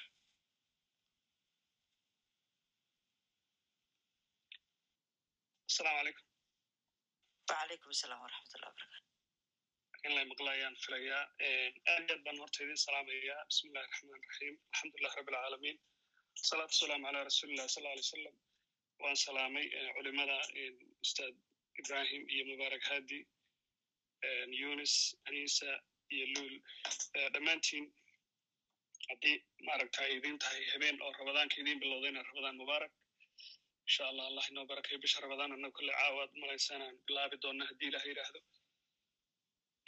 Insha allah kolley barnaamijka intaan ka soo gaaray kharlas iyo ustaadku aad buu maaragta uga hadlay. Waxaad moodaa inaan maaragta wax badan aan idhahdaa inayna harin bal insha allah wax yar baan isiira dul doonaa haddii ilaha yidhaahdo. Barbaarinta wanaagsan haddii aan idhaahdo maaragta bal qaababka hadda ugu maaragta waxaa jira ama maarag qaab la yidhaahdo styles ama qaybab kala duwana waalidku ilmaha u barbaariyaan. Intaa uu ustaadku soo soo sharaxay ama uu soo qeexay wuxun baan dhihi lahaa inta badan waxaa ku xambaara dhalinyarada markay mataqaanaa macnigi dadka dhalinyarada ahoo raba inay hadda ama asaasaan reer ama carruurtoodaba maaragta qaabkay u barbaarinayaan qayb salka ku haysa maaragta dhaqankeenii iyo qaabkii bulshadu ay wax u soo barbaarin jirtay u soo korin jirtay iyo qayb iyadu isbeddelkii maaragta tiri sidani xal maahae waa inaan raadiya xal kale. Oon inta badan hadda dadkana ku baraarujino positive parentingka ama anshaxa wanaagsan soo aabuhu ama hooyadu waalidku ay unoqon uga qayb qaadan lahaayeen barbaarintaas wanaagsan barbaarintii marka waa laba oo midna waxa weeye qayb ama qaybabka maaragta stylada kala duwani qayb waa dictatorship inuu waalidku noqdo uu si adadagoo qallafsan oo dictatornimo iyo anaa idhi uu wax u koriyo. Qaybna waxa weeye permissive parenting oo ah waalid iska fara laga qaadahoo intuu ku soo koray markiisii hore dictatorship waalidkiisa oo aad u qalqallafsanaa dabeecadihiisa uu ka dhaxlay kadibna markuu arkay dabeecadihii waalidkiisa u soo koriyeen inay isaga saamayn ku yeelatay darteed uga cararaya inuu ilmihii xataa inuu wax u sameeyo xayndaaba iyo sharciye iyo waxa ilmihii isagii isku fahmaan. Oo hadduu ilmaha taabtaba macnigii la hadlo ama uu wax u sheegis yidhaahdo taabashadii gacantahayd ma hadduu isdhaho ilmaha wax u sheego bal ku dhaqamadii wanaagsanaa iyo akhlaaqdii iyo wax kala hadal uu dareemayo ilmuhu hadduu yaro xanaaqo kale inuu inuu mataqaanaa ilmihii inuu ku xadgudbayo oo kale isagoo dhaawicii iyo xanuunadii xasuusanaya. Midna waxa weeye waalid balansi samaynaya ama isu dheelitirayo oo ilmihiina aan ku xadgudbaynin tarbiyadii wanaagsanaydna siinaya iyo akhlaaqdii wanaagsanayd. Waana mid ka la dhaho positive parenting ama anshaxa wanaagsan waalidka qaata. Isaga oo ilmaha inta badan la tashanaya si naxariis leh oo kalgacala u korinaya u baarhi noqonaya isagoo oon ka tegaynin mas'uuliyaddii waalidnimo oo iyadana ilaalinaya oo ilmihii u samaynaya xuduudo iyo xayndaab. Bilmatalan waktiyada ay cashirada akhrisanayaan qur'aankooda maaragta ay baranayaan homeworkyada ka shaqaysanayaan hadday asxaab iyo soo ciyaarayaan inuu ka warhayo ogaado. Waalid isku dayaya ilmahan inuu la samaysto xiriir qodo dheer oo aan ahayn anaa waxaan ku idhi iyo mataqaana hadalkayga maqal laakiin markau xataa wax u sheegayo u samaynaya sabab ilmahana qancinaya su'aalaha uu qabo ilmuhu. Isku dayaya inuu ilmaha iyo isagu isfahmaan. Marka insha allah qaababkaas ayaa kolley mataqaanaa dadku inta badan saddexdaas inta badan ku wareegaan. Midka u dambeeyon hadda aan maaragta taabtay ayaad moodaa inuu yahay midka ugu wanaagsan. Xagga diinteenana markaad fiiriso asal u ahoo nebigeena sal alla alay wasalam marka dib loogu noqdo taariikhdiisa iyo siiradiisa aad arkaysaa inuu qaabka ilmaha u barbaarin jiray dadka yarna uula maaragta ula macaamali jiray. Nebiga sal ly slam ixtiraam inuu tusi jiray carruurtiisa.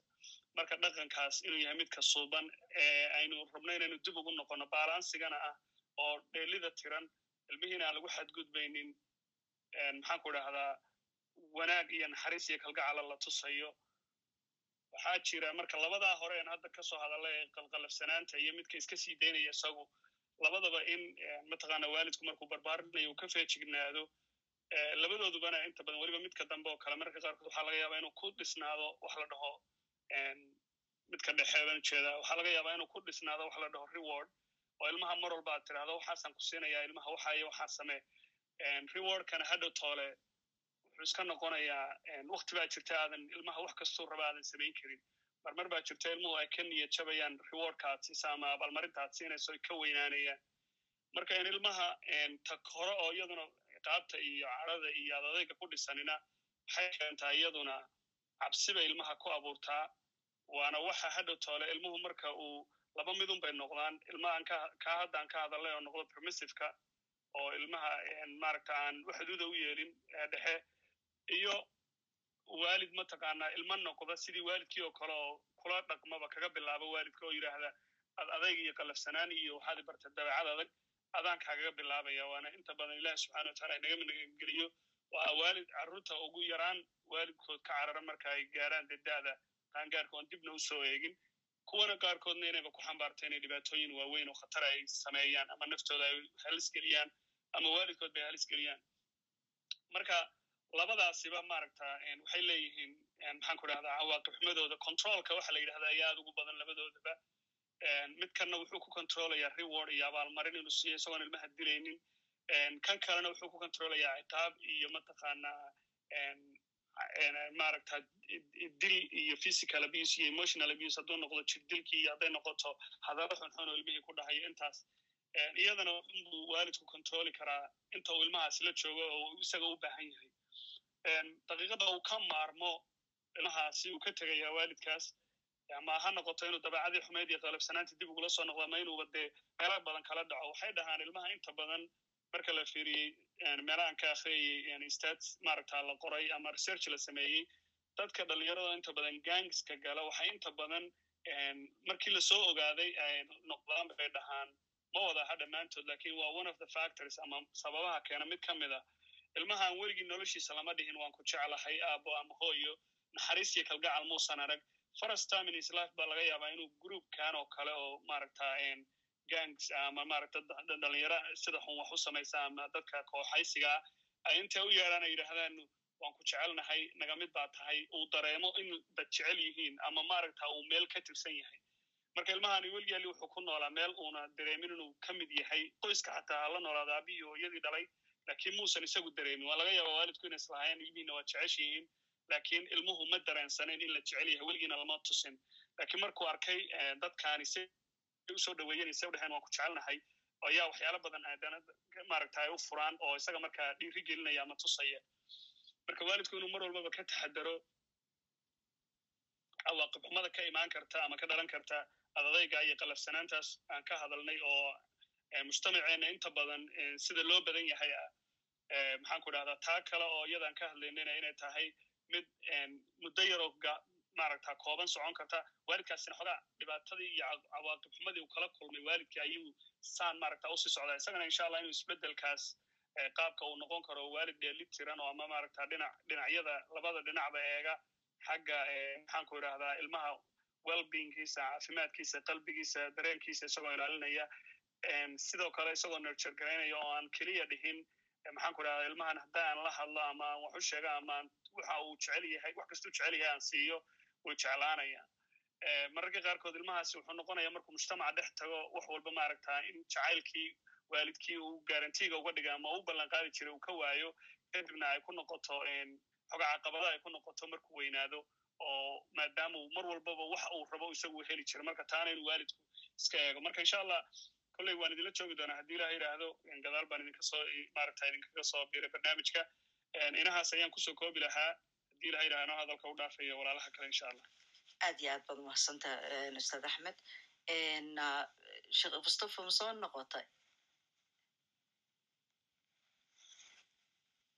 Sheekh mustafa ma joogtaa? Okay. Imaam yaxye adigan kuu soo noqonaya adi ma joogtaa asalaamu calaykum waan joogaa ha su'aashii hadaaye qadkaa ka xumaaday asigoon dhamaystirin jawaabteedii oo ahayd maaragtay sagaal hadduu nebiga calayhi salaatu salaam uu muxubana tusay uu guursaday maxay tahay afarta maxaa loo daba taagan yahay oo loogu dhegan yahay? Habeenkaa markii culimmada imaam yuusuf oo naga maqanna wuu joogay adigana waad joogtay sheekh mustafana wuu joogay annaga dhanna waa isla joognay xoogaa waxaad gasheen xataa ka sheekeen taariikhdii ay ku timid in afar la baneeyey horta marka xoogaa yar bal dulmar adoo soo koobaya khayr allah na siiyo inta meesha ku jirta alxamdulilah wasalatu salam ala rasuulillah soomaalida horta sideedna waxaan u badanna boteen kudayashada nebiga calayhi salaatu salaam horta sidii dhab tahayd haddaan sidaa ugu dayn lahayn dhab ah oo xaq iyo xuquuqda aan ilaalin lahayn guurka. Waa la iska guursadaa un maaha waxa weeye shareecada islaamku marka afarta la guursanaya ama laba la guursanayba laga tallaabayo midka midda ugu horreysaa laga rabaa in xaqeeda la siiyo.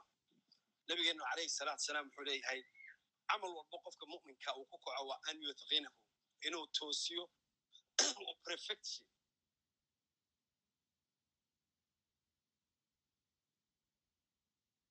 perfectionka isayada ayaa ilahay jala wacala wuxuu leeyahay in khiftum an laa tacdilu haddaad ka baqdeen inaad perfection to each one of them. gebigoodaba inaad perfection aad siisaan haddii aad ka baqdeen fawaxida xabadii naas la bobooda yani tii naas un ma aragtay ku dadaala mar aad maxaan ku idhahday xaquuqdeedii oo dhan aad kaamil ka dhigdid in walboo dumarka soomaalida ilaahay kheera siiyeen haddii xataa xuquuqdoo la dhammayn waaya iyaga ilaahay jalla wacala karti siiyey oo ilaah subxana watacaala ka dhigay kuwa ku samra oo u dulqaata marka midda meesha ku jirta waxa weeye horta su'aashaasi waxaan odhan lahaa qofkii yidhi ee odhanaya iyaga inaga maxaa noo diidaya ayaa waxa odhan lahaaba ma haysaa su'aalo badan baa kahood ayaa iman lahayd laanna nabigeena salawaatu rabbi wasalaamu caleyh waxa weye nolol buu tusay daryeel buu tusay kalgacayl buu tusay maxab buu tusay kalsooni buu tusay arrimo badan oo la xidhiidha reerka dhaqidiisa ayuu tusay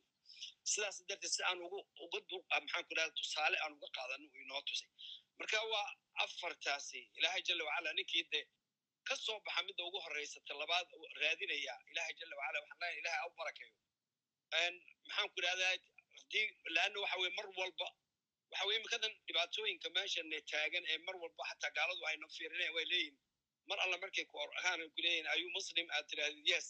Ayu how many wife you have? Mise xaas baad leedahay iyadoo aanan maxaan ku idhahday aanan naga ahayn laakiin mar walba waxaan ku dadaalnaa inaan u sheegno inay tahay laba arrimood. Midda ugu horreysa inaad mas'uuliyad tahay reerkii dhaqidiisiina mas'uuliyad weyn tahay.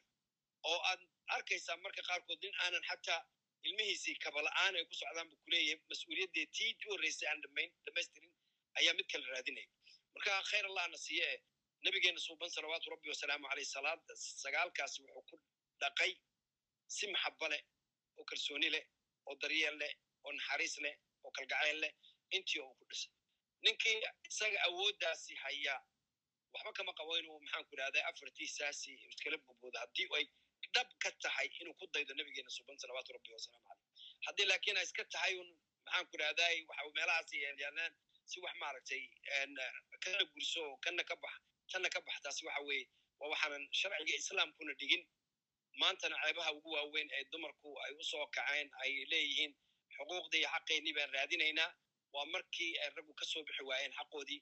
Ayaa waxaa istaagtay in lagu banaanbaxo ragga oo la yidhaahdo sidaas mahe sidan wey marka ilahay waxaan ka baryay inuu ilahay subxana watacala na fahamsiiyo.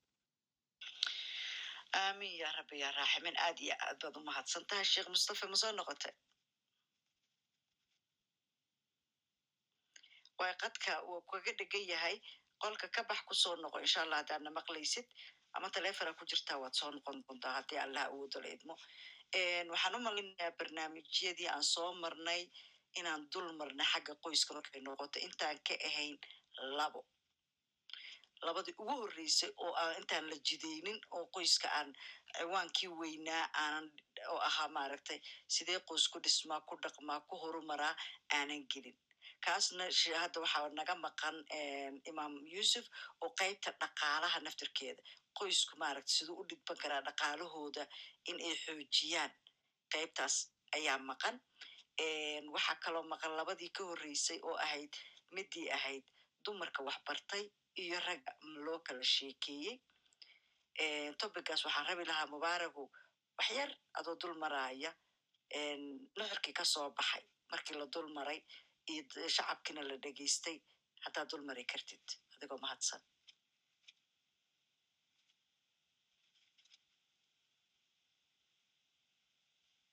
horta male maqloya mise okay mubarak mana maqashaa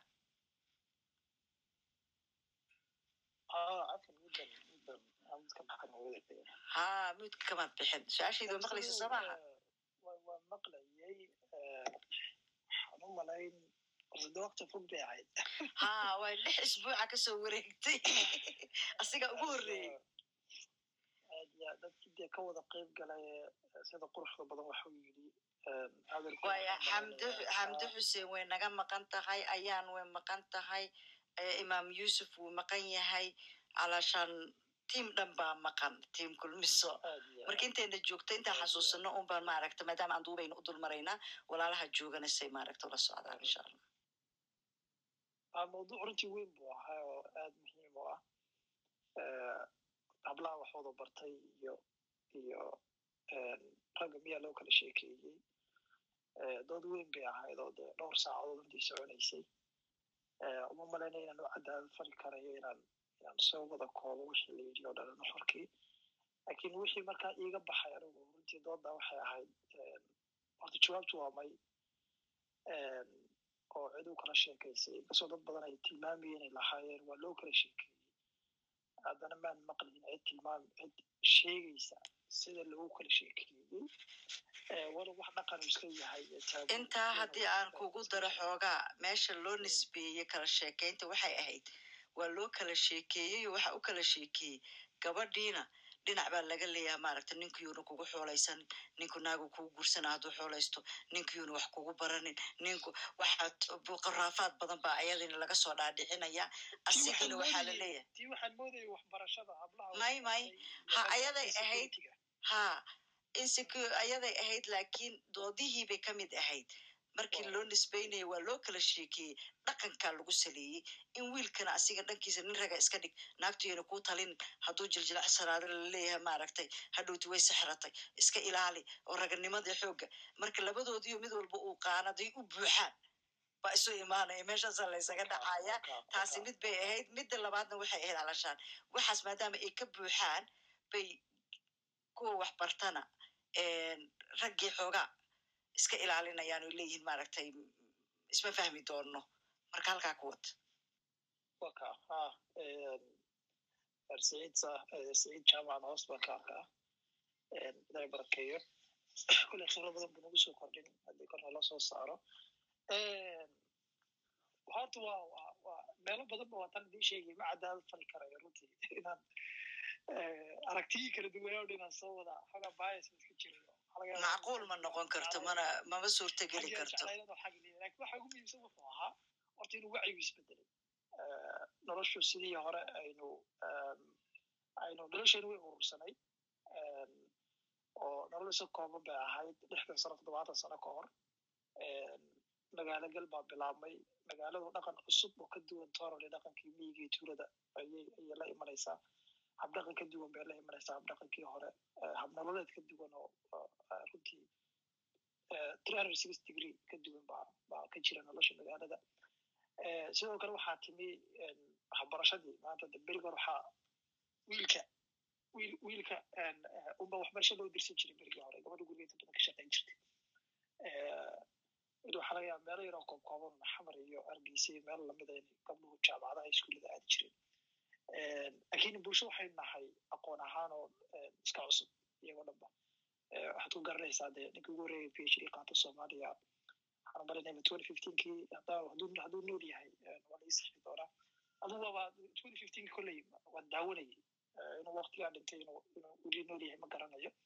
Gabadhi sidoo kale ugu horreysay jaamacad p h d jaamacad dhigatayba atankiray ahayd waan malen waxay ahayd weli wey inay noo shaqaan jeclahay marka dad waxaan nahay marka xagga aad ka eegto aqoonta iyo aad u cusub aad u cusub baan nahay.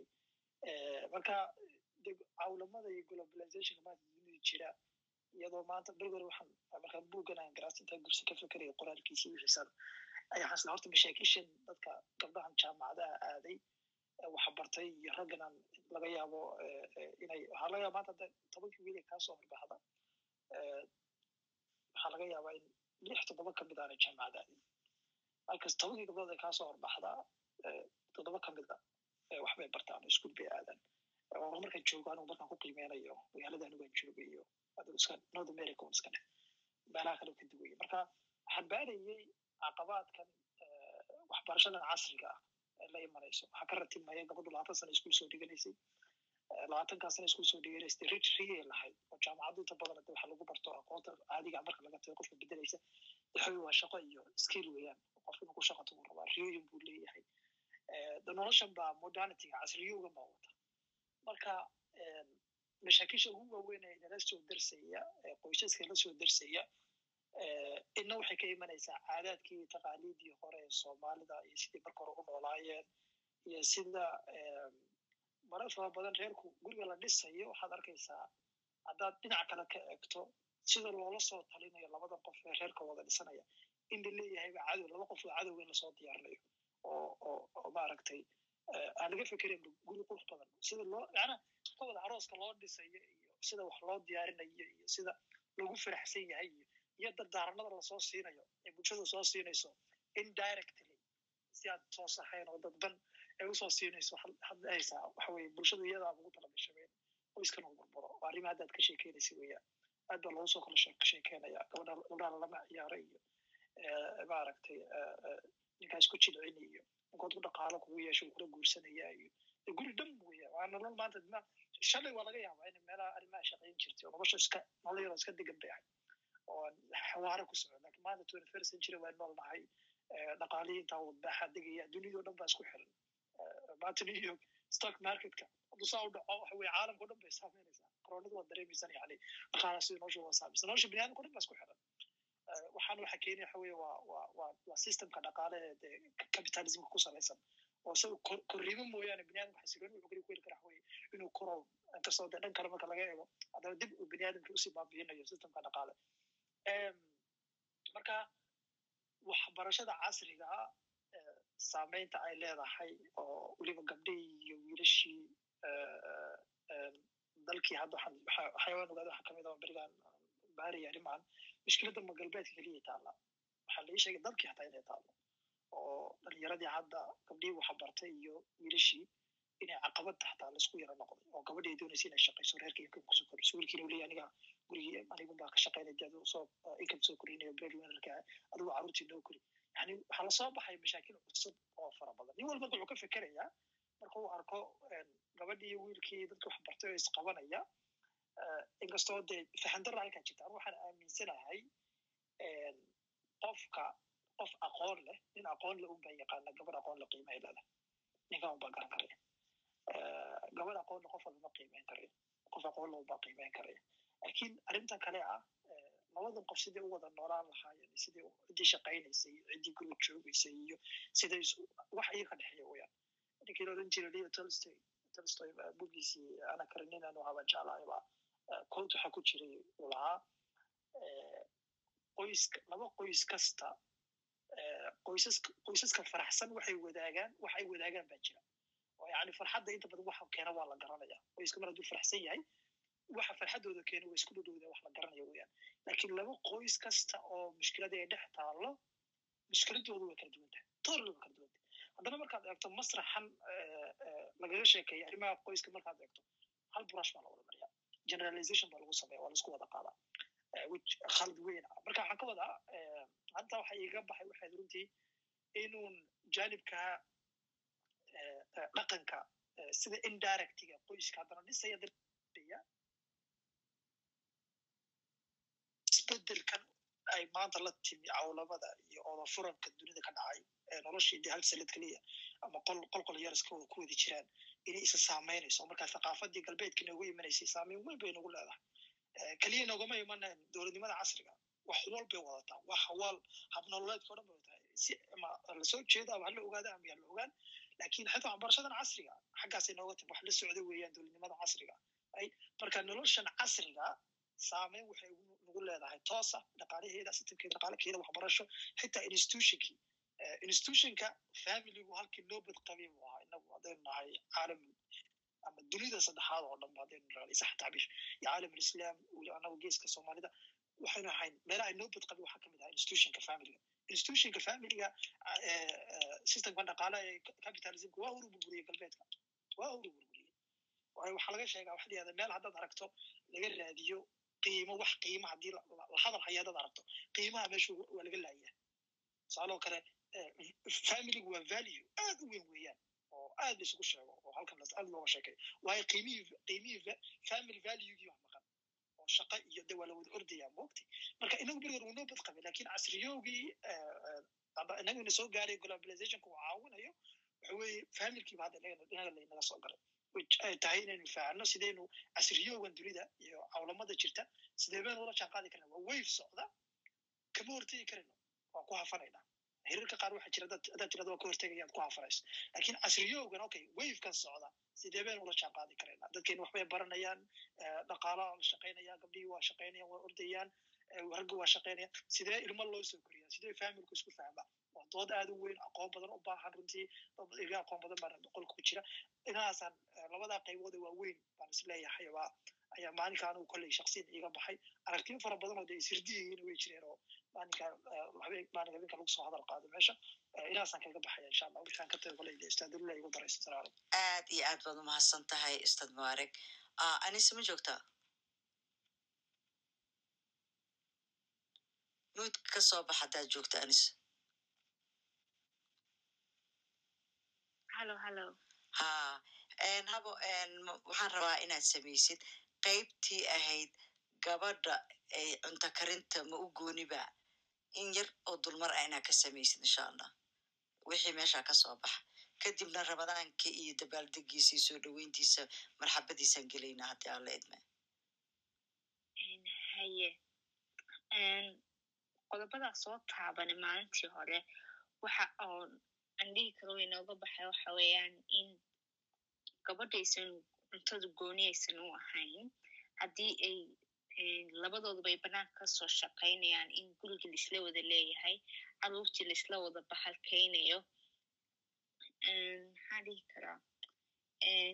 Haddii de gabadhii subaxdii soo shaqaynayso wiilkiina uu soo shaqaynaya guriga marka la wada yimaado baa la isku raacay in qofba uu dhan geeska shaqadiisa uu ka gala bay tahay ya intaasaan dhihi lahaa maanta intaasaan ku soo gabagabeynay aada amaadsantaa waa sidii mubaarag oo barnaamij lix saac socday macquul ma aha in laba daqiiqa lagu soo gabagabeeyo la soo dulmaro doodihiisi way dhinacyo badnaayeen laakiin nuxurka markii dib loo celiyo wuxuu ahaa dhankii doodaha laga baxo diinta loo degto in gabadha ayna waajib ku ahayn waxaa la iska dhaadhacsiiye oo ah gabadhii ayaday waajib ku tahay inay gurga gurigii korka laga saaray cuntadii wax walbo hadalku wuxuu ahaa maaragta iska dhaaf cunto ay karise nuujinta ilmaha ay dhasha xataa oo iyada ka soo go'ay inayna waajib ku ahayn. Ay dhihi karto maaragtay mushaar igu sii aabaha caruurtaas dhalay. Ayado ayada ay rixinkeeda ka soo go-een laakiin gabar soomaaliyeed abidkeedna ma samayn. Mana samayn doonto aragtideyda kalgacaltooyada ilmaheeda ay u qabta dartiis.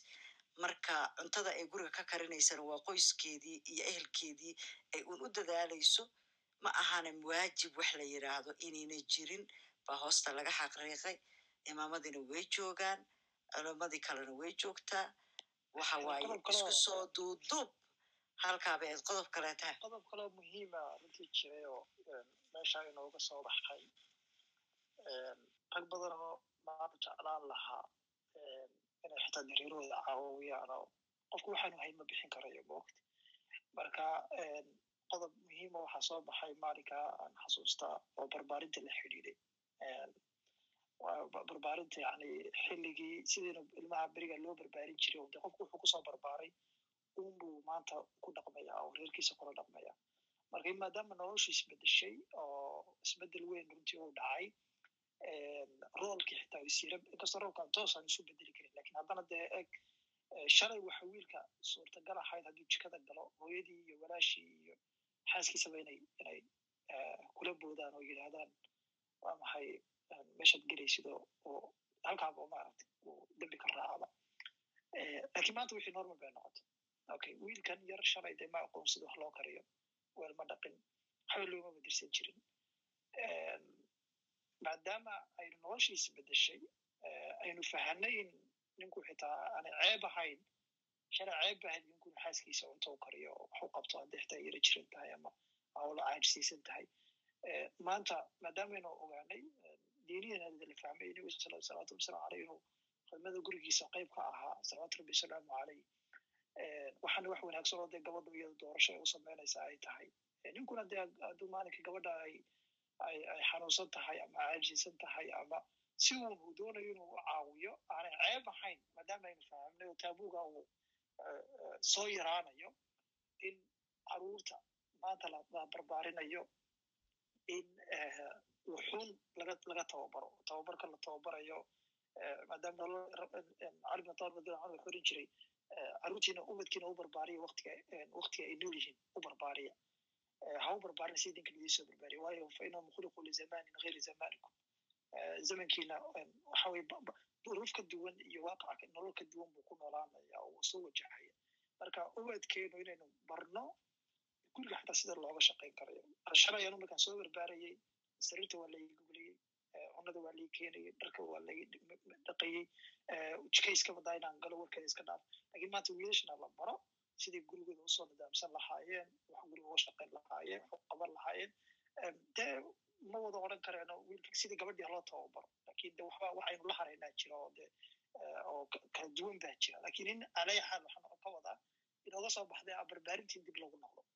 Ayaa inooga soo baxday. Waayo barbaarintii hore waxay soo saartay dadka maanta jooga barbaarinta aynu doonayno dadkaynu doonayno waxa weye barbaarin ka duwantii shalaba bay tahay inaan inaan soo saarno ha waxa kaleeto maxamed welina wuu noo yimi isaguna markaas wuu joogay waxaa kaleeto oo jirtay in walaalihii markaas soo koray oo mayga qabsaday ay dhowr nooc lahaayeen qayb waxay ahayd la ima soo barin oo barbaarintaas bay daba taagan tahay balse diyaar baan u ahay inaan barto ama kuwa yiraa waaba isbarayba oo anigaaba bartabe ubadkaygana u kariyo haddaa xaaskayga u kariyo haddaa carruurtayda u kariyna waa aniga ayay ii taallaa qof shaqo ku leh. Malaha qayb kaloo waxaa jirta yiri bini aadamka isku nooc ma aha qofba waxbay jeceshahay. Aniga waxaan jeclahay inaan ilmahayga la cayaaro guriga aan maaragta nadiifiyo inaan guriga maaragta huufarka mariyo ayada laakiin ani jikanba ku fiicni xaaskaygaas kariso cuntada. Anigana howsha kaloo gurigan qayb ka qabtaa waa iskarabsanaa marka isku soo duuduuba waxay ahayd in qoysku ayaga wada tashadaan ayaga ay maaragtay wax wada qabsadaan ayagu isla fahmaan bulshada kalena ay qoysaska ka dhex baxdo.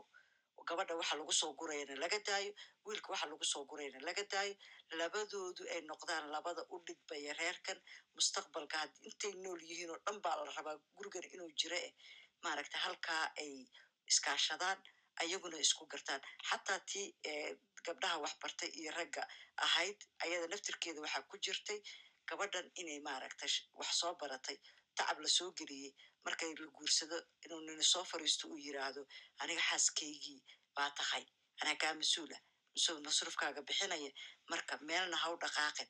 Ayadana waxaa go'aanka uu ahaa marka isku soo celceli doodihii dhan xaq ma u leeyahay.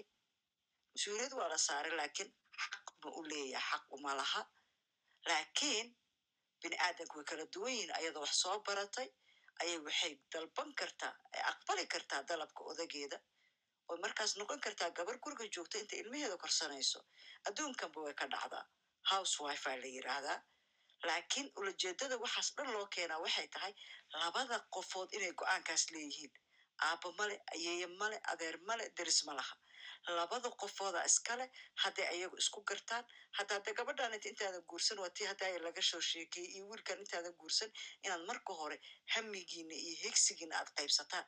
Haddii hamigaaga iyo higsigaaga waxaan ahayn una ogolayn ama asiga kiisa aadan ogolayn markaaba waxba isku darsanina. Haddii aad isku darsateenna kadib go'aankiina adinkaa iskale annagu shaqo kuma lihin annagu hadda uma joogno meeshan inaan leenahay gabadha waxaa samaysaa wiilku waa inu waxaa sameeno annagu waxaan rabnaa bulshada qoysasa ku dhex jirto inay ka dhex baxdo. Waxaan rabnaa labada qofoodna in loo soo barbaariyo hoos laga soo bilaabo inay kalsooni buuxda qof walba ayadoo leh. Qofka kalena ay u egtay sidii mubaarak uu yiri dulmarkiisa qofkan ma ii qalantaa? Aniguse ma u qalmaa? Mar haddaad israacdaan laakiin go'aanku adinku idinka go'aa wadatashigan adinku idin yaalaa wax dheeraada ku daraysa miyaa jira maxamed weliyow asalaamu waraxmatullahi wabarakaatu waad isalaamay salaamullah wax badan ani kuma darayo waxaan ku dari lahaa arrinta aad sheegtay oo ah anigu waxaan qabaa dadku marka ay xaasaawayaan ama sheekaysanayaan ama shukaansanayaan kama hadlaan mustaqbalka iyo noloshu say noqon karto iyo waxa la isku khilaafi karo kama hadlaan just everything is romatized wax walba waa qurux badan baa laga hadlaa taasina waxaa keenaysa xilligaas marxaladda lagu jiro ee dareenka ah ee labada qof ay isku qabaan ee doonayaan nolol inay asaasaan waxaan ku dari lahaa dadku inay real conversation ay ka yeeshaan oo si dhab a u wada hadlaan oo ay ka wada hadlaan arrinta hadda aad sheegtay ee ah rightska xuquuqda rooliska roolka doorka qof walba qaadanayo iyo responsibilityga mas'uuliyadda accountabilityga qofku accountable noqdo kaloo jira annaga hadda wax badan baa isbedelay wadamadan aan nimid. Dumarku dumarkii hore ma aha siay isu fikirayaan wax badan baa u baxay. Raggu raggii hore ma aha. Power shift bay dareemayaan. Marka waxay u baahan tahay arrimo badan dadku inay aad uga fekeraan waxaa kale oo ku darayaa oo mar walba saboolnimada dhibaatada ay ku hayso familiyada iyo qoysaska ay ku leedahay waxaan qabaa qayb weyn bay ka tahay oo saboolnimadu sidaas looga bixi lahaa marka waa in la helo familigu ay helaan inay dhaqaalo macnaha financial literacy programs sidii dhaqaalahoodii ay ku kobcin lahaayeen noloshoodii ay ku bedeli lahaayeen waxaan ku darayaa oo kaga baxayaa waxaa kaloo oo jira qoysku marka iyagoo wada socda ay qurbaha yimaadaan. Haddii ay troma ku soo dhacday hore troma ugu soo dhacday they can survive. Lakin qoysku marka iyagoo laba kala meelood ka kala yimid oo tromadiina ay ay isku yimaadaan its very hard inay ay ka gudbaan aad bay u adag tahay waana arrin u baahan iyadana il gaar ah in lagu eego oo qof walba meesha uu ka yimid iyo xaaladiisa iyo noloshiisa ay qofka kaleeto open u noqdo oo uga warramo asalaamu calaykum wacalaykum salaam waraxmatullahi wabarakaatu aad baa umahadsan tahay sikadiisa ay iga naxisaso hadaladii dhan baa iga kala lumada inkastoo kastoo hadda mararkii u dambeeyey ay noo yimaadeen sheekhyada iyo mubaarak iyo xamde iyo dad iga aqoon badan anigu weli ardayad ba ahaye maxaa la dhahaa aan inteedeedan ku fikfikeri jiray xitaa iga kala lumeenba oo ay noqotay in anigu noitis qaato wax badan ka barta maasha allah dadka cilmiga badan oo nala jooga keliya waxaa raba inaan ku darsado sida anigu aaminsanahay mediaha ken iyo globalisarinka waxaa la dhahay waxaasoo dhan saameyn weyn bay nagu leeyihiin so gabadha xitaa uma ay baahna in ninku cunto u kalsho gabdhahana soomaaliyeed ba anigu isdhihi karaa keliya haddii ay ka heli karto inuu carruurta uu dhex joogo u sheekeeyo ka qosliyo markay cuntada u karinayso oo maxaa yeelay mediahan baa isdhihi karaa markay aragto laba isjecel oo cunto isla karinaya isla sheekaysanaya inay maxaa dhahay ay dhahdo muxuusan aniga iigu samayn wiilkan soomaaliga oo qaba kan kale miyuusan miyu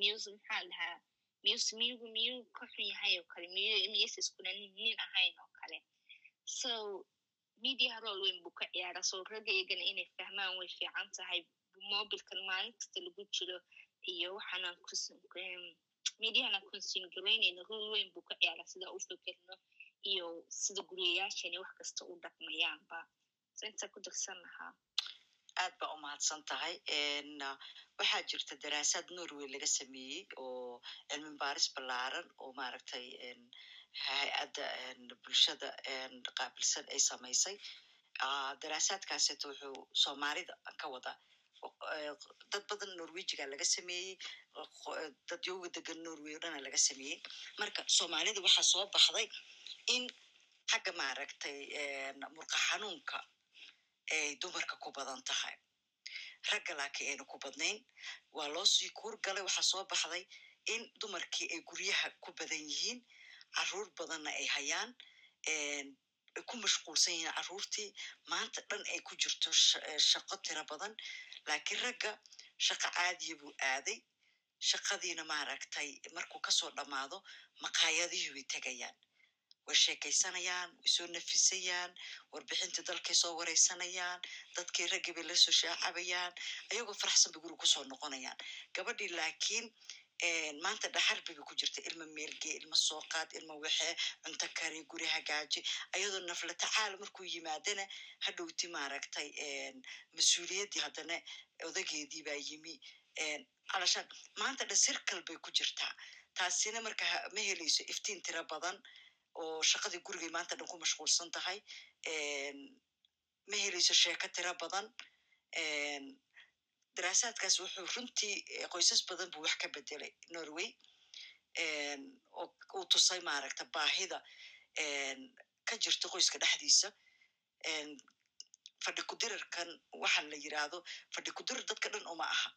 Dadna waa iska fadhi kudiriro waa iska jaqjaqlayn dadna halasha nefiskaasay u aadaan shaqadiisi wuu soo dhamaystay nefiskaas uu aadaa wuu ku soo nefisaa lakiin habeenkii doodeenna marka markii la waday waxay ku soo biyo shubatay aad soo nefistida mas'uuliyad soo kuma saarayn soo reer dhan mas'uul kamaad ahayn markaad reerka intaad u timaadid waxaad ka caawi karta ka caawiso ilmihii idin seexdaan nefiskaaga aad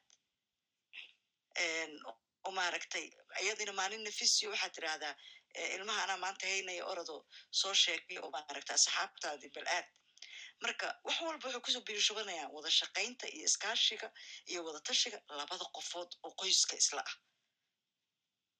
Intaasay marka ku nooga dhammaanaysaa waxa waaye haddeertaaneetan gabagabadii anagoo joogno waxaan rabnaa bil ramadaan baan gelaynaa. Axmedow bal adugu noo fur insha allahu tacaala ramadaanka aan bal isku boorino aanan soo dhoweyno bisha ramadaan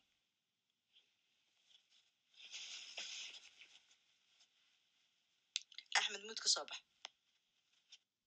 Waan waan idinla joogaa laakiin jeclaan lahaa mubaarak haadi insha allah inuu ka socdo haddii uu maaragta maya waan wada maraynaa waan wada maraynaa gabagabadii waaye. Marka waxaan rabay qaybtaas ramadaanka uun in maaragtay aan bishada soo dhoweyno dadkana wixii tala ah oon siinayna aan ku burino mubaarak wuu kaaga horeyn karaa hadduu rabo.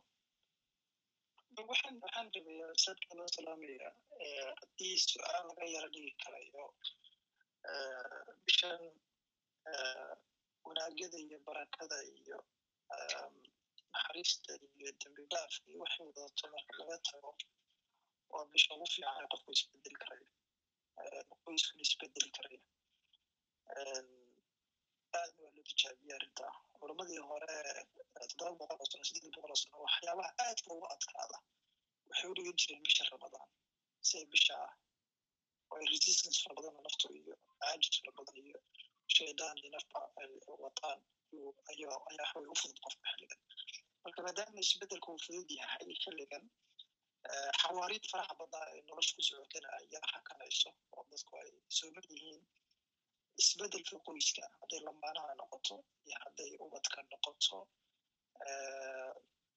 sida bal loo yara bedeli karayo isbeddelka sidee bisha ramadaan loogu yara faa'idaysan karaya haddada tartibada u dhiibto iyo ciddii kale inaga soo biir dadkana loo furo insha allah dad badan aqoon badan baa hoosada fadhiya asada maqaafatin dadka ku soo gabagabeysan insha allah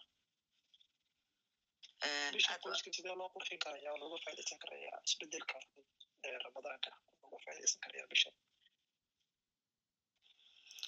waxa su'aal aad u fiican runtii dhammaan waa la dulmaro oo maaragtay imaamadii banaanka u baxeen way soo noqonayaan insha allahu tacaala marka axmedow ma ku horumaraysaa mase waa kaasii socdaa waan ku horumaraya insha allah okay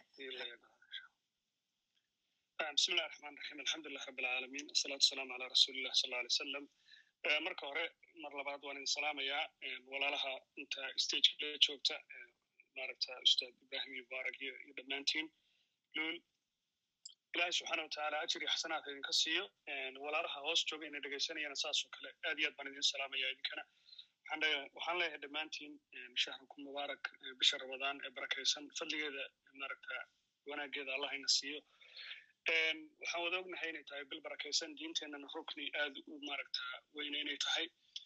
Waxaan ognahay waxyaalaha macniga inaynu ka wada dheregsannahay oo mataqaanaa rabbi subxaana watacaala goolka ama maaragta ujeedada ulajeedada bisha ramadaan waxa weeye in ilaahay subxaana watacaala cabsidiisa aynu maaragta training u galno intaa yar aynu ku jirno ramadaanka oo ay noo noqoto wax isbeddel sanada sanadka dhan ah iyo sanadada soo socdaba insha allah ay noo noqoto maadaama fursaddu ay maaragta waxyaalaha badan oo challengiga ama maaragta caqabadaha inagu ahaa wixii ugu weynaa oo shaydaan ahaa ilahi subxaana watacaala inaga xiray inaan ka faa'iidaysano oo maaragta fursaddaas aan u diyaargarowno iyadooba bishii kolley qaarkii noo bilaabatay qaarna ayna waxba inooga hadhin oo caawa inoo bilaabanayso haddana weli it's not too late. Marka insha allahna waxaan dhihi lahaa un ugu horreyntii qoysku maadaamanu qoyska ka hadlayno ugu horreyntii waxaan odhan lahaa qoysku insha allah ha wada fadhiisto hala mataqaanaa hala tuso carruurta iyo maaragta lamaanuhuba ha ka farxiyaan carruurta ha tusaan inay bilbarakaysan tahay inay sugayaan inay weyneynayaan. Kadibna in laysla fiiriyo qaabkii cibaadada loo wada cibaadaysan lahaa sidii loo wada qaadan lahaa culumta diiniga ah wax loo wada qaadan lahaa haddii aabuhu ama hooyadu midkood soo jeedinayo maalinkii cashir xaafad carruurta u soo jeedinayo haddii uu maaragta la wada qaadanayo hal cashir oo laga qaadanayo video ama koorse la wada qaadanayo haddii la samaysanayo wakti qur'aanka la akhrisanayo oo go-an intaas waa xagga cibaadada salaadaha waktiyada la tukanayo waktiga qur'aanka la akhrisanayo waktiga adkaarta la akhrisanayo in la joogteeyo saacadna lagu qorto meesha family meeting haddii aad samaysaan ama kulanka qoyska haddii aad leedihiin in lagaga hadlo arrintaas haddaad soo samaysana alxamdulillah haddaydaan hore u samaynna waa wax yaroo shan iyo toban daqo soddon daqo lagu samayn karo. Kadibna qoyska dhan shaqada maal bisha rabadaan ee nagu soo socota. Waa runtii waa shaqo maxaan ku idhahdaa inta badan saynu ognahay dumarka inta badan culayska dhabarka ay u ritaan oo ku dhaca iyaga. Lakiin bal seed bishan bilihii hore si ka duwan ugu wajihi kartaa haddii ay dumar kale guriga ku nool yihiin oo kale ama maaragta xaaska iyo sayga bes ay yihiin carruurta see looga qaybgeliyaa see shaqada loo qaybsadaa matalan tusaale ayaan tusaale yar baan idin siinayaa dabcan anagu xogaa waktiga ama maaragta kulankii qoyska ayaanu fadhiisana on ka wada hadalnay. Rabadaanka waxyaalahaan samaynayno schedulekaas waxyaalaha inoo geli doona cashirada aan qaadan doono wixii qof walba cashirka uu maaragta samayn doona haddii ilaha yidhaahdo kadibna waxaa soo gashay meesha shaqadii rabadaanka afurka yaa diyaarinaya yaa ka qayb qaadanaya yaa weelka maydhaya yaa mataqaanaa cuntada dhinac wax ka karinaya. Inta aan maaragta la gaarin afurka yaa soo diyaarinaya. Marka alxamdulilah qof walba kolley shaquu qaatay in shaqadana la wareejisto. Marka qaab noocaas oo kalea in mataqaanaa shaqada gurigana loo wada mataqaana loo qaybsado. Si ayna hal qof shaqadii ugu dhicin qofkiina isagoo maanta o dhan soomanaa oo kula soomanaa haddana hadha toole isagoo daalan dabcan waxaa laga yaabaa wax badan una bishii barakaysnayd una ka faa'iidaysanin oo qasadkiisa uu noqdo maxaan ku idhahdaa uu noqdo un cuntada iyo raashin karintaas. Iyadoo ay fiican tahay alxamdulilah laakiin haddana waxa weeye waa dadkeena waddamada reer galbeed ku nool waxaad maqasheen holiday sal inuu jiro waxyaalaha alaabaha la iibsanayo iyo waxa mataqaanaa christmaska iyo thanksgiving waxyaalaha in la iibiyo qiima dhibis lagu sameeyo alaabaha marka bisha rabadaan waa ogahay acmaashi baa ilahi subxaana watacaala lama laabaya qur'aankii maaragta in wakti xiriir lala yeesho. Marka maadaama fursaddii ay aad u ballaaran tahay badan tahay fursadda in laga wada faa'iidaysto oo hooyada iyo mataqaana ayna keligeed noqonin gabadhu xaasku ayna keligeed noqonin qofka aan aad uga faa'iidaysanin oo ay ku mashquulsho xogaagii raashinkii guriga maaragta laga samaynayey iyadoo aanan yaraynayn oo ayna hawl fudud ahayn. Haddana laakiin in culayska laga fududeeyo si ay uga qayb qaadato arrimahan xagga insha allah ducada in culayska la saaro.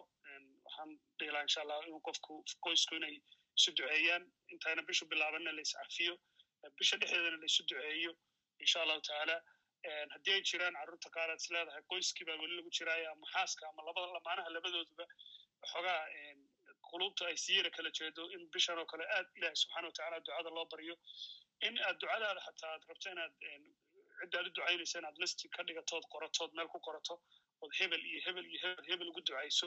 Rabbi subxana watacaala isagoo og haddana aad meeshin garayso magacooda ood sheegto. Insha allahu taala inaasan dhihi laha maadaama gabagabadeynu ku jirno mar raba hadalka hor inaan qaato. Culimada kalena insha allah udiin doona ayaa kaartayla joogta. Jasakum allahu khayr.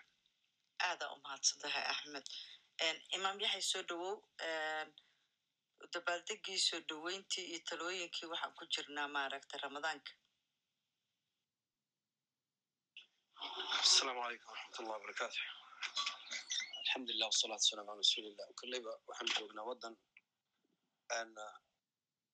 qofku xataa wakti uu helen kabaha iska bixiyo markuu shaqada ka soo ruwaco uu kabaha ku seexanayo dadka africa joogaan nala socdaan meesha wax ka jira allah noo sahlo insha allahu tacala ilahay waxaan ka baryayna ilahi subxana watacaala bisha ramadaan ilahi subxana watacaala noo sahlo halkan qodobkeena titleka waxaa noogu qoran qoys wanaagsan iyo ramadaan qoys waa dadkii laga rabay.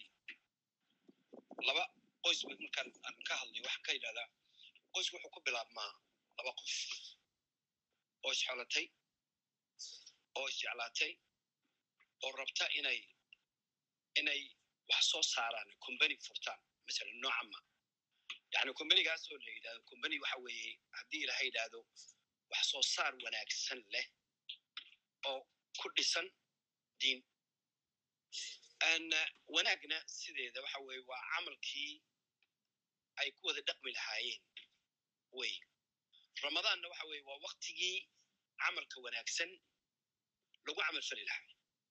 Aan noqdo weyska qoyska waxa weeye waa dadkii imika dadka qaarkood masalan marka qaarkood dadku ma kala yaqaanaan muslim iyo islaam. Islaamku waa diintii shareecada ilahi jala wacala muslimkuna dadkii fulinaya noocan ma labada qof ee isxolatay waa laba muslimiina waxay rabaan inay wanaag keenaan wanaagiina nabigeena salawaatu rabbi wasalaamu caleyh markuu wanaagga sheegayo waxaa ku lehay rasuulka ilaahayow akhbirna can albiri waalithmi wanaagga iyo xumaanta rasuulka ilaah noo sheeg wuxuu yidhi nabigeenu salawaatu rabbi wasalaamu caleyh albiru xusnu lkhuluq wanaagu waxa weeye akhlaaqda wanaagsan akhlaaqda wanaagsan waalithmu dembiguna waxa weye alayhi salatu salaam ma xaaka fi nafsiga waxaad adigu naftaada ka shikidid wakifta an yaطalac calayka annaas ood ka baqdid inay dadka ku arkaan marka midda meesha ku jirtaa waxa weeye waa camal sida marka la leeyahay waxaan ka wada hadlayno o dhan ayaamahan o dhan baan ka hadlayna qoys wanaagsan qoys wanaagsan waa akhlaaq lagu nool yahay oo gurigu ku nool yahay ayaan uga jeednaa oo diini ah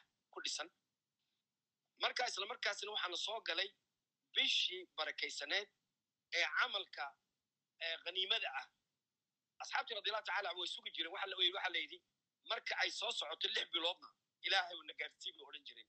Markay ka baxaanna rabadaanna waxay lix biloodba ilaahay baryi jireenoo ilaahu naga aqbal acmaasha. Marka waa mawsimkii waa season oo ilaahay jala wacala ay business lala samaynayo. Salaadii waxay noqonaysaa waxaa la yidhaha axaadiista qaarkood waxay yidhahdaan salaada faradka waa lixdan salaadood. Sunnaha la tukanayana waa waxa weeye waa farad bay la mid tahay. Aan u soo noqonno maxaa nagu soo beegmay waxa nagu soo beegmay bisha barakaysan ee caawa noo bilaabmaysa sideeda ragga iyo dumar? Alxamdulilah labada qof aad ba ugu faraxsan yihiin laakiin bidaat sheekh axmed wuxuu sheegay weeye waxaa loo baahanya walaalayaalow ilaahay kheerana siiyo. Maalintii dhaweed aan arrintan xusayna waxa weeye bishan aan arkayna aan u jeedno aan beryahan oo dhanba waxyaaladan ka soo hadalno waxaa ka mid ah marka la yimaado guriga guriga waa loo simeeya ay bimacnaa qofna qof kuma waajib aha laakiin iyadama iyadoo sideesa ay dhaqankeenna iyo alxamdulilah annagoo islaamka ku xidhan ayaa dumarkeenni waxay qaadeen wax la yidhaahdo waajibaad oo yidhaahdeen annaga ayaa waxa dhanba qaadayna. Wixii oona ilaahay baa garanaya waktigiina wuu soo galay waxaa jirta factoryo badan oo maxaan ku idhahday dhib u geysanaya waxaa laga yaabaa in xanuunsan tahay waxaa laga yaabaa in ilmihii ay maxaan ku idhaha meesha joogaan waxaa laga yaabaa in sideeda kale ilahay jala wacala uu sida ay dumarku maxaan kolkolba waxbaa ku dhaca iyadoo sidaas haddana waxay saaraysaa xoogga ay saaraysaa in aana cidba afur la'aanay ku dhicin. Cidba ayna maxaan ku dhahay casho la'aana ku dhicin. Cidba ayna ku dhicin suxur la'aan. Intii oo dhanna ilaahay baa ogay waa dadaalaysaa. Marka walaalayaal oo khayr allahna siiya bisha ramadaan.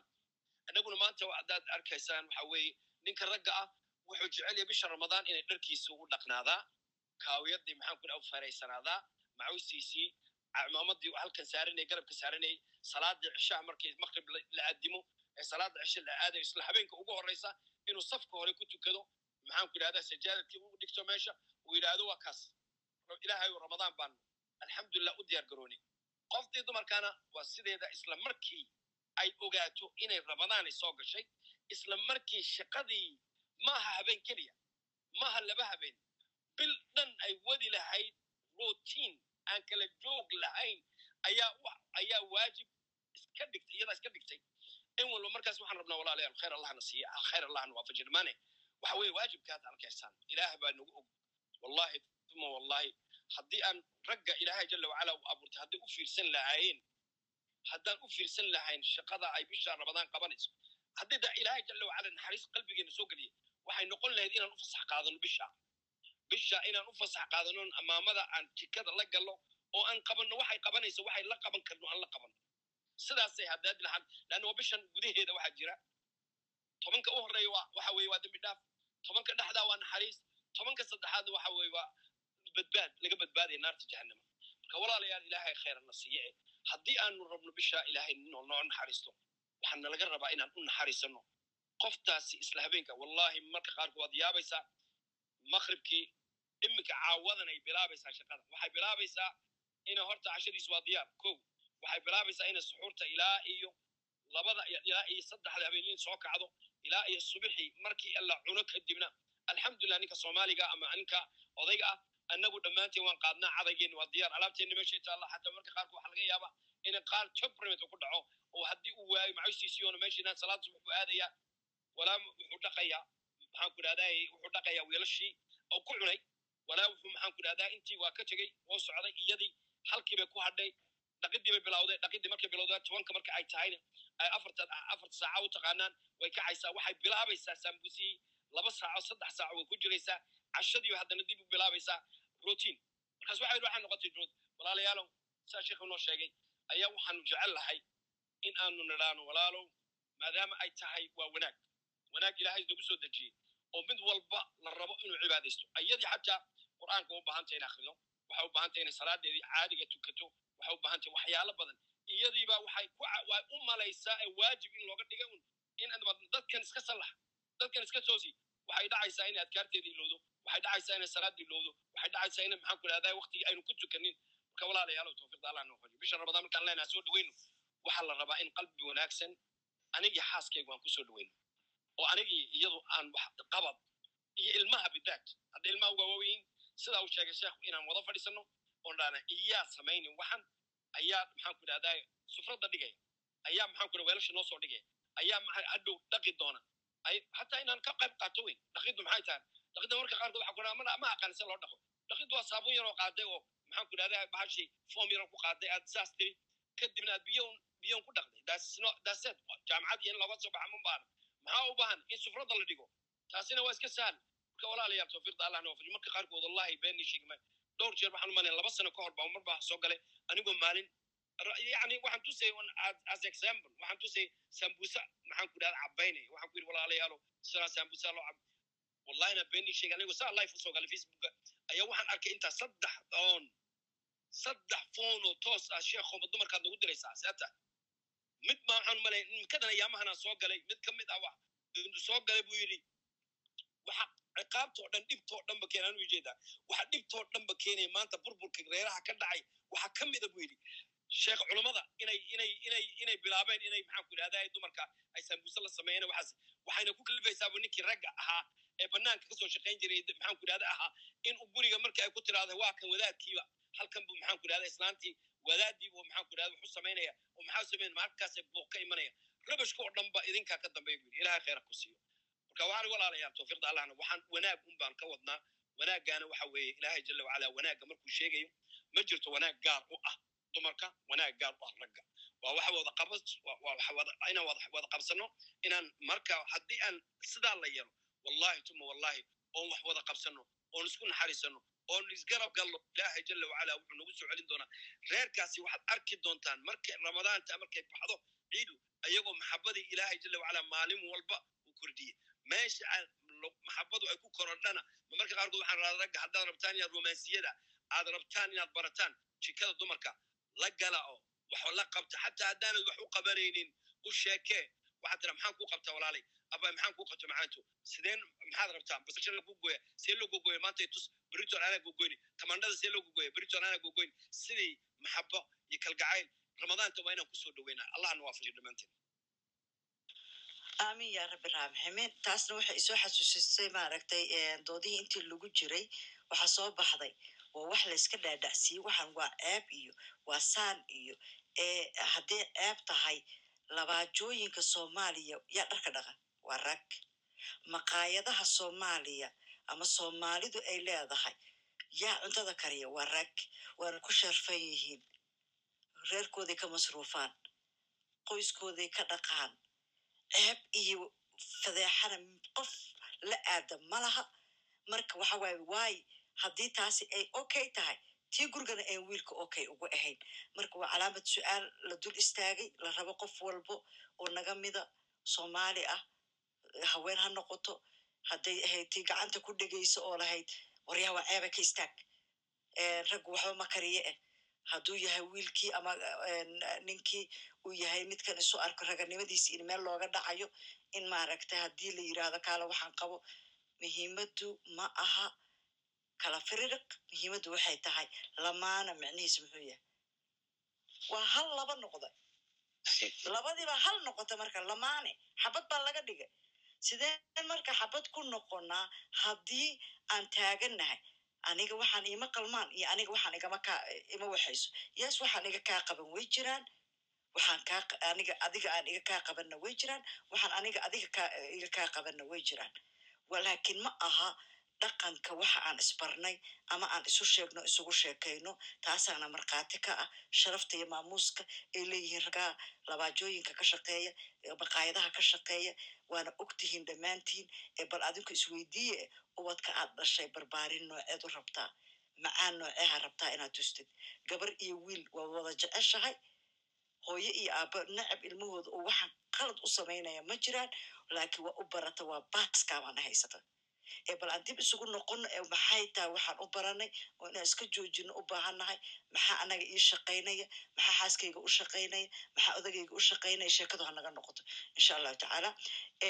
Ibrahim gabagabadiyaa la joogaa ramadaankaan soo dhaweyneynaa doodaa waa ka baxnay waa kuu dhiibaya waxaan ka codsanayaa adeer siciid xuseen oo hoos jooga adeer waan ku wacayaa ramadaanka inaad maaragtay nala marxabaysid ayaan dalbaya insha allah soo dhowow mubaarak ibrahim baluul waxaa rab inaan ku daro waxaad sheegtay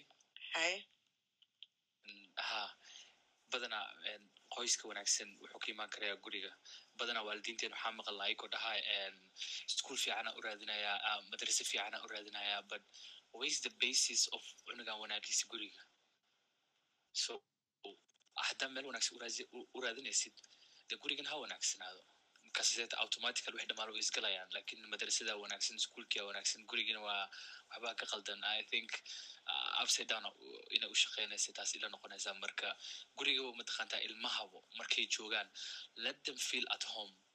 Ilmaha jira guriga way ka ordayaan ischoolka way ka ordayaan madrasada way ka ordayaan dhexday ku dhumayaan marka. So the basis ani mar walba aan ku soo celinaa waxaa waaye ilmaha in guriga horta u wanaagsanaado aad iyo aada umahadsan tahay ibrahim ku soo dhowow lula aad baad umahadsan tahay ramadaan karim runtii aniga caawa tabika waxaa dhimanaysa inuu yara ahaayeen waxaana yidhahdaan ku dhafo ka dhaqaaqda ha waxaa keentay waxay ahayd dalab bulshada fajanala joogta ka timid oo ah barnaamijyadii aad soo qabateen maadaama aan la duubin dulmarma ka samayn kartin waayo ramadaanka bisaa lacaawa loogu talagalay iyo qoyska wanaagsan. Marka tii samaynayna okay waa sababta waran waad igi sheegay waa sababta barbaarintii iyo qoyskii aanu soo taataabanay. Halkan markaad joogto kor waa madaxu waa ku cuncunaya inaad wax tiraadaad doonaysaa moogta hoos markaad joogtona dhegahunba run waayo. Markaadoo tabagii hore raba inaad wax ka tidhaahdo marka la bedelo haddana ka dambe? Waad waad dul mari kartaa insha allah ramadaankana ugu dambaysi masha allah halkan aan ka sii soconayna aan marayno kolley ta ugu muhiimsana waa in bishii ramadaan soo gashayba meelaha qaar waaba laga xaqiijiyey waa la arkay alxamdulilah ilahay caafimaad inteena aanu waago haynagu bariyo hayna gaarsiiyo caafimaad qab haynagu gaarsiiyo ajarkeeda iyo kheyrkeeda haynala kulmiyo waa janis aad u weyn oo nafteyda iyo nafaheyno dhammaan kula dardaarmayo inayn u diyaar garowno dareeno sidii wax weyn oo runtii ina soo galay waktigeeda ilaahay nagu simay waxaa jira qormo yaroo maqaalan beri dhexaasa ka qoray sii horeysay dheelitirka farxadda iyo fadliga bisha ramadaan oo ah in runtii bisha ramadaan ay tahay bil wax badan isku dheeli tiraysa balance qofka ka dhigaysa noloshiisa u diyaar garaynaysa bil tababar oo kale ah mindset ah control ah self control qofka uu ku baranayo naftiisa siduu xakamaynayo wax badan oo runtii nolosheena horumarinteena iyo guurkeena iyo dhan walba matala waxaa jira xadiis nebiga sala alay wasalam uu abu abudarda iyo iyo salman alfaris ay dood dhex martay radia allahu canhum oo ahaydeen inuu salman uu abudarda ku eedeynayay waktigii oo dhan inuu cibaado siiyey maadaama qodobkii qoyskuna uu ku jiro oo ay gabadhiisi xaaskiisii ka cabatay.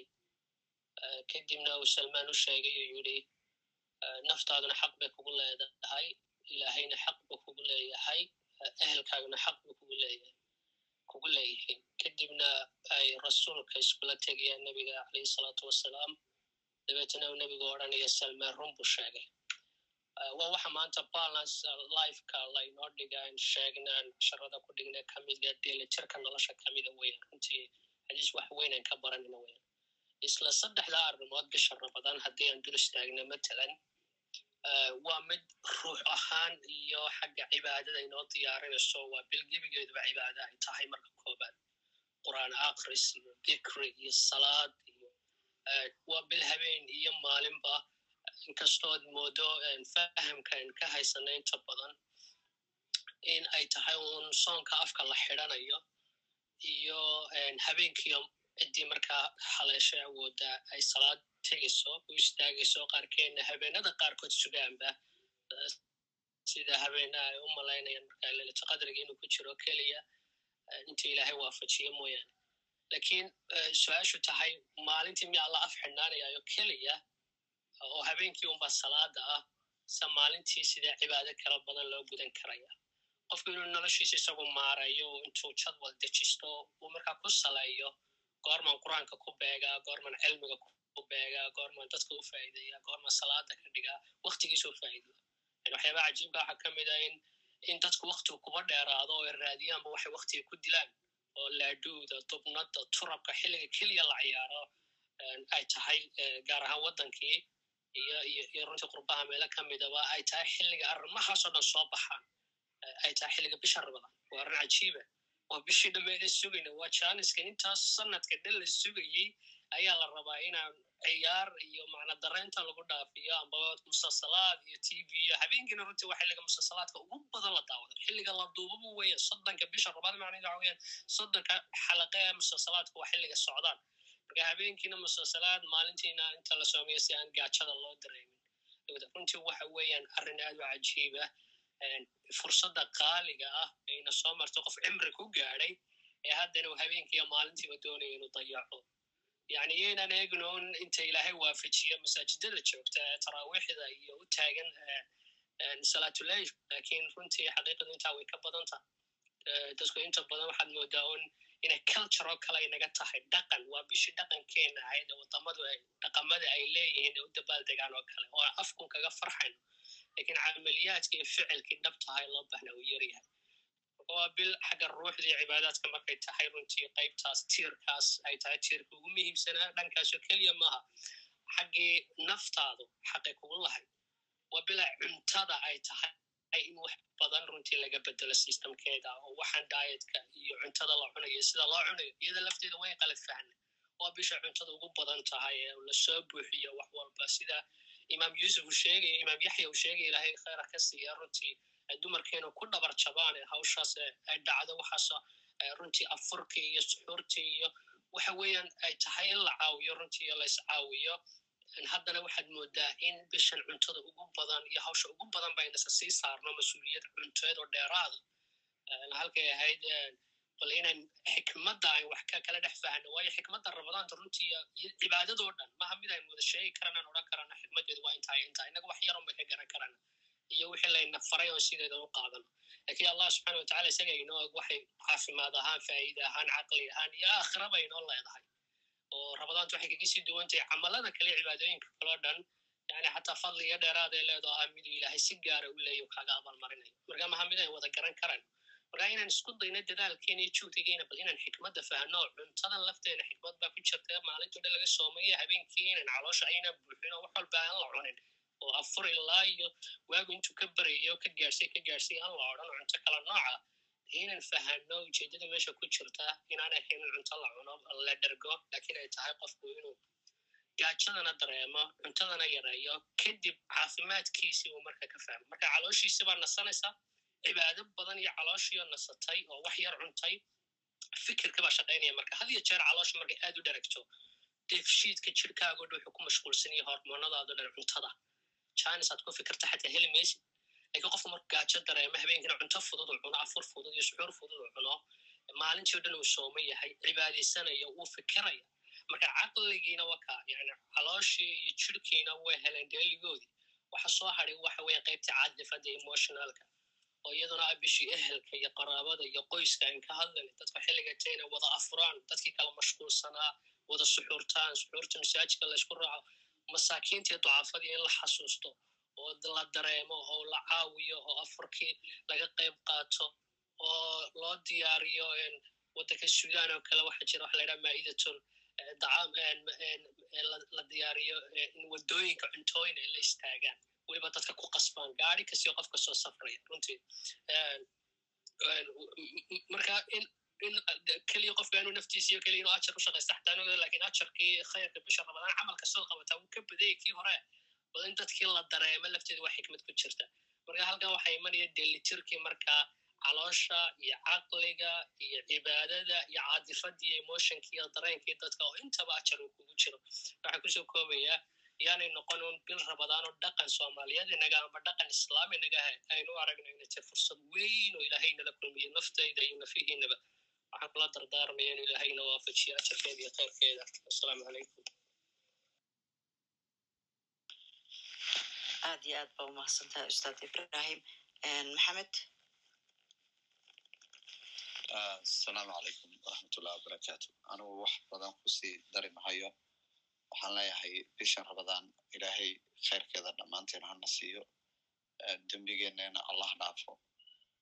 Waalidiinteenna allaha u naxariisto. Inta ay u nooshahayna ilaahay caafimaad taama allaha u siiyo. Maadaama oo bisha rabadaan ay tahay bil barakaysan oo familigii inta badan uu wada joogayo waxaan uga faa'iidaysanayaa conceptiga ama fikirka ah socializationka in familiga wakti wada qaato maantao dhan way cibaadaysanayeen maantao dhan waan dareemi karaa waktigu aad buu celiili ugu yahay siday maantao dhan u cibaadaysanayeen waa la afuray afurkii waa dhammaaday taraawiix baa la isku diyaarinayaa xilli waxaa lagu jiraa hadda meelaha qaarkoodba taraawiixdii aan la ogolaynba in la soo tukado culimadan taas u daynayaa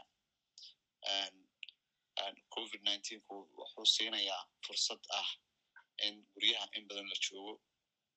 Markaas in healthy environment halkaas laga abuuro oo relationshipka aabaha iyo carruurta waktiga badan isku waayey ay wakti wada qaataan waxyaabaha unresolvedka ah aan la xalinin familiga dhexyaa loo kaleeto inay tahay best time oo la raadin karo treatmentiga in xalka laga gaaro iyada oo si wanaagsan aproach wanaagsan ama wadiiqo wanaagsan loo gaarayo waxaan odran karaa bisha rabadaan waa bisha qulubta la nadiifiyo oo bini aadamku uu ilaahay ka aqbalo ducada iyo uu ka aqbalo in qulubta la nadiifiyo ducada aad badsataan waxyaabaha familiga orientatorka ah horumarka uu ku gaari karo inaad si dhab ah oo wada hadashaan familigu waa waa waa waa bulshada aasaaskeeda haddii la helo bulsho family caafimaad qaba bulsho caafimaad qabtaa ka dhalanaysa aabaha iyo hooyadu waa union marka ay midoobaan hadafkoodu waa inay soo abuuraan family caafimaad qabe haddana dhibaatooyin badan ama faktaro badan baa qayb ka noqda. Ha noqoto qurbihii ha noqoto noloshii waddankii ha noqoto limited resourcigii ha noqoto duruufaha kaleeto. Waxyaabahaasoo dhan waxyaabahaasoo dhan waxaa laga gudbi karaa waa iyada oo dariiq saxa loo maro oo qofba qofka kaleeto uu ilaaliyo dareenkiisa oo la isticmaalo dareen caqli la isticmaalo oo qofba qofka kaleeto uu waxa ka keeni kara ama xaaladiisu siday tahay uu dareemi karo haddii aynu dareen caqligaa isticmaalno waxyaaba badan oo xal loola aba xal loo helaya ilmuhu model waxa u ah hooyadii aabaha hooyadii aabuhu sida ay u dhaqmayaan buu ilmuhu berritoola gurigiisa ula tegaya ilmuhu hadduu arko hooyada iyo aabaha oo wax wada karinaya oo wax wada cunaya oo wax wada qabanaya oo istusaya naxariis iyo jacayl istusaya xataa waxaa isbedela cognitiveka ama prefrontal loopka qaybta la dhaha maskaxda ilmuhu wuxuu dareemayaa safe waxaa boost u noqonaya waxbarashadiisa xasuustiisa caqligiisa fikirkiisa waxaasoo dhan baa isbedelaya themore uu ilmuhu environmentii oo unsafe ah uu joogo waa themore intaasoo dhanna ay hoos sii gelayaan sidaas daraateed interactionka ama wada shaqaynta ama hooyada aabuhu wax badan buu ilmaha ka bedelaya maanta dhibaatooyinka guud ee jira ee qoyska meelaha ay ka soo bilowdaan anu waxaan aaminsanahay inay tahay guriga. Sida aabuhu uu hadli jiray sida hooyadu ay u hadli jirtay sida ay u macaamili jireen sida ay hadallada isugu celcelin jireen sida qof cunugii halkiibu leeyimi cunuga weligii aan la dhihin kaale waxaan qabo ee laga dhigay kingiga laga dhigay ama gabadha queenka laga dhigayey inkastoo gabdhahu pressure badan la saaraba. Waxa weeyaan oo waxyaabaha aan aaminsanahay inay tahay environmental factorieska arrimaha bey'ada aan kala nimid ee dhaqan noo noqday. Waxyaabahaasoo dhan waa bishan keliya ah aan aaminsanahay in wax badan laga qaban karo maadaama wakti badan gurigii la wada joogayo howlo badan oo wada qabanayo. Intaasaan ku soo gebagabaynayaa in la iscafiyo in ilaahay dhammaanteena dembigeena ha dhaafo culummada oo salaamaya imaamka iyo walaalka iyo saaxiibka ibrahim. Ibrahim aniga personal baan isu naqaanaa marwaluley mamalul dambe anu ku dhihi mahayo mahadsanid. Maxay hayteen waxaan rabaa walaalaha nagu cusub caawa. Iyo maadaama barnaamijkii waa la duubaa la yiri oo bodcastigu tegi doonaa bodcastiga kulmiso ayaad ku baaraysiin wixii barnaamij idinka horreeyen halkaabay soo wada gelayeen oo duuban. Waayo barnaamij waxaa jira takoorka ka hadlayay oo dhowr qaybood oo socdana. Waxaa jira barnaamij dhanka diinta ah oo asigana socda. Waxaa jira barnaamij taariikhdii fanka soomaalida oo asigana socda oo maalmo kala duwan soo gala. Ramadaanka laakiin waa ka nasanaynaa wax badan. Kan qoyska unbaa socan doona insha allahu tacaala oo asigana ramadaanka lagu talayn doono. Caawa ulajeedku wuxuu ahaa markaan bilaabaynay in ramadaanka asaa hadda gabagabada looga hadlo looga hadlo kadibna shaksi walbo idinka mida uu fursad u helo inuu kor soo koro. Taa waa idinka raaligelinayaa laakiin dalabkiinii idinka yimi baa wuxuu hagay maadaama wixii la duubayana annagana nala qurxoonaatay in barnaamijyadii horeeto dulmar boorsamiinta ah laga sameeyo. Waktigana taas buu galay. Marka aad baan idinkaga raaligelinayaa laakiin platformahana siduu u shaqeeyo intiina taqiina waa taqinin inta aan dhegeysan jirin kulmiso oo hadda dhegeysanaysana waad baranaysaan waa barnaamij marka horeeto dadka khuburada ah ee cilmiga u leh ehelka u ah tobiga laga hadlayo markii ay si yar oo kooban uga hadlaan kadib bulshada loo siiyo fursad inay su'aalo ku weydiiyaan ra'yi ku dhiibtaan oo fikira kala duwan markaas dood fikiradaas kala duwan la aruuriyo ayadoo qof qof af ku taagaysa ayna jirin. Si xushmad leh oo degan sida caawaba u socday waxba kama duwana ayadoo dadka walaalaheena hoos joogana inagu soo biiraan. Marka taasi waa midda guud oo caawa waxay kaga duwan tahay habeenada kaleeto. Waxaan rabaa marka sheekh mustafe intaanan u tegin aniso inaad one minute ramadaan karim dadka ku tiraahdid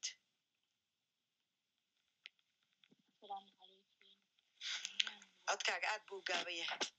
Haye, ramadaan mubaarak dhammaantiin waxaan rajeynaynaa ramadaankan aad uga wada faa'iidaysana dhammaantay insha allahu raxmaan.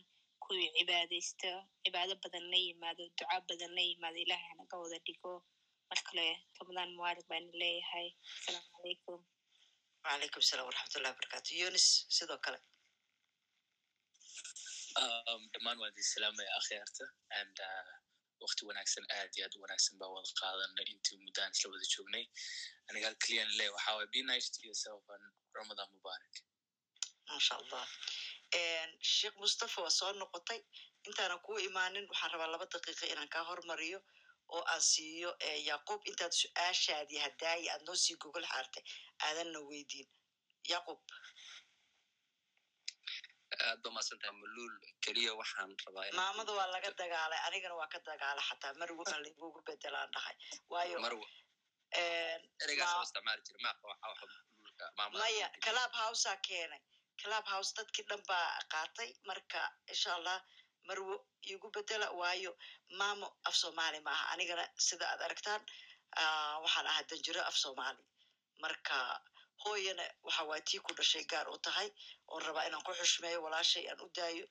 Waa mahadsantihin aya marwa aad u mahadsan tahay.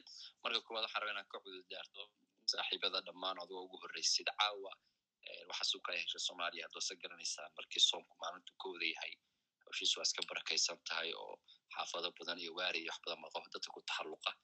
Midda labaadna baterigiiba ay weeraray. Awal waa iska ficnaa gaarigu iisaarna waa shaqaysanayay baterigiiba asagana ilaa iyo wuxuu ila socday inuu five gaarsiiyo marka anisa markii whatsappkii hayay baan u soo qoray maaqaayin iyo cududaarta ay iga gaarsiiya cawa programka mala insha allah ku soco waxaan ku kalsoonahay marka in caaway sheekh mustafa iyo imaamka ay muuqday in kaalin fiican la qaatay saaxiibada dhammaantood u mahad celin marka waxaan oran kara ma jiro wax kastoo ay uga horreeyeen next topiga dambe bal topic kale ma jiro ramadaan karim inaad tiraale la rabaa waa dhamaynona topic ma la dooray horta mise waa la isfasaxay bishraf maya waa isu soo noqonaynaa taase barnaamijka aanan gabagabayno doodaas waa ogtaa marka barnaamijka aan gabagabaynaa galaaya waaya ramadaan mubaarak qof kasta marka aad ba mahadsan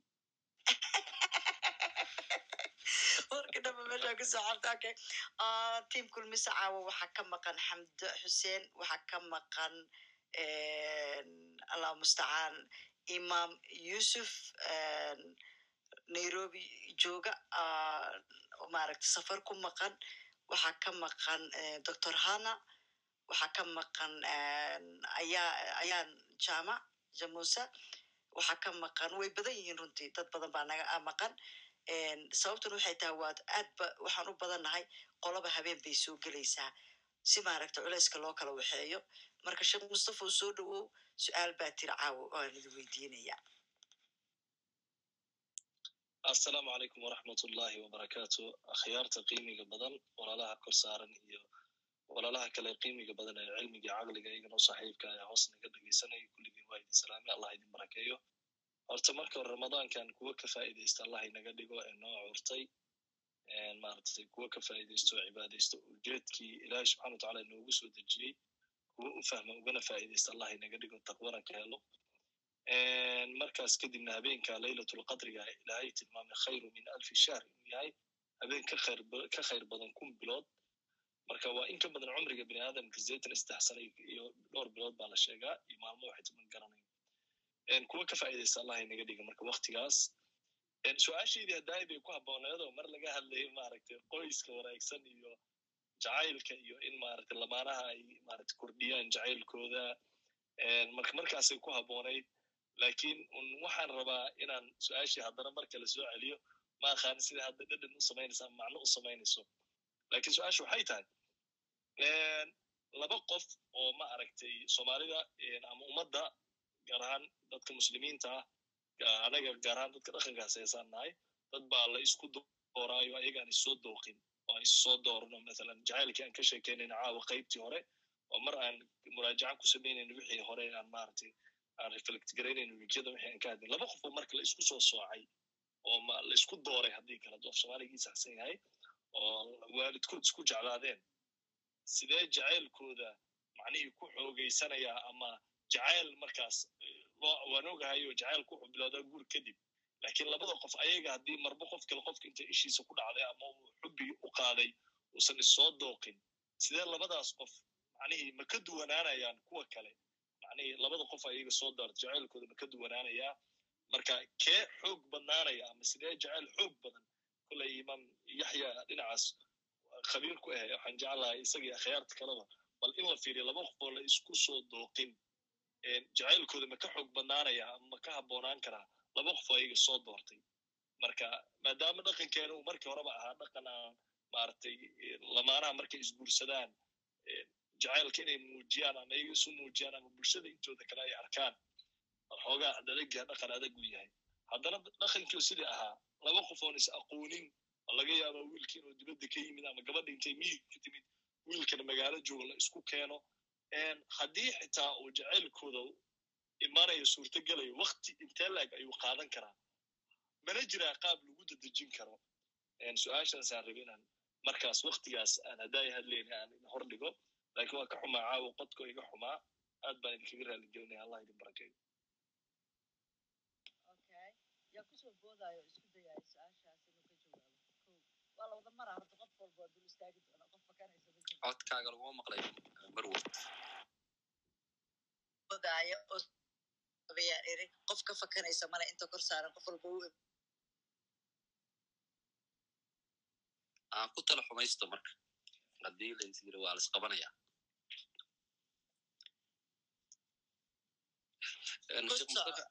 mustafa aad umaasan tahay su'aashaasi su'aal waxaa dhici karaysa saaxiibo badani inay dhinac kale ka istaagaan laakiin an waxaan is leeyahay jacaylkayga anoo ku dabaqaya iyo sidaan is leeyahay amaba aan khibradda u leeyahay waxaa aad u wanaagsan qofka hela amaba guurkiisa ku baysgareeya qofka asagoo ay isdoorteen waayo isdoorashadu laba waxyaalood bay faa'iida u leedahay waa marka koowaade wixii ishaadu maankaagu ishaada ku qabatay baa maankaagu kuu darsaya marka hadhowtii naftaadu hadday damacdo inay ka fakato eedaha wixii halkaa ka khaldamahay cid kale oo u heli maysida ee waxa waxay noqonaysaa in bilowgeeda iyo dhammaadkeedaba adiga ay kugu soo aruurto. Midda labaadna waxa weeye markii la isdoorto fursad waxaa loo haystaa qofku inuu qofka uu doortay before aysan gebagabada aysan gaarin wax badan ay ka wada hadlaan ama dhinacyo kala duwan ay ka istaagaan. Marka sidaa markaan u leeyahay anugu labadaba khibrad baan u soo leeyahay.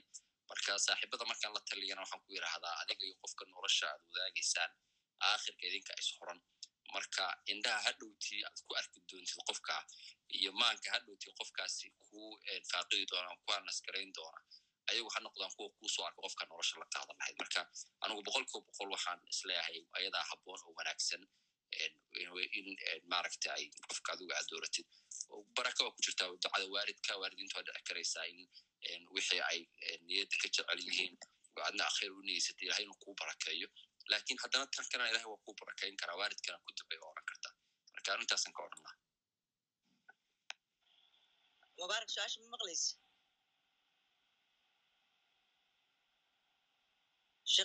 imaam yaxye su'aashaa ka jawaab soo koobaya shan iyo toban daqiiqa bisaa noo harsan bismillah alxamdulilah wasalaatu wasalamu ala rasuulillah waa soo gaabisay maasha waxaa si fiican u sharxi lahaa laakiin anyway guurka sideeda labaa loo qaybiyo waxa lagu waa tani dadku inta u badan ay rabaan haddana baris lagu sameeyeyna way jirtaa waxa weye laba nooc wey waxa weye waa love maxaa ku dhaha marriage and arrange marriage. tan uu sheegay sheekh waxa arrange marriage.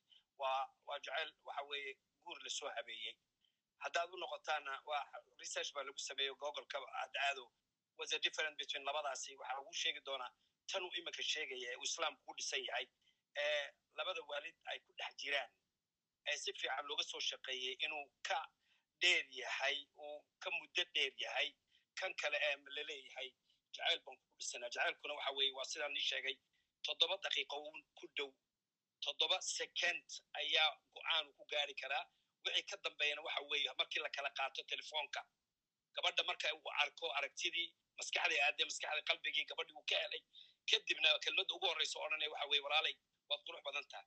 Ayadina isla markii within three second seven second inta u dhaxaysa ayay ku weydiinaysaa. Iyadana kor ilaahay hoostiisa eegaysa haddii uu ay ka heshay waxay ugu jawaabaysa walaalow maxsan tahay. Haddii kalena ay ka helinna waxay leedahay walaalow may taqaana way shakadu waxa weye waa aflagaadu ayay u taqaanaa. Qofta gabadhan gabadhuna sideeda jacaylku kuma qabanayo si sahal ah. Marka iyada xataa jacaylka hadduu qabto isla markii oo la isku jawaabo lakala qaato telefoonka. Leanna waxa weye kolleyba ilan gabadhan u arkay maskaxdiisay ku hadhaysaa. Maskaxdiisa marka ku hadho kadib maanta dhan buu ka fikiri kadib u soconi kadib baadhisteedu gali.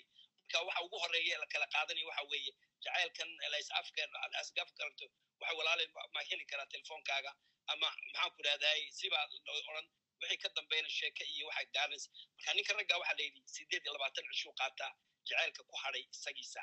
Haddaanan go'aan laga gaadin oo aan la guursan oo aan hore loo soconin ad waa la socon beentaasunbaa la isku wadi waa la socon. Gabadhana waxa layidhi sideeda wuxuu ku hadhaa sideed iyo soddon cisho toban cishuu ka dambeeya. Laanna jacayl marka ay galayso gabadha uu qalbigeeda galo wuxuu gelayaa meel uu gala wuxuu galaya deeply buu galaya deeplydaasina ma gali kara yidhahdeen qofta dumarka been kama sheegto jacayl. Falidalik aan u soo noqda mawduucan habeenka ah. Habeenka walaalayaal habeenka guurka ah ee labada la isku keeno haddii ay labadu hay dad dhowrsan ay yihiin aanan suuqan iyo waxyaaladan aan ku jirin ay yihiin labadaasi habeenkaasi waa habeen farax ah. Habeenka faraxa waxay ku tahay waxa weeye gabadhuna maalintay baaliqda ilaa iyo maalinta ay guursanayso. Intaasoo dhan waxay ka fikiraysa ilaahay oo guur xalaal ah ninka raggaana wax u baranayay intii u baranayay wuxuu rabaa inuu helo qoys wanaagsan habeenkaa lays helo. Marka ugu horreysa isha labada qof isla marka isla habeenkaas wajacala baynakum mawaddata waraxma ilaah uu yidhi naxariistiibuu soo dhex gelinaya markaasaa waxaa la helayaa gabadhii habeenkaas habeenka kala xishoonayo wey. Maxaa keenaya xishoodka? Qof walba wuxuu ka qarinaya ka kale ma rabo in uu soo saaro wax walba. Wuxuu ku dadaalayaa in uu gaabsado hadalladiisii hadduu qaylo badnaa hadduu calo badnaa wixii oo dhanba laanno qoftan way ku cusub tahay waana qofta noqon doonta noloshiisa. Ayaduna sidaas si leg hadday guriga ka qayli jirta dhibaatayn jirta habeenkaasoo kale sharaf iyo cizi waana habeenka la kala qoranayo. Wixii ka dambeeyana nolosha dhanba si ku dhan tahay.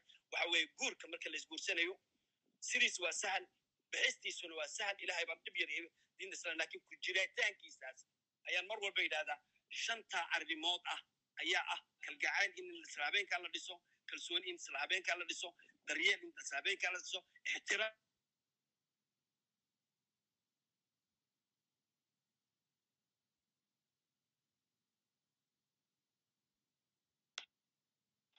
okay imaam yaxya qadkaa ka go'ay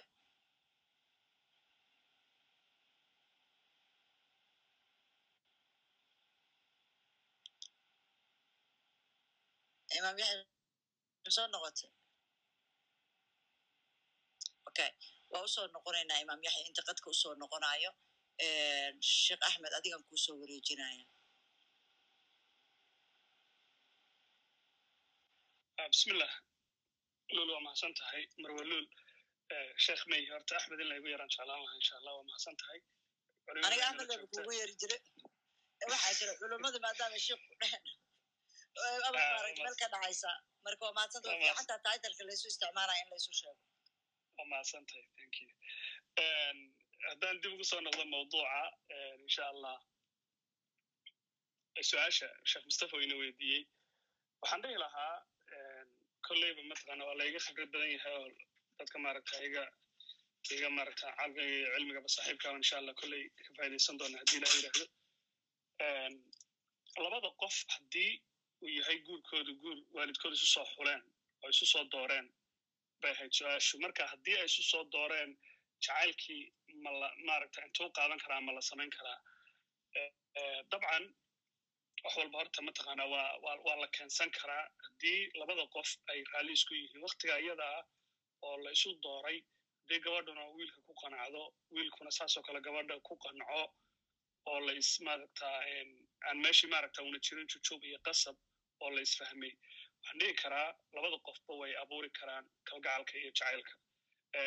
Haddii ay la yimaadaan waxyaalihii jacaylkaas abuurayay ama beerayay oo ka maaragta xaggooda maaragta ka imaanaysa bilmatalan ninkii maaragta hadduu gabadhii walaaltinimo iyo naxariis iyo kalgacal iyadoo arrange marriage uu jiro oo dabcan maaragta laysu labadii qof laysu laysu guuriyo xagga waalid arrintu ka timid. Waa kanay dhahaan sheekh maaragta yaxya kolley aad arrimahaas iga khibrad roonan u daynaya insha allah jacaylkan biologicalka sidiisaba maaragta muddo dheer ma sii jiro. Marka hataa la guri galo labada qof ee isjeclaa lix bilood ilaa labiyo toban bilood ayay dhahaan ugu badnaan. Marka haddiiba jacaylkaasiba una maaragta waxa lagu barbaarinaya ay tahay naxariistii iyo kalgacalkii iyo tusitaankii jacaylka qofka kale. Kanna waa la samayn karaa baan aaminsanahay. Haddii labada qof meesha uu waktiga iyada laysu dooray ay isaga raali noqdaan labadii qof. Oo una jirin qofkani una rabin un waalidkii intuu ducada ka qaato inuu berri tole exit uu meeshan ka baxo.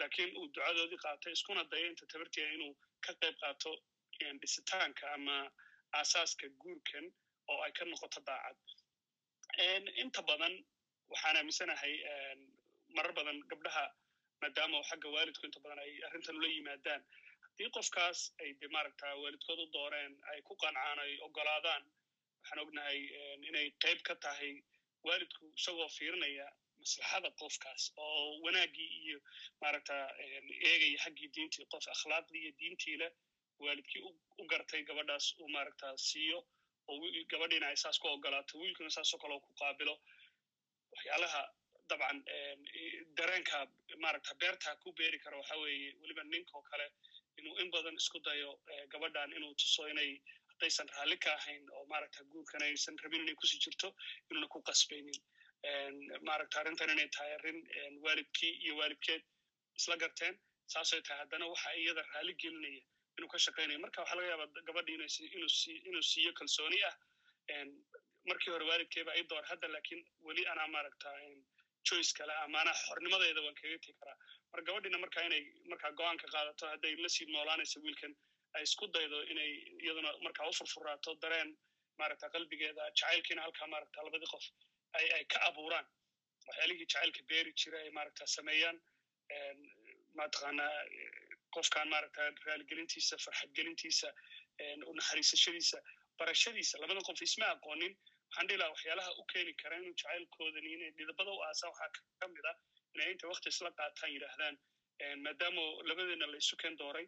Maanta waxaan jeclaan lahaa inaan ogaado bal waxyaalaha aad jeceshahay walaasheeyey mataqaanaa kadibna aan listigaraysto waxyaalaha aad necabtahayna saasoo kale aad ii sheegto si aan waxaad jeceshahayna kugu sameeyo si aan kuu raaligeliyo waxaad necabtahay inaan kaaga ilaaliyaano ilaalinaya dareenkaaga inta tabartaya gabadhuna saasoo kale ay maaragta arrinkaas marka wiilka walaalkeeda saa ugu qalbi furnaadu u furfurmo ay iyaduna mataqaana ay daacad ka noqoto arrintaas ay ka shaqayso haddii arrimahaas la sameeyo dabcan qaabka jacaylka loo sii korrinayay iyo arrimahaas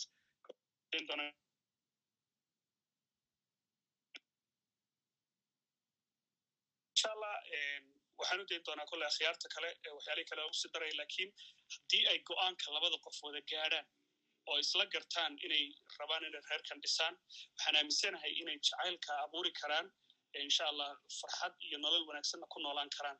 Sida taariikhdana aan uga warhaynan u ognahay maxaan ku idhahdaa inta badan aan u aragnay laba qof oo de iyagu markii hore laga yaaba inayna inayna iyagu isdooranin laakiin laysu dooray haddana nolol wanaagsan muddo dheer soo wada qaatay saasoo kalena tan kale cagsigeeda ina dhacso laba qof oo isdoortay inay berri kala tegi karaan.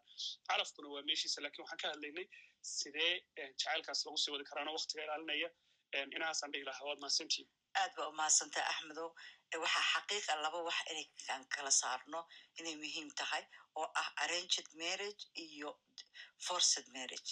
Guur qasab ah iyo guur maaragtay labadii qofood la isu diyaariyey way dhaqanan u leenahay diinteenana ku soo suuban bay ku jirtaa. Soomaalidan dhaqankeeday ahayd in gabadha iyo wiilka maaragta la isbaro oo la yidhaahdo bal aan ilmahan isbaro waa intaasay maaragta sida anagu wiilka reerkaabaan ka helay gabadha reerkaabaan ka helay bal inay isfahmaan. Hadday isfahmaanna markaa gurigii marka qanaacada jaceylka la sheegayo waa qanaacada. Haddii aan qanco anugu waxa waye wax walbo diyaar baan u ahay inaan hore u socdo. Laakiin qayb yaroo waxaa nagu jirta qasab guur qasab ah oo leeyaha far duco ama far inkaara qaado. Taasina waalidka mas'uulka ah gurigaas dumidiisa iyo wixii tacaddi ahoo ka dhaca.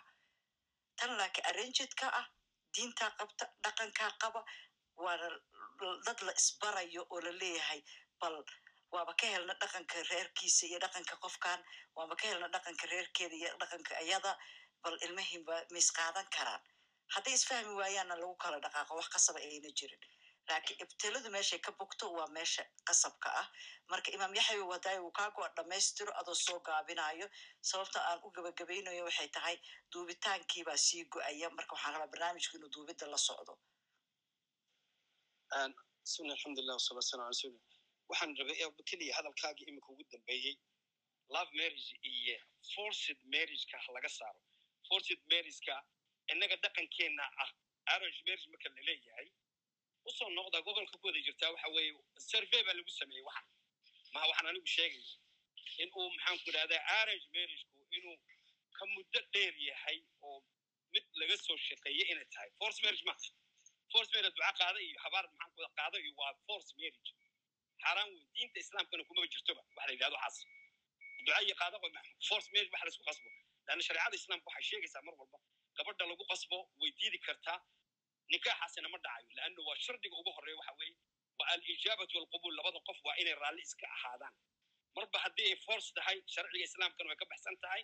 Marka waxa la isku qasbay dhaqan ahaan waxaan u mooye lasas dabdabtaa tan waxa loo leeyahay oo tan labada qof ee maxaan ku idhahday iyagoo raalli iska ah la isku diray jacaylkooda iyo jacaylka ka dhalanaya maxaan ku dhaha tan labadaba arrange marriageka iyo love marriageka labada markii la isku fiiriyey baadhis lagu sameeyey waxaa la ogaaday arrange marriagekan shaqada laga soo shaqeeyey laba raalli iska ah laga soo shaqeeyey in ay ka tiid bayna ahayd dhaqankeenii soomaaliyeed ee aabayaasheen iyo hooyayaasheen isku soo guursadeen in ay isla dhintaan ilaa ay ka dhimanayaan inay isqabaan ayaa dhici jirta meesha maanta ah love marriagekii la ceebeeyey waa dhecdaa way jirtaa way dhici kartaa love marriageka dad isku soo guursaday oo muddo wada waday laakiin marka percentageka la fiirinayo boqolkiiba waa imisa inta ku guulaysatay iyo inta ku guulaysatay arrange marriageka ka badan ayaa looga jeedaa. Saas darteed waxaan leeyahay waxa weeye jaceylkuba habeenkaas u dhashaa sidaasuna u dhashaa aan ii sheegay.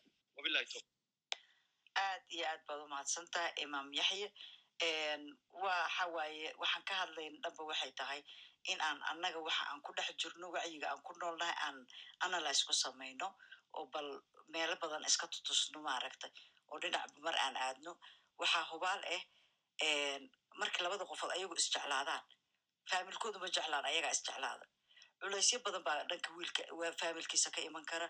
Culaysyo badan baa dhanka maaragtay gabadha ka iman kara faamilkeeda. Laakiin haddii faamiladii ay ka dambeeyeen labadii qofoodna ee isku qanacday lasheeko baro wakti la siiyey oo kadib maaragtay ay isguursadaan culeysyadii dhinacyada dhanna ma imaanayaan waayo dhaqankeenna wuxuu ahaan jiray labada qof inta laysbaro reer miigi haddii loo noqdo xataa in la yidhaahdo. Gugaa la sugaya marka guddo baa labadaas laysu guurinaya laakiin reerku way isku ogyihiin inta ka sokayso guga laga gaaraya way sii sheekaysanayaan. Marka dhaqankeenni annaga habaabinay oo bohol ka tuurnay diinteennin annaga habaabinay waxay tahay sidii jidkii saxda ahay ugu noqona insha allah. Mubaarak iyo ibrahim isku xigsada adinkoo soo koobaya waktigoo nagu yar dartiis wax badan oo dhegi lahaydena waa hubaa in hore loo yiri. Abulul aniga arona wax ku darsado after mubaarak insha allah insha allah anigu aniguan xogaa baa idinka yara baxay marka ustaad ibrahim baan hadalkayga siin insha allah insha allah ibrahim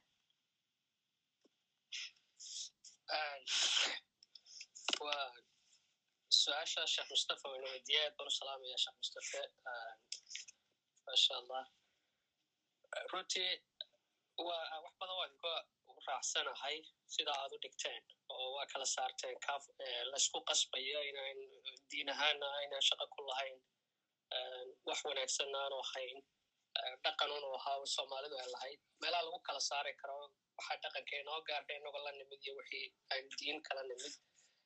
Lakin arrintan waalidkoo kale amba cid isbartay markaan yaro barbar dhigno dee laba qof oo iyagoo iskood isku bartay sida su'aasha u fahmay laba sano sana dadka qaarkood dhowr sano laga yaaba in xidhiir soo lahaa kuwa ugu yar baa laga yaaba lix bilood iyo wax ka badan iyagoo iskood isku soo barteen. Jacaylka noocaasa muddada dheer soo jiray iyo laba qof oo intay waalidka isku soo fureen. Labadan laysbaray laftooda laysku soo habeeyey laftooda su'aasha waxay tahay muddo intee laga jaanis isku heleen inay iyaga laftooda wada hadlaan. Oo qaar baa laga yaaba intoo labadii waalid soo wada hadleen dabeetana la arrinkaa waa dhag inankaan anaa kaa hobaano imika social mediaha fudaydinaya deg deg wada xidhiiri karaa laakiin waktiga hore kale waxa dhici karaysa in arooskuna iskugu yimaadaan. Dabeetana aanay wada hadalba aanay fursad badan isku helin. Lakin imika waxa dhacaysa waktigan la jooga inay labada qof si uun fursad iskugu helaan. Bil idna ha noqote iyadoo waalidka hawsha ka shaqaynayna iyaguna sii baran karaan sheekaysan karaan. Hadday meel wada joogaan iyo hadday taleefon ku wada hadlayaan marka fursadda yar marka isku helaan labada muxuu kaga duwan yahay anugu shaksiyan waxaan u joogay dad shan sano ku dhowaad soo wada socda jacayl xadaafa isku qabay oo muddo afar isbuuc ka yar guurkoodii ku burburay afar isbuuc. Iyo dad la isku soo habeeyey oo laissoo baray oo runtii toban sana iyo inka badan maanta wadi wada jooga carruur badan iskulla wada nool. Labadaasba way joogaan shaksi ahaan baanan u garanaya farqiga u dhexeeyaana waxa weeyaan markaan isweydiiyo kolley wuxuu noqon karayaa dadkan muddada dheer soo wada socday expectation badan baa jira filasho badan.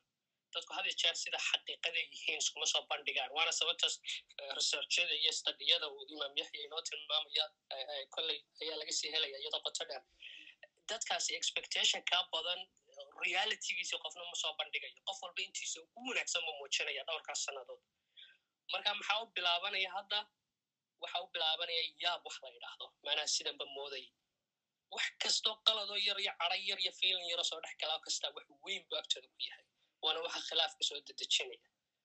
Laba ilahay unaxariistayo si kale uga baxa mooyaane culayska mooyaane. Halka labadii intoo laysbaray waalidku uga sheekeyen mid mid kale qualitygiisa waa ina noocaasa waa ina noocaasa laba qofay ku kalsoon yihiin muddo yar sheekaystay iyaguna su'aal isweydiiyey markay iskuursadeen imakay bilaabayaan filashada. Wax filashoo kayd oo u kaydsan oo sanduuqyada ugu jiraa ma jiraan. Hadduu cadho badan iyo hadduu dabeecad badan iyo haddii kaleba hadda isbaranayaan waana filanaya qof kastaaba qof kale wuxuu ka baranaya wax badan ba iskugu dul qaadanayaan. Halkaasi harta bilowga bay ku kala tegayaan. Lakiin arrimo kale ayaguna soo geliya su'aalo kale oo compatibilityg oo kale ah matalan labada qof in la isku soo arrange gareeya agekooda inta udhexeeya garashadooda iyo garaadkooda inta udhexeeya dookooda iyo waxyaabaha xiiseeyaan iyo sida isku fahmayaan marka haddii gaab weyne halkaa udhexeeyo kale iyaga laftooda waxa dhici karta in inay inay jacaylkaasi u adkaada muddo inuu dhismo balse haddii compatibility uu jiro wax ay ku yaro midoobaan ay iskaga dhow yihiin islamarkaana laba qof isku kalsooyin waalida aana isku qarin de hadda waxa dhacda mararka qaar in ilma iska xanuunsanaya la yidhaahdo inanka inan aynu raadin oo bal u caafimaad iyo inan kaloo sharaf loo wanaagsan oo caafimaad qabto dabeetana lagu kaba iyadoo laisleeyahy guurkaas ku caafimaadi doonaa haddaanay waxba la isku qarinayn oo labadii qof laba qof ay ku kalsooyin isku soo habeeyeen iyaguna ay iskaga dhow yihiin. Waxaan hubaa guurkaasi runtii inuu wax badan ka fursad badaya xagga jacaylka anoo su'aasha ku soo daadegaya gebagabadeeda guurka muddada dheer labada qof ay isku dabadda ugu soo wadeen marka intaasaa kaga baxay. Aad baa mahadsantay yoon isku soo dhowo waa mahadsantaha balul aniga xoogo waan waxaan moodaa inaan ka ra'yi duwanahay ilen anaga studieska waan waan research garin oo waxaan ogaanay arranged marriage markay imaado inay a lot of factors ay ku jirto meesha.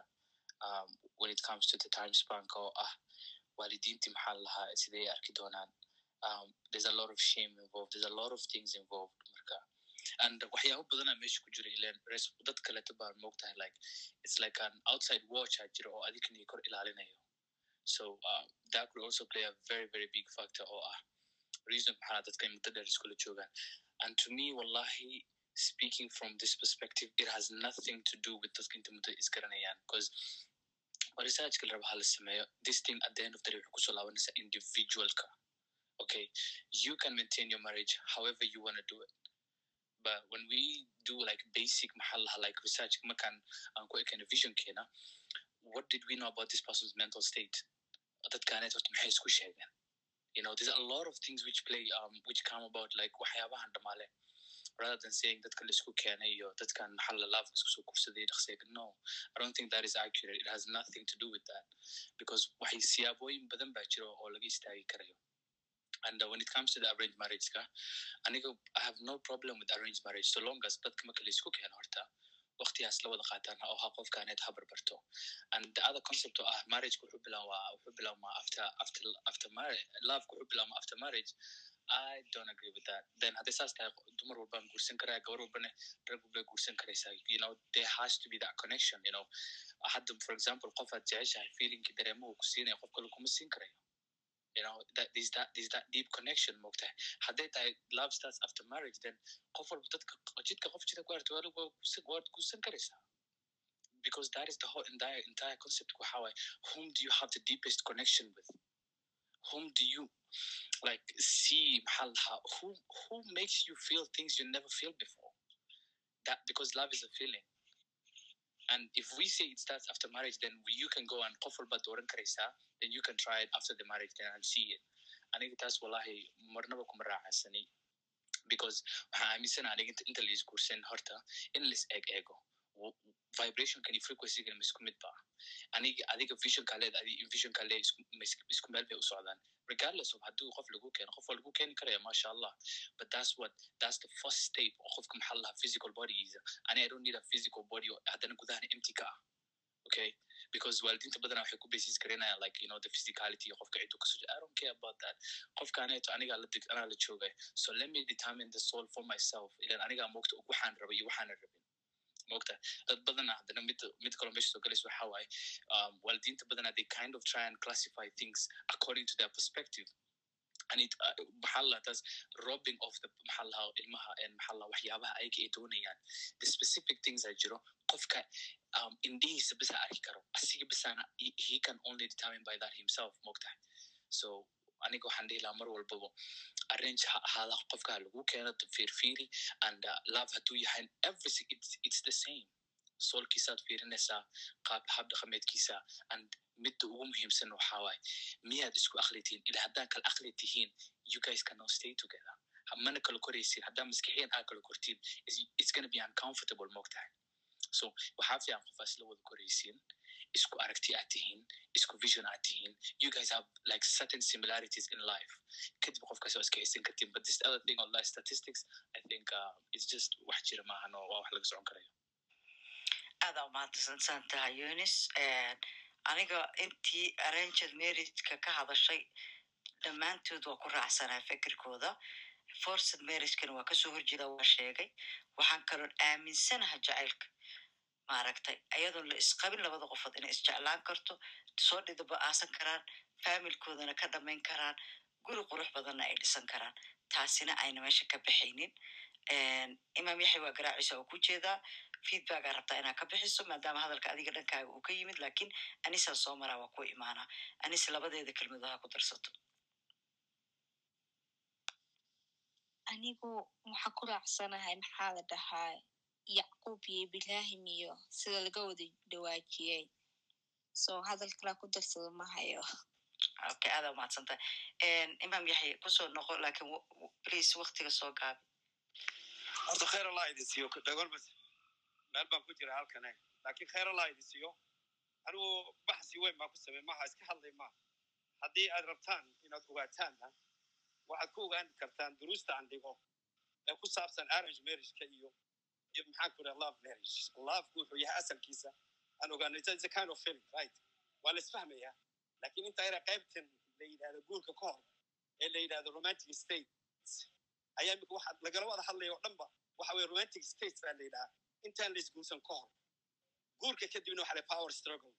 Power struggle waxa weye waa dadaal iyo awood iyo maxaan ku dhaha saas marka saas darteed romantic stateskan ee ah ee ku wada dhisan beenta iyo maxaan ku dhahdaa iyo waktiga la imanayo iyo waan kaa helay iyo nabarka noocee jeceshahay waxyaaladaas oo dhan. Wabidaat waxaan odhan lahaa khayr allah idin siiyo sida maxaan ku dhahdaa anusaan u diraaseeyey cilmiyan waan u diraaseeyey jacaylka. Diiniyan waan u diraaseeyey guurkana diiniyan waan u diraaseeyey maxaan ku dhahdaa cilmiyan waan u diraaseeyey labadaas anigoos garab wada ayuu hadalkaygu yahay. Guurka marka aan leehay guurku waa wax la keen intaas ku dhismaya. Marka maxaan ku dhaha jacaylku markaan sheegayno jacaylka sideedaba waxa weeye horta meesha midda meesha ku jirto horta islaamiyan markuu yahay waa ilahay ka cabsi. Ma fahamteen? Allahu jala wacala siduu ilaahay u abuuray wajacala baynakum mawaddata waraxma ilaahay baa sameeya oo qofka labadan dhexdooda geliya. Ayadoo sidaas waa markii shareecada waddada waddada la soo maro saxa marka ilaahay khayrana siiyo bal haddii ilaahay yidhaahdo oo arrintaas lano qofkuna qofku mar- markuu maado uu wakti siiyey la i need a proof baan rabaa iyo maxaan ku dhaha caddayn and evidence. Anyway i don't have that much time. Bas laakiin waxaan odhan lahaa labadaasi arrange marriageki iyo maxaan ku dhaha maxaan ku dhahda love marriageka labada waxaan idiin hayaa caddayn iyo waddadii loo marayey si walba lagu ha lagu qaabgareeyo feelingka ha lagu qaabgale maxaa ku emotion waxyaaladaas oo dhanba qaabkaasaan anigu arkay wallahu aclam. Waxa laga yaabaa inaad idinku si kale u aragteen laakiin aragtida iyo iyo iyo experienceka aan u saas darteed ba aniga iga hadashiinaysa. Laga yaaba inaan qaldanahay wabillahi tawfiiq. May waa mahadsan tahay. Qalad ma aha. Lakin hadda markii aad saa u sii sharaxdo way caddahay meeshay wax ka qaldan yihiin. Meesha wax ka qaldan yihiin waxay tahay labada beenta isu soo sheegta. Oo jaceylkoodu uu yahay jaceyl maaragtay waxa dhan nolosha dhan ay been ku abuuran tahay. Yes kuwaaseeta way dumayaan. Caawa markay guriga galaan wuu dumaya waxa u bilaaban mayaan. Waayo expectationki uu ibrahim ka hadlayaa meesha soo gelaya. Taa waan kugu raacsana jaceylka noocaas ihi inuuna meelna gaaraynin. Kan arranginka oo maaragta laysu soo habeeyey uu ka qurux badan yahay. Kaasaa qurux badan oo kaas jaceyl lama dhihi karo marka imaam yaxye waa kugu raacsanahay boqol kiiba boqol. Midka aan ka hadlayna waxay tahay labadii daacad isu jeclaata ee daacad wax u wadaagta. Ayaga dhidibadooda inay sii adkaanaysaa aada umahadsan tahay. Maaragta xoogaa in wax la bayaaniye way fiican tahay. Dood marka saan oo kaleeto wax fikir dood ma ahana fikir wadaag la yahana saas bay wax u bayaansamaan. Haddana waxa waaye waa gebagabo way noo dhamaatay. Aad baan uga raali gelinaya walaalaha hoosna la joogo. Gacantan hal mar furayaa hadday jirto qof ay su'aal runtii ku taagan tahay qalbiga uga taagan tahay kama tegayno laakiin haddayna jirin waa ino isniinta dambey noqonaysaa waanu soo gebagabaynaynaa barnaamijka gacanta waa furay hadday jirto gacanta soo taago haddayna jirin waan xiri doonaa daqiiqad kadib soo dhowow ifrax bismillah asalaamu calaykum waraxmatullah maasha allah tabaaraka raxmaan dhamaan waxaad leeyahay رمضان مبارك تقبل الله منا ومنكم صالح الأعمال الصحة والسلامة ما شاء الله تبارك الرحمن وكحما هاي إن أن حلي دم بسوق قارو برنامج كيو ماضي ما شاء الله تبارك الرحمن horta waxaan rabaa inaan kis yar idinla wadaago waana insha allah raxmaan waan idinku hambalyanayaa sidaa wanaagsana u wadaa jacaylku horta waxa la dhaho ilahay buu ka yimaada subxaan allah waxa dadka isu sheegaya hadduu ilaah yergeliyana maba dhamaadaba jacaylkaas runtii jacaylka qof qof qof ma ma jeclaysiin karo calishaan familiga iyo waxaan waa laba dowladood isu yimi labada dowladood kii qaldanka kale u hagaajinaya antaasaa aaminsanahay runtii anuu ninaan soo jeclaaday ko way suurtageli weyda ilahay iima kasina arooso lakiin ninaan weliga jeclaanin xitaa isku waddan ka imaanin ayaa aniga jeclaaday waana guursaday jacaylna uma qabin subxaan allah ilaa yomana haadaa isla nool nahay maalinba maalinta ka dambayso jacaylaan caadiyahenaa sii dhacaayo kaasna wuxuu ka yimi ilaahay marka dadka dhahaayo romantic iyo kan iyo kan iyo waxaas dhan ilaahu ka yimaadaa ogaada lakiin hadduu qofka qofka kale aamino waxaa dhacaysa inaad raalli iska ahaataan oo ka kale oo ka kala saxaayo waa haddii caqiidada iyo diinta iyo ilahay si u yiri gurigaas ku dhaqmo jacaylkuna qabiil maleh waddan kalena male lakiin islaamka ayaa dadka walaalaysiya halkuu sheikhu ka yiri aayadda rabbi mawaddatan waraxma waa run laba qof oon is aqoonin oo aan weligood is arkin oo subxaan allah ilahay isu keenay oo ilaa yoomana haadaa isla nool haadaa min fadli raxmaan marka ilahay guryeena ha hagaajiyo dadkeena ha hagaajiyo jacaylkuna ilahay agtiisu ka yimaadaaye ilahayaas ku kaa wada kaso aadana idinku mahad celinaya waa mahadsanta igana raali hada xildan baa soo galaya dhib ma laha aad ba umahadsantaha ifraaxay soo dhowow waxaan rabaa wiilasha haddii wiil uu asigana fekerkiisa nagu dari karo maadaama aan hoos u deganay oo hal idin ka mida uu gacanta soo taagan karo waa jeclaan lahaa yusuf soo dhowow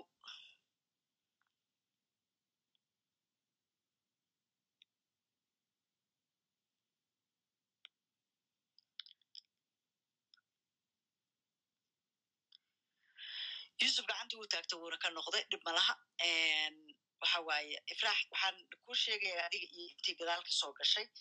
Barnaamijka caawa wuu duuban yahay dhammaantiis. Sida u dhan yahay wuu duuban yahay.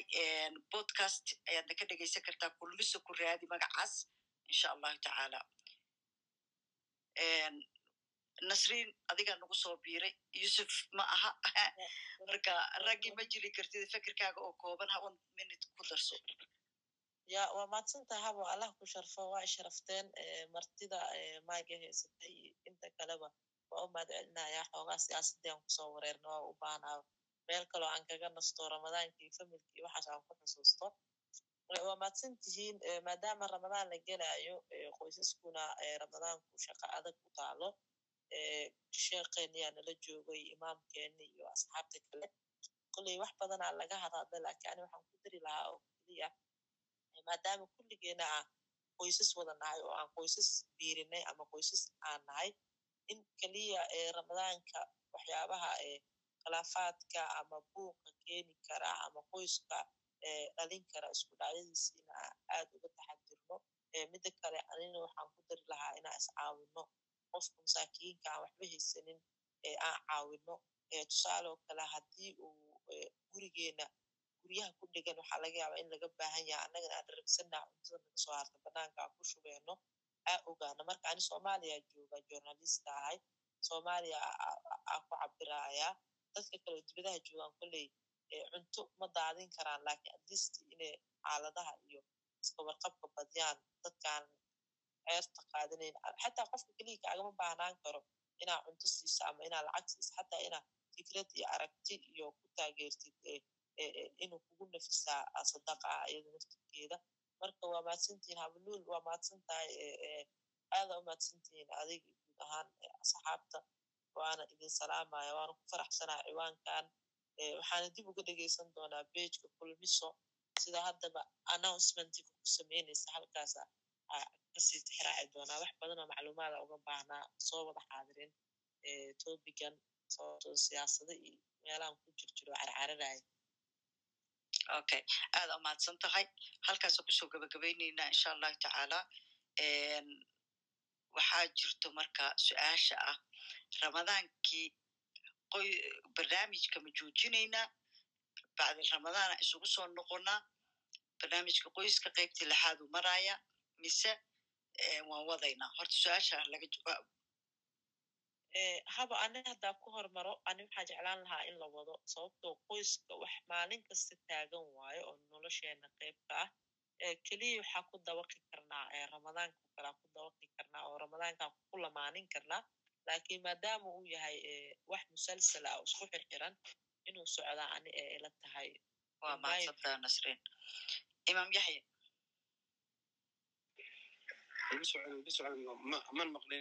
su'aasha waxa waaye barnaamijka qoyska qaybta lixaad uu noo maroyaa masi isniin walba ma ku sii soconnaa mise fasaxaan ka qaadanaa markii ramadaan ku dhammaadaan u soo noqonaynaa barnaamijka qoyska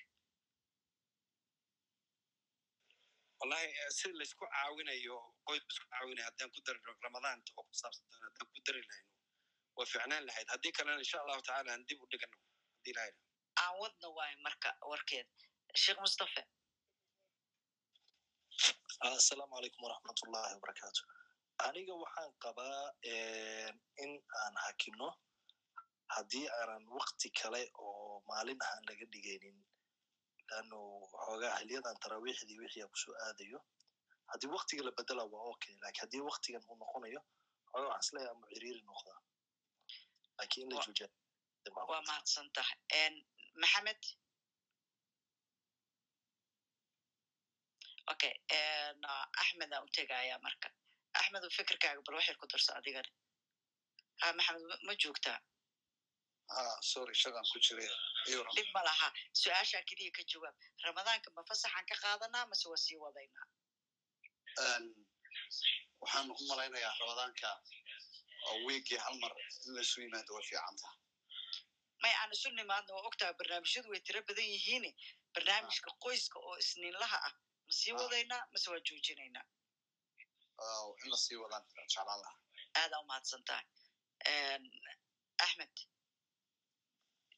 ha bismillahi raxmaan raxiim waxaan dhihi lahaa kolley barnaamijku waktiyada yurubta iyo north america wakti waa kala duwan yahay rabadaankana arrimaha shaqooyinkii iyo hawshii iyo gurigii iyo waxyaala badan baa laga shaqeynaya anu waxaan lahaa inaan yaraha ka nafcinaan lahayn kole ra'yigayga insha allah. Haddii waktiga labada laba qolo macnigi haddii qola looga dhigo hadda aroortii oo kale qoladii kale laga yaabaa inay ku jiraan ama soo geli kari waayaan ama mashquul ku yihiin. Fursaddan insha allah nuga faa'idaystay rabadaan mubarak dhammaantiin insha allah culimada iyo inta hoos joogta inta kor joogtaba iyo inta dhegeysan doontaba insha allah. Insha allahu taala iyo inta dhegeysan doontaba jazakum allah khair yonis blul ma sii wadaynaa barnaamijka mise nasashan ka qaadanaa ramadaanka haddii midka isliinta bes keliya lagu ekenaya hal sii wado midka qoyska ah oo ah in la raadiyo muddo oo waktiyaasha isgalgaleso maadaama hadda anaga tarawix aan la tukanayn in guri lagu tukanayo marka. Waktiyaala iswada galgalayaan in la sii wado jeclaan lahaa okay adaa umahadsantaa ibrahim see kula taha adiga waxay ila tahay runtii way ficnaan lahayd waa barnaamij kolleba wax badanoo dadku macna darran ba la u baahan yihiin wax badanoo kheyra in loo badiyo ka faa'idaystaan arrimaha qoyskana wixii kheyrka lahaa wuxun bay ku xidhan toon inaad hubisaan un timekaas iyo suxuuraha iyo afurka iyo xilliyada kaga beegmaysa dadka hadday suurtagal tahay in la sii wada u qurux badan tahay haddii aad aragtaa inay cidhiiri tahayna waa dib oo loo dhigi karaa. Marka arrintaas waa laakiin waxaan taageersanay inuu barnaamij mudan in la sii wado bisha ramadaan ku haboon inuu yahay. Insha allah anisa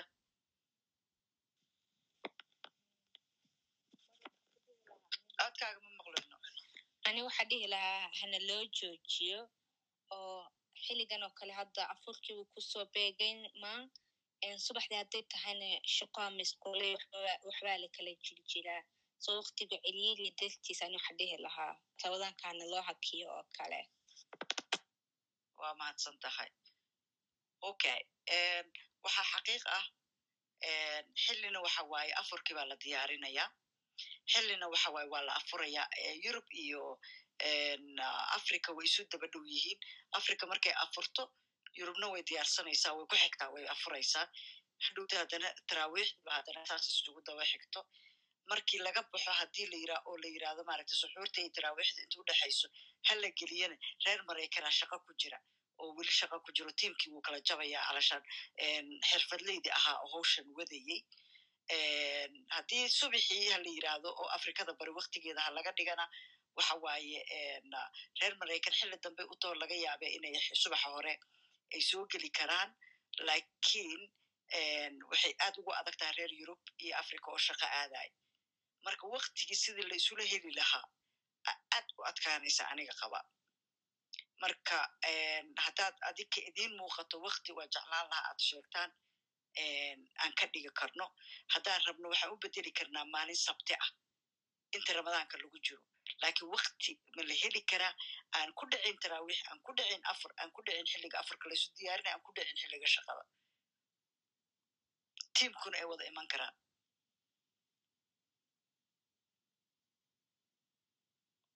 waktigaas aniga ma ii muuqdo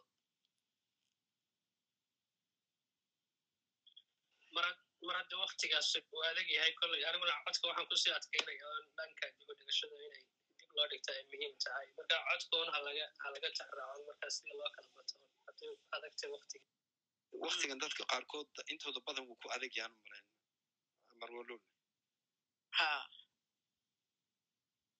marka waktigaas adag dartiis marka haddii waktiga adag inta tiri ayaa tiro badan lakiin inta hala qabto la yiri iyo intii aan la qaban tiri haddii la fiirina inta hala qabto tiriyaa tiro badan.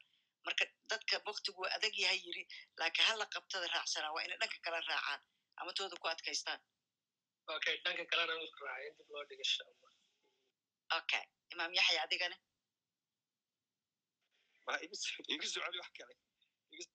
maya calashaan ma waktiga maadaama uu adag yahay in dib loo dhigo ayaad ku biiraysaa soo maha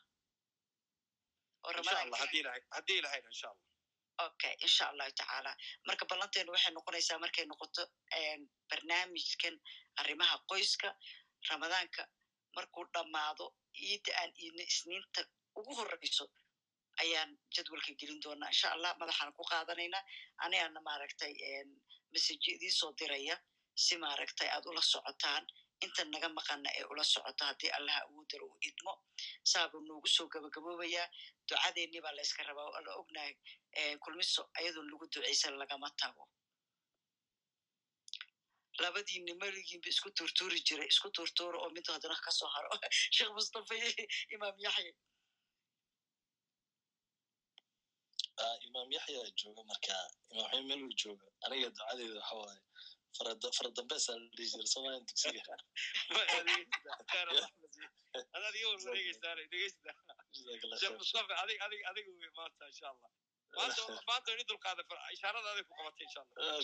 allah sheekh insha allah walaalayaal allah idin barakeeyo kulligiin waa ducaysantiin idinkoo dhanna ducaysa waa bil ramadaan ilaahay noo aqbalo kuwa ka faa'iidaysta allah inaga dhigo dhammaan dadkii maanta ka soo qayb galay inta dhegaysan doonta dhammaantiin ilaahay sacaada adduuni mid aakhira allah idin siiyo sacyigiina mashkuur allah ka dhigo.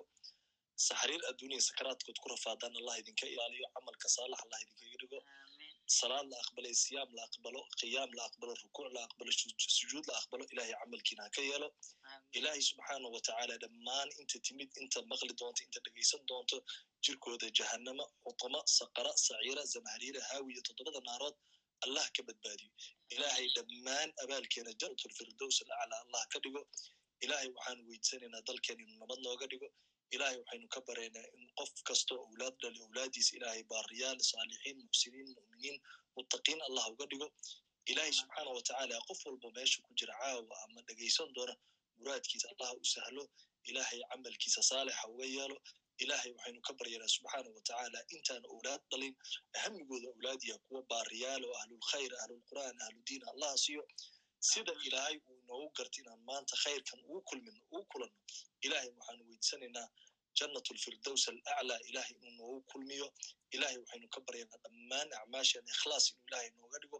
Mid rabbi dartii aan u yeelna allah inooga dhigo. Ilaahay waxaanu weydsanaynaa allaha kariimka ah alladii lam yalid walam yuulad ilaahay waxaanu weydsanaynaa inuu ilaahay noogu daro kuwa yowmulqiyaama la leeyahay idinkii iyo ehelkiina gala jannada. Annagii ehelkeenna iyo walaalaheen iyo asxaabteennii aan jeclayn ilaahay kuwa jannada ku kulma allah inaga dhigo. Ilaahay waxaynu weydsanaynaa intaan adduun ku noolnahay acmaasheena saalixa ilaahay nooga dhigo. Ilaahayna ma dilo ilaa annagoo muslimiina maahe. Ilaahay waxaynu ka baryanaa subxaanahu watacaala wax walbo khayr oo qalbigeena ku jiro allah ina siiyo. Qof walba wax walbo khayr oo qalbigiisa ku jira muraadkiisa allah u sahlo ilaahay qof walbo culays haysto ilaahay ha u saqiro allah ha u yasiro ilaahay waxaynu ka baryanaa subxaanahu watacaala kooxda iyagoo jameeco ah. Jannada ilaahay lagu marti qaadayo uu rabbi leeyahy wasiiqa aladiina taqow rabbahum ila aljannati zumara. Allah inagu daro. Ilaahay haynaga badbaadiyo kuwa meesha kale rabbi uu leeyahay. Wasiiqa aladiina kafaruu ila jahannama zumara. Ilaahay kuwa haynaga badbaadiyo. Sidan adduunka ugu kulanay wanaagga ugu kulanay khayrka ugu kulanay ilaahay waxaan weydiisanayaa qof walba oo dhawaqan codkan tiim kulmise ka mid ah ilaahay waxaan ka baryaa subxaanahu watacaala in yowm alqiyaama lagu dhex arkay jannat lfirdows alaclaa wa dacwaana an alxamdu lilah aamin. Aad iyo aada umahadsanta ilaahay hanoo aqbalo ducadaaseeto ramadaan kariim dhammaan. Ilaahay meelaad joogtaan ha idinku bulaaliyo ha idinku barbaariyo ha idinku nabad yeelo. Wasalaamu calaykum waraxmat ullahi wabarakaatu mac salaam